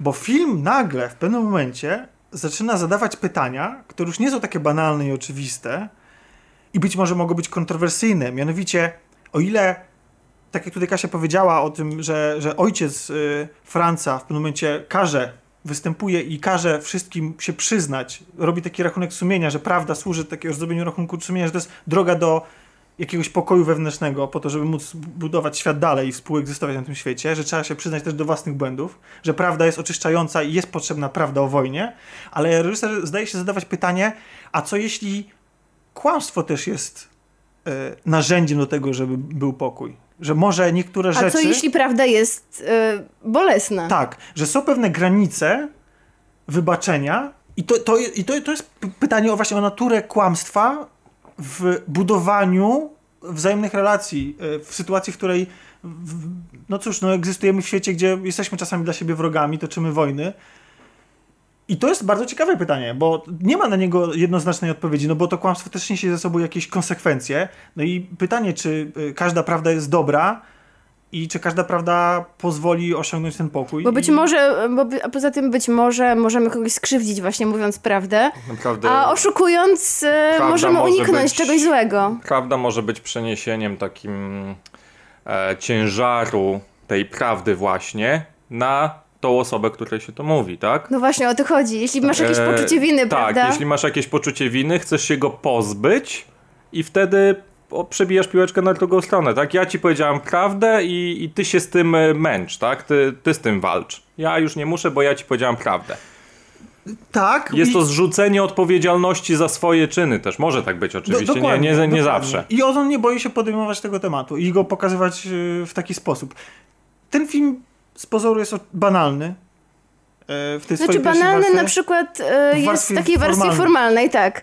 E, to znaczy, że sam film przedstawiony jest w czerni i bieli, która wyraża smutek i żałobę po wojnie, a w momentach, kiedy mamy wspomnienia e, Franca tytułowego sprzed wojny lub kiedy pojawiają się momenty, w których pojawia się jakaś radość i miłość, zyskuje nagle kolory. I muzyka też się zmienia w tych momentach. Staje się taka poetycka, skrzyp, wątek skrzypiec w tle. No to trochę było takie I widzisz, tanie. I, i dla mnie też to było tanie i przyznam się szczerze, że sam na to nie wpadłem i tego nie zauważyłem. Ale przeczytałem później komentarz. Jak to nie wpadłeś? No, no, po prostu, chodzi o, nie, chodzi o, nie. Z, nie zauważyłeś kolorów? Nie, nie, to zauważyłem i dokładnie tak samo to odebrałem jak ty w kinie, tylko potem po wyjściu z kina, czytając komentarz mhm. na temat tego zabiegu, ktoś zwrócił uwagę, owszem, to się pojawia, ten zabieg, że wchodzi kolor w tych momentach, kiedy przywoływany jest Francji i te pozytywne e, wspomnienia i to jest banalne, ale też... E, można to interpretować, żeby za dużo nie zdradzając, w zupełnie inny sposób. I wiesz, i... Tak samo zakończenie filmu jest bardzo wieloznaczne i nie wiemy do końca, co się wydarzyło z bohaterką. Tak. Nie wiemy, jak do końca się cała historia zakończyła. Więc to jest tak, z pozoru czarno-biały, antywojenny, prosty w wymowie e, romans, ale kryjący w sobie coś więcej. Film jeszcze można zobaczyć w niektórych kinach, to on nie jest jakoś, nie, szturmem ich nie zdobył. E, jest różnie oceniany, bo tak jak mówię, to wszystko zależy od tego, w jaki sposób e, do niego podejdziemy, jego e, sobie zanalizujemy i zinterpretujemy. Ja lubię Ozana, więc bawiłem się może lepiej i, i, chcę w tym filmie widzieć więcej niż być może tam jest. Znaczy ja bym poleciła, ale mam taki zarzut, że troszkę, za, znaczy wiem, że on był właśnie stylizowany właśnie na taki staroświecki romans, ale trochę może za dużo było takich przeciąganych poetyckich scen. Bo bohaterka idzie, ale wiesz co, ale bohaterka tak się zastanawia. Ale taki jest Ozon. Znaczy, on, on dokładnie taki jest. On, on, on kręci, on nawet jak kręci filmy w stylu Almodovara, to i tak jest bardzo łagodny w tym, jest taki mieszczański. Jest taki, jest taki to wszystko jest y, takie... On lepiej moim zdaniem wypada, za wyjątkiem basenu, bo basen się sprawdził doskonale w tej konwencji, ale wydaje mi się, że on lepiej wypada w kinie kostiumowym mhm. i takim właśnie... Konwencjonalnym. Takim, tak, w konwencjonalnym, bo jego sposób opowiadania jest bardzo staroświecki, bardzo powolny, więc to jest taki, no to jest taki romans, dramat, no, melodramat nawet można powiedzieć więc nie, nie oczekujcie tam jakichś fajerwerków w tym filmie, ale bardzo przyjemnie mi się to osobiście e, e, podoba i jeśli chcecie kiedyś spróbować tego reżysera, to polecam Basen. Ja też polecam Basen, bardzo. Dobry thriller. Bo tak. jest to thriller. To jest thriller, jest tak, thriller. bardzo. A jeszcze, e, jeszcze a propos Franca, bardzo mi się spodobało, że Francuzi mówią po francusku, Niemcy mówią po niemiecku, to wydaje się banalne, ale teraz w wielu filmach e, zupełnie jest to ignorowane i większość bohaterów mówi w jednym języku. Ale, albo za, jak to w filmach amerykańskich z akcentem z danego kraju. Tutaj jednak bohaterowie posługują się w języku swoim narodowym, znaczy takim, e, jaki w danym kraju, jaki w danym kraju mm, obowiązuje. I to nadaje mu takiej, nie wiem, prawdziwości. Mhm. Tak, ja, ja, bardziej, ja bardziej zwracam, wierzę w takie historie. Zwracasz uwagę? Ostatnio na to, na to zaczęłam zwracać uwagę i też e, nawet e, jak oglądałam ten e, serial na Netflixie Stół Szefa, e, Chef's Table, to powiem ci, ci że e, historie, które były opowiadane w, przez szefów kuchni z różnych krajów w ich ojczystym języku, bardziej do mnie trafiały yy, wydawały się bardziej autentyczne niż te, kiedy ludzie mówią po angielsku, a na przykład są z jakiegoś innego kraju. I, I wtedy właśnie pomyślałam, kurczę, chyba coś jest, jednak język w filmie też ma znaczenie. No wydaje mi się, że duże Bardzo i dlatego duże, no. właśnie e, za to też między innymi cenię kina europejskie, że nie idą po najmniejszej linii oporu, że Rosjanin mówi po angielsku z rosyjskim akcentem, tylko właśnie mówimy w tych językach i to sprawia, że bardziej się wczuwam w ten świat. X-Men pamiętamy. Tak. E, tak. No to do tego trzeba mieć jeszcze zaplecze aktorskie. Tak. Coś, Kasiu, jeszcze o, o Francu? Nie, chyba nie. Można zobaczyć w kinie, można poczekać, jeszcze obejrzeć w domu, bo nie jest to też film, który trzeba koniecznie obejrzeć w kinie. Okej. Okay. E, to co? Czarku, no ja ty zmykasz? Tak, tak, tak. Malwina też zmyka. To pożegnajcie się ładnie ze słuchaczami. Do Dziękujemy widzenia. bardzo. Do widzenia. Do to był Czarek i Malwina. A my sobie powiemy jeszcze o jednym tytule. Pożegnaliśmy Malwina i Czarka. Teraz przejdziemy do tematu, który jest bardzo rzadko u nas poruszany. Do tej pory zdaje się był tylko raz. Mianowicie gry wideo. Ale nie uciekajcie. Ci, których um, gry wideo nie interesują, bo będziemy mówić o pozycji bardzo wyjątkowej. I małogrowej. No, tutaj się nie do końca zgodzę, ale faktycznie faktycznie jest to gra, o której myślę, że powinni usłyszeć przynajmniej ludzie, którzy nawet nie grają w, Zdecydowanie. w gry wideo. Mm, I to będzie trochę wstęp do pewnego małego ogłoszenia, które poczynią na końcu. A będziemy mówić sobie o, o grze produkcji studia Ninja Theory, a gra się nazywa Hellblade. Senua's Sacrifice. Taki ma podtytuł. I jest to osadzona w świecie mitologii nordyckiej opowieść o Senue, Senui, Senui, Senui, Senui chyba. Senui, która wybiera się na, na wyprawę e, w celu wskrzeszenia swojego zmarłego ukochanego. No i ma do, do przebycia bardzo niebezpieczną e, podróż e, poprzez właśnie te krainy nordyckich mitologii, gdzie czekają na nią liczne niebezpieczeństwa, ale głównie wrogowie, ale też jej największy wróg, czyli ona sama. Mierzy się ze swoimi koszmarami. Tak? Ze swoimi własnymi koszmarami, a głównym koszmarem jej życia jest e, to, że jest osobą chorą e, i osobą z problemami psychicznymi i jest osobą chorą na psychozę. Znaczy cierpi na psychozę.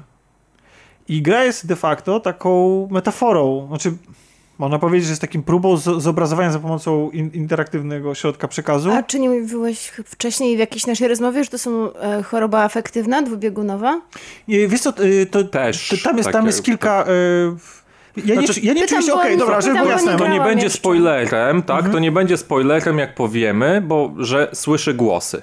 Mhm. Tak? No to bardziej taki Słyszy głosy, różne, wiele tych głosów. Tak. Mhm. I te głosy, można powiedzieć, że mają to chorobę afektywną dwubiegunową, tak? No bo one czasami ją ganią za coś, a czasami cieszą się, jak tak. jej się coś powiedzie, tak? To znaczy, y, w ogóle ten zabieg z głosami jest y, podstawowym narzędziem narracji, ponieważ y, my słyszymy w ogóle te głosy non-stop od samego początku. Te, te głosy w ogóle nagrane e, od strony technicznej bardzo ciekawie, bo w takiej formie, która pozwala grać na słuchawkach niemalże słyszeć te głosy o, we własnej głowie. To się nazywa chyba technologia binauralna. Binauralna. Tak. E, I y, grając właśnie na słuchawkach, co zresztą w ogóle bardzo polecamy, e, to, to sprawia wrażenie, że my, podobnie jak główna bohaterka, słyszymy te głosy, a te głosy są wypowiadają swoje kwestie w każdej sekundzie, są niemalże niezagłuszalne i dodatku kilka naraz i chociaż, ale da, da się słyszeć to, co mają do nam do przekazania i pełnią rozmaite funkcje, zarówno od strony takiej narracyjnej, jak i budowania tego świata, budowania bohaterki, bo z jednej strony są bardzo no, pomagające nam jako graczowi odnaleźć się w tym świecie. E, między innymi wskazują na to, co powinniśmy ewentualnie zrobić i tak dalej, ale z drugiej strony e, pełnią też rolę takiej, e, taką funkcję, która nas nagradza na przykład za, za, pewne, e, za pewne dokonania, ale też e, przestrzegają nas na, przed niepewnymi niebezpie, niebezpie, niebezpieczeństwami. Podstawową ich no, zaletą z punktu widzenia oceniania tej gry, ale też i, i, i funkcją jest to, że potęgują ten klimat psychozy, tej, tego, ten klimat zagubienia głównej bohaterki. Bo ona musi się zmierzyć z tajemniczą ciemnością, tutaj nazwaną. E, czymś, co na nią czyha i w głąb której ona musi się udać, no i zmierzyć właśnie z koszmarami. No, i co dalej, Marcinie?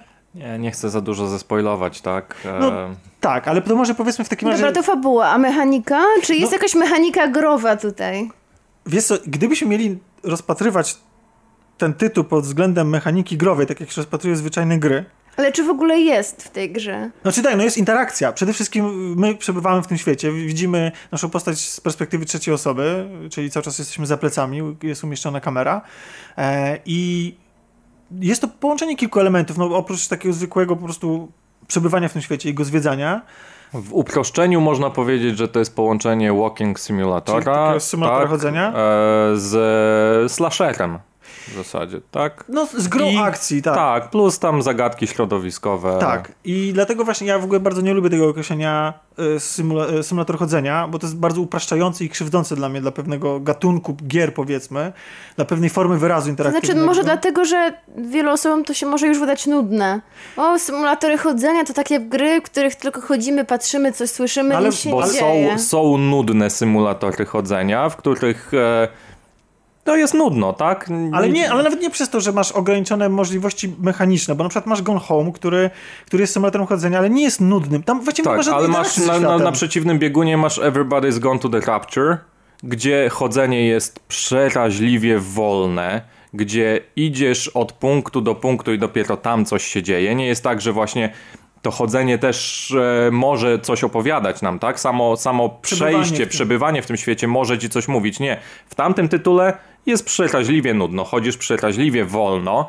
Dodatkowo czasami widzisz coś na horyzoncie i myślisz, a może bym tam poszedł, ale jak sobie przeliczysz w głowie, Matko Boska, będę szedł tam Ile 5 minut, nie, ja tam nie idę, tak? Mhm. Tutaj nie masz tego. Tu ale rozumiem, zapomnij. że um, wiem, że gra wam się um, bardzo spodobała, więc jest daleka do... ale to nudne.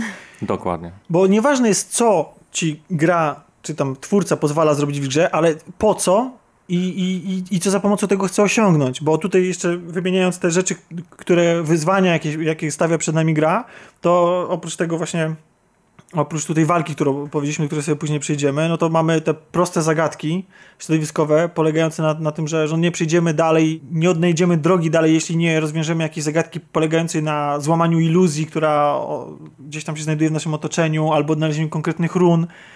Mm, I to może się wydawać banalne i proste, ale ma to swoje znaczenie bardzo mm, istotne z punktu widzenia opowieści i o tym wymowy całej gry, o tym sobie też do, do tego za chwilę przejdziemy. No i mamy, yy, mamy tą walkę. I walka jest yy, z jednej strony yy, dla ludzi, którzy y, są rozmiłowani w grach akcji, slasherach i tego typu, może się wydawać prosta, pod względem, uproszczona pod względem mechaniki, no bo właściwie ona nie wymaga znaczy ona nie wymaga finezji, aczkolwiek ta finezja tam jest, jeśli chcesz jej poszukać, tak? Tak, ale, ale no nie może jest nie, to, tak ale... jasne, nie jest to tak rozbudowane, że masz 25 kombosów i, i, i tak dalej, tak, i że ale... przez całą grę się stajesz coraz lepszy i odblokowujesz kolejne tak, możliwo możliwości nie ma postaci, tego. nie ma tego. Ale możesz, e, mimo wszystko walka po pierwsze też czemuś służy, jak, jak już powiedziałeś, tu, tu nie, ma, nie ma zbędnych elementów w tej grze, tak? Wszystko czemuś służy, wszystko coś ma ci przekazać i ta walka, mimo... Momentami może jest jej za dużo, tak? To, to jest też jeden z głównych zarzutów, że momentami jest trochę za dużo tej walki, ale jest niesamowicie emocjonująca. Tak. E, Trzymająca jest... w napięciu. To jest tak. tak, że jesteś ty i przeciwnik, czasami ich jest dużo i ten, ten, ten, ten pojedynek jest, y, to nie, on nie polega na tym, że tam wciskasz yy, bez namysłu jeden przycisk i tyle, bo po prostu musisz kontrolować swoją postać, w odpowiednim momencie robić uniki. Te pojedynki nie są e, skomplikowane, ale, te, ale też nie są super łatwe. I ja osobiście, mi osobiście przechodząc na y, poziomie automatycznym w ogóle te, te pojedynki w ogóle nie sprawiały problemu, ale słyszałem od wielu ludzi, że ta gra jest wymagająca. Więc od ludzi zaznajomionych z grami akcji, więc to nie jest tak, że to byli ludzie jacyś casuale, raczej niedzielni mm. tak zwani. Ale ta walka y, nie jest skomplikowana, ale może być trudna, jest jej tak dużo, ponieważ jej celem jest nie sprawienie tobie satysfakcji, ale wywieranie na tobie ciągłej presji e, i stresu, żebyś ty... No właśnie chciałam zapytać, czy jesteś w ciągłym stresie? Tak, bo głów... to, co... Czyli to nie jest przyjemne przeżycie. Absolutnie nie. I nawet pokonanie tych wrogów nie daje ci tej satysfakcji, tylko delikatną ulgę, że, to, że, że przeszłaś jakiś tam dany fragment. Bo gra stosuje bardzo ciekawy zabieg. Mianowicie informuje cię, w tro trochę w zły sposób, ale to jest taki, to moja krytyka wobec tego, że pojawiają się nagle, łamie gra swoją zasady, pojawiają się wielkie napisy tłumaczące nam, że jeżeli zginiemy za dużą ilość razy, to kasuje się nasza postać. Właśnie o to chciałam zapytać, bo jakiś czas temu wybuchła prawie że afera nad, związana z tym. Ludzie się bardzo nie oburzali. Nie czytajcie, nie szukajcie informacji. Tak. To znaczy, nie musiałam tego szukać, wiesz, ja jestem w kilku grupach Jasne, i tak, wyskoczyła tak. mi taka informacja i ja od razu poddałam się tej takiej bulwersacji, ale jak to? Wyrządziła dużą krzywdę. E, to jest ten, ta obietnica skasowania save'a to jest jedna z najlepszych rzeczy, jaka ta gra robi. Bo ona automatycznie narzuca na, na ciebie E, Jeszcze większą presję. Presję i tą y, psychozę. ty się boisz każdego pojedynku. Nie boisz dlatego, że nie będziesz w stanie przejść dalej i tak dalej, tylko boisz się, że on się zakończy, że jego konsekwencje będą bardzo znaczące to automatycznie i niezależnie od tego, czy to jest prawda, czy nie, w ogóle nie szukajcie informacji, bo niektórzy twierdzą tak, inni inaczej. Ja szczerze powiedziawszy nadal nie wiem, tak? Czy... Ja też nie. I, I, nie chcę, nie potrzebuję. Ja, też nie. ja zginąłem trzy razy, nic się nie stało, y, nie wiem jaki jest limit tego ginięcia. Zresztą w ogóle śmierć nam grozi z różnych y, powodów, bo czasami ścigają nas bestie albo po prostu znajdujemy się w w mroku, gdzie y, otoczeni w ogóle nie wiadomo czym i coś nas ściga, co nie jesteśmy w stanie tego dostrzec. Do tego dochodzą fantastyczne udźwiękowienie. Um... Znaczy w walce też jest świetne udźwiękowienie, właśnie wspominając o tych głosach.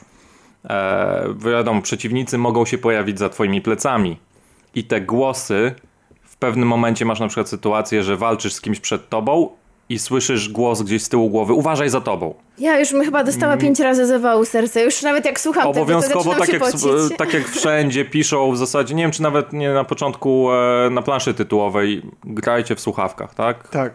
I samemu. Ja i tak, tak, bardzo się boję grając w mniej e, stresujące gry. Samemu trochę, w trochę, niekoniecznie trochę się w nocy. Ciekawe, znaczy ciekawe jest to, że to nie jest taki strach typowy dla horrorów, że zaraz coś wyskoczy i cię zeżre, że ty się boisz czegoś. Ja w takie e, tytuły nie gram, tak? A, a, a w to z chęcią. Ty, ten tytuł oferuje ci presję. Ja też się boję horrorów, tam poza Dead Space na przykład lubię no, bardzo strasznie. Dead Space też Resident lubię. Evil, ale to nie jest taki typowy horror. Taki straszny horror, ale też unikam horrorów. Natomiast ta gra y, dostarcza na, na poziomie y, swoich y, projektu, grafiki, obcowania w tym świecie, głównej bohaterki, obietnicy pewnego tematu, tematu, który w ogóle podejmuje, tak dużo, że nie chcesz, że chcesz przeżyć razem z nią tą przygodę, chcesz dotrzeć do, e, do samego Czyli mimo końca. stresu i nieprzyjemności e, chcesz iść dalej. Tak, bo rozumiesz, że ta gra nie jest stworzona dla twojej przyjemności i satysfakcji. Ona jest po to, żeby tobie opowiedzieć. Opowiedzieć tobie o chorobie psychicznej, opowiedzieć tobie o ciężarze e, życia z tą chorobą psychiczną, zarówno jako, tej jako, osoby chorej, jak i jej otoczenia. Tak, i oprócz tej walki, to mamy właśnie sytuację zagrożenia życia, zagrożenia mm, potworów, których do końca nie jesteśmy w stanie zrozumieć, e, gry na czas niemalże. I każda z tych sytuacji jest wyjątkowa, bo jasne, ma powtarzane elementy, tak? Choćby to szukanie run, odnajdywanie iluzji w przestrzeni. Mhm ale z drugiej strony jest bardzo różnorodna. Mam wrażenie, że po początkowym, początkowych y, dwóch takich rozdziałach, powiedzmy, e, gra pokazuje pewnie swoje możliwości i w ramach postępu jest coraz bardziej, coś ciekawsze. Ta, ta przygoda nabiera, zaskakuje nas coraz bardziej kreatywnością twórców. Tak, A co? znaczy, o, dobra. Mów, mów, Kasia. Mów. Chciałam was zapytać, co w związku z tym powiecie na krytykę, która też pojawiała się, e, przemknęła przez moją tablicę na Facebooku, na różnych grupach, e, bardzo dużo. Znaczy, niektórzy z jednej strony jedni się zachwycają. Wiem, że Wam się bardzo podobała, ale właśnie inni za dokładnie to samo grę krytykują. Że kiedy, że osoby te mówiły, mm, że kiedy grają w grach, chcą, żeby to była przyjemność, relaks. A jednak granie w tę grę, mimo że chcesz ją przejść, nie jest łatwe. Nie, nie, należy do miłych, relaksujących momentów. Mój główny zarzut do tego tytułu, i to już mówiłem Tomkowi, jest wręcz taki, że jest za dużo gry w tej grze, tak?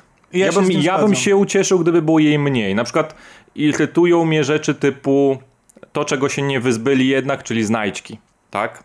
Pseudo-znajdźki, powiedzmy, one tak? mają uzasadnienie e, w fabule, bo mm, oprócz tego, że tam sprzedają ci jakieś informacje z mitologii, to bohater, który mm, z którym się kontaktuje za pomocą tych znajdziek, no, który mm. zostawia ci w tych znajdziekach wiadomości, tak, tak zwane audiologii dla tych, którzy grają w tego typu gry, to, to mogą tak, e, to z tym skojarzyć. No, ale one nie są częścią tej historii? One są, właśnie... Masz, masz tak naprawdę kilka historii możesz znajdywać, tak? Tak, e, ale one... Łączących się w pewien sposób, ale masz też historię z mitologii, e, z mitologii nordyckiej, tak? Kilka różnych historii o tych bogach i tak dalej.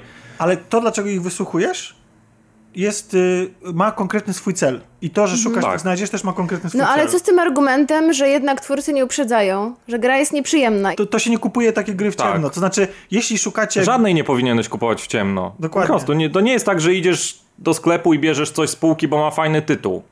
A boż ludzie się tym zachwycają. Tak. To znaczy ja nie mówię, że Trzeba wiecie, ja trochę staram się być takim tak? adwokatem diabła, bo ja się z wami zgadzam, to tak samo jest jak z kinem. Czasami seans jest bardzo nieprzyjemny. Dla nas jest bolesny i to nie znaczy, że film był zły. Dokładnie, może właśnie był świetny. Dokładnie, bo nie ma absolutnie, ja też w grach szukam rozrywki, oderwania się od rzeczywistości, ucieczki, przyjemności. Dlatego... Ale czasem jednak jakiegoś nie czasem, przeżycia nie czasem. innego. Tak jak do, i chodzę, chodzimy i omawiamy na kolaborację filmy rozrywkowe i, i, filmy i dramaty na przykład i takie filmy, które mają na, nie mają nas rozerwać, mają na, na, w nas Spowodować, że zaczniemy o czymś myśleć, tak. no, refleksje jakieś wzbudzić, może tak, na, nakłonić do, do dyskusji o tym. Dokładnie. I, i, ta, I dokładnie i z tego samego powodu istnieją takie gry. I teraz i to jest problem. To jest problem, że one istnieją w tym samym ekosystemie, e, w którym istnieją te gry nastawione na czystą rozrywkę, w które grają gracze. Bo e, można powiedzieć, że e, do dobrej gry mechanicznie, takiej angażującej, wiecie, dającej wyzwanie i satysfakcję i z mnogością mechanik i tak dalej,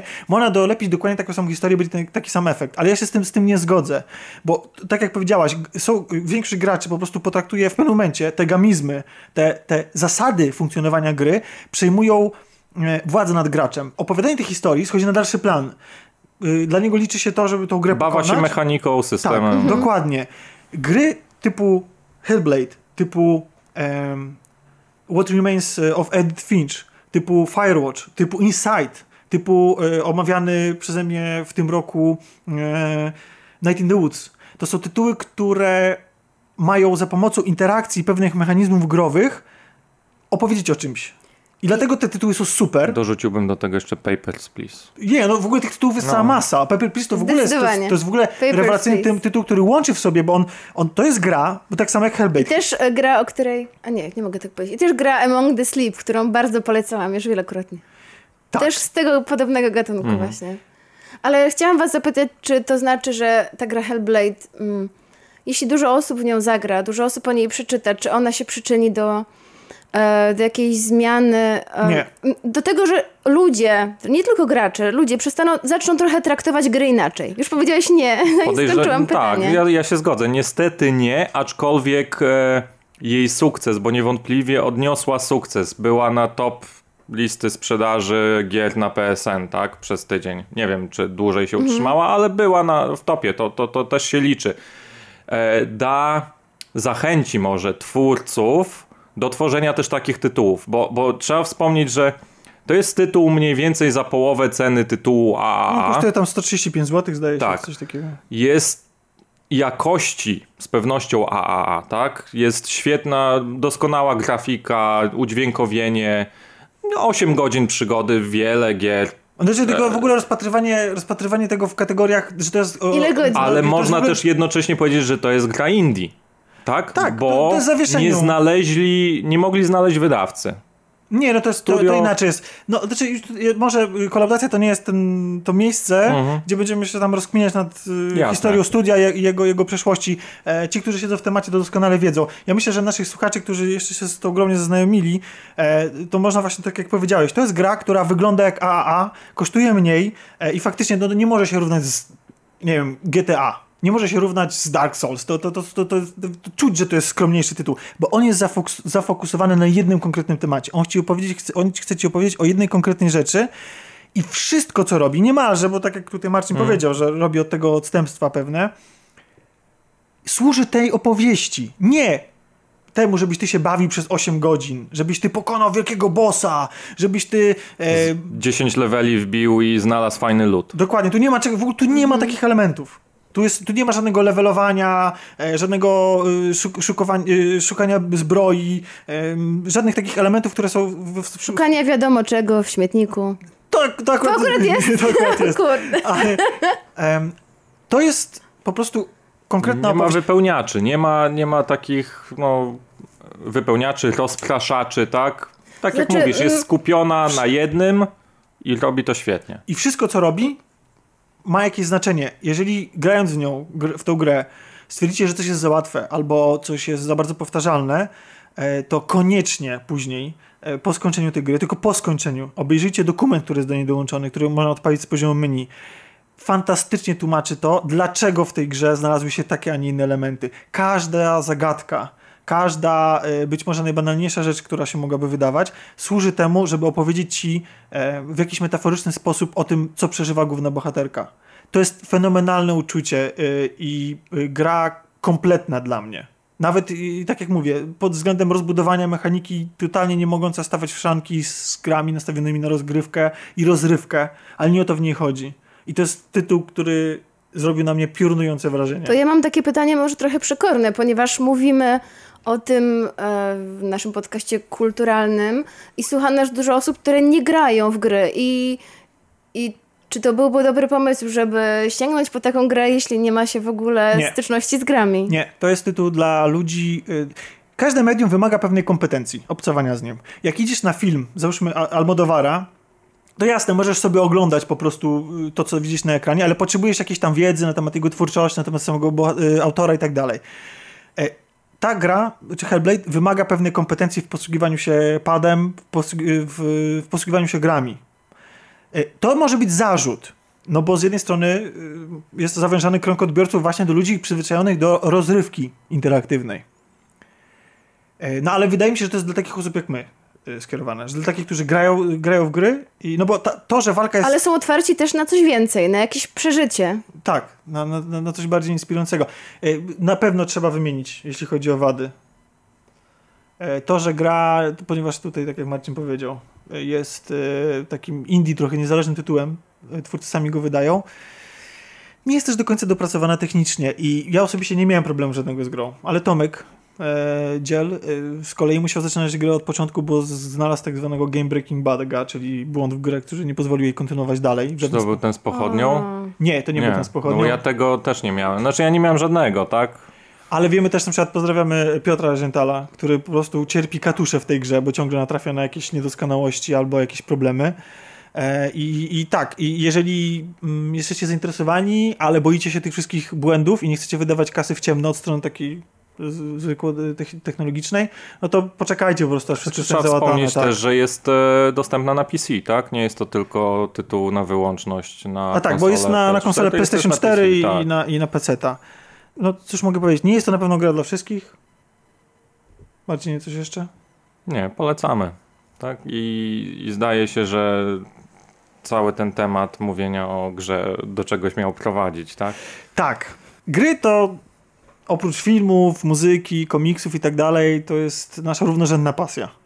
I ja na przykład mam okazję i przyjemność e, mówienia o grach e, w różnych podcastach, między innymi stale można mnie słyszeć e, w podcaście, ale też jakby nasze grono nie składa się tylko ze mnie i chcemy sobie porozmawiać o tych grach, bo gdzieś tam w nas to siedzi, gramy na co dzień, obcujemy z tym dokładnie na takich samych zasadach, jak obcujemy z filmami, z książkami i tak dalej. Dlatego postanowiliśmy, że zrobimy podcast, taki swój, na własnych zasadach. Nie chcemy kraść waszego czasu poświęconego na inne podcasty. Chcemy gadać o grach, które e, nas w jakiś sposób e, zainteresowały i niekoniecznie nowościach, i niekoniecznie omawianiu szczegółowego, tak jak teraz na przykład omówiliśmy Hellblade jakby od początku do końca, tak zrecenzowaliśmy niemalże.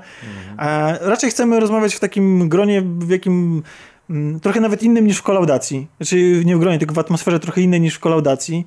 Mm, mamy nadzieję, że to Was zainteresuje. Podcast się będzie nazywał, uwaga, dajcie to przejdę.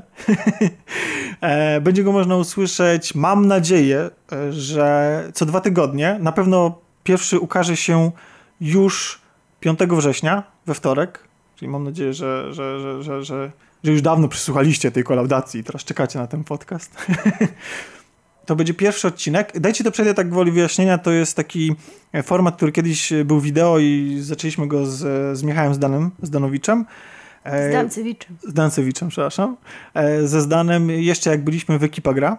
No i teraz po prostu stwierdziliśmy tutaj w większym gronie trochę, że chcemy do tego powrócić i chcemy sobie po prostu o tych grach porozmawiać. Więc jeżeli jesteście zainteresowani naszymi rozmowami o grach, na które bardzo serdecznie zapraszamy, to zapraszamy właśnie na ten podcast. To jest w ogóle... Yy, ten podcast to jest w ogóle część y, takich y, większej ofensywy inicjatywy Wszystko Gra. Znaczy w sensie chcemy powrócić z kilkoma projektami, formatami, które kiedyś tam istniały. Między innymi wraca Gra Barbar Marcina. W końcu. Końcu, tak. Chociaż wraca trochę tytułem, który, mm, bo Marcin zwykle w Grabarbarze omawia mniejsze produkcje, właśnie takie niezależne, ale ciekawe jego zdaniem, takie perełki, które mogą gdzieś tam wam umknąć w zalewie tych tytułów wysokobudżetowych, ale tym razem akurat zdradzę, że będzie omawiał tytuł wysokobudżetowy, ale też, który mógłby wam umknąć. Mógł umknąć, tak. E, tak, i na który warto zwrócić uwagę w tym roku, jeżeli nie znajdujecie dla siebie oferty i macie chwilę czasu, żeby, żeby w coś pograć. Wraca też Press to Talk, czyli taki wideo, na, rozmowa e, moja z Anią e, i wracają też, e, wraca też konfiguracja własna, czyli taki cykl felietonów, który będzie się ukazywał trochę nieregularnie, w zależności od tego, jaki temat akurat podejdzie, ale chcemy od początku września na pewno w każdym tygodniu zaoferować wam coś, jeśli chodzi o świat gier i mamy nadzieję, że wam się to po prostu spodoba, no bo lubimy gadać o grach i grać w nie i nie, nie, nie zawsze są to gry bardzo ambitne i nie, nie, zawsze są to też gry czysto rozrywkowe i patrzymy na nie pod różnymi kątami. Mamy nadzieję, że zachęcimy was do tego, żebyście też na nie w jakiś tam sposób spojrzeli. To co, dziękujemy za dzisiaj. Zapraszamy na naszą stronę Wszystko Gra. Zajrzyjcie tam na pewno 4 września. Od września zapraszamy też e, na nasz kanał. Dziękujemy za wysłuchanie. Wcześniej... I na Instagram. I na... Ach, właśnie. No wreszcie. Można powiedzieć. Słuchajcie, jesteśmy też na Instagramie. Link do tego możecie znaleźć w opisie odcinka do, do naszego Instagrama, gdzie po prostu zamieszczamy jakieś rzeczy kulturalne y, na co dzień. Po prostu, Jest gdzie... też Lego. I, tak, i, Nie i, wiem, czy takie kulturalne, ale... Ale coś tam umieszczamy. Ale zdjęcia pierogów też? Nie, jeszcze ciastka były tylko. Ciastka były, dobrze. To po, po, po, na wszystko przyjdzie czas. Dobrze, dzięki wielkie i do usłyszenia dzięki. za tydzień. Pa! Pa, pa hej.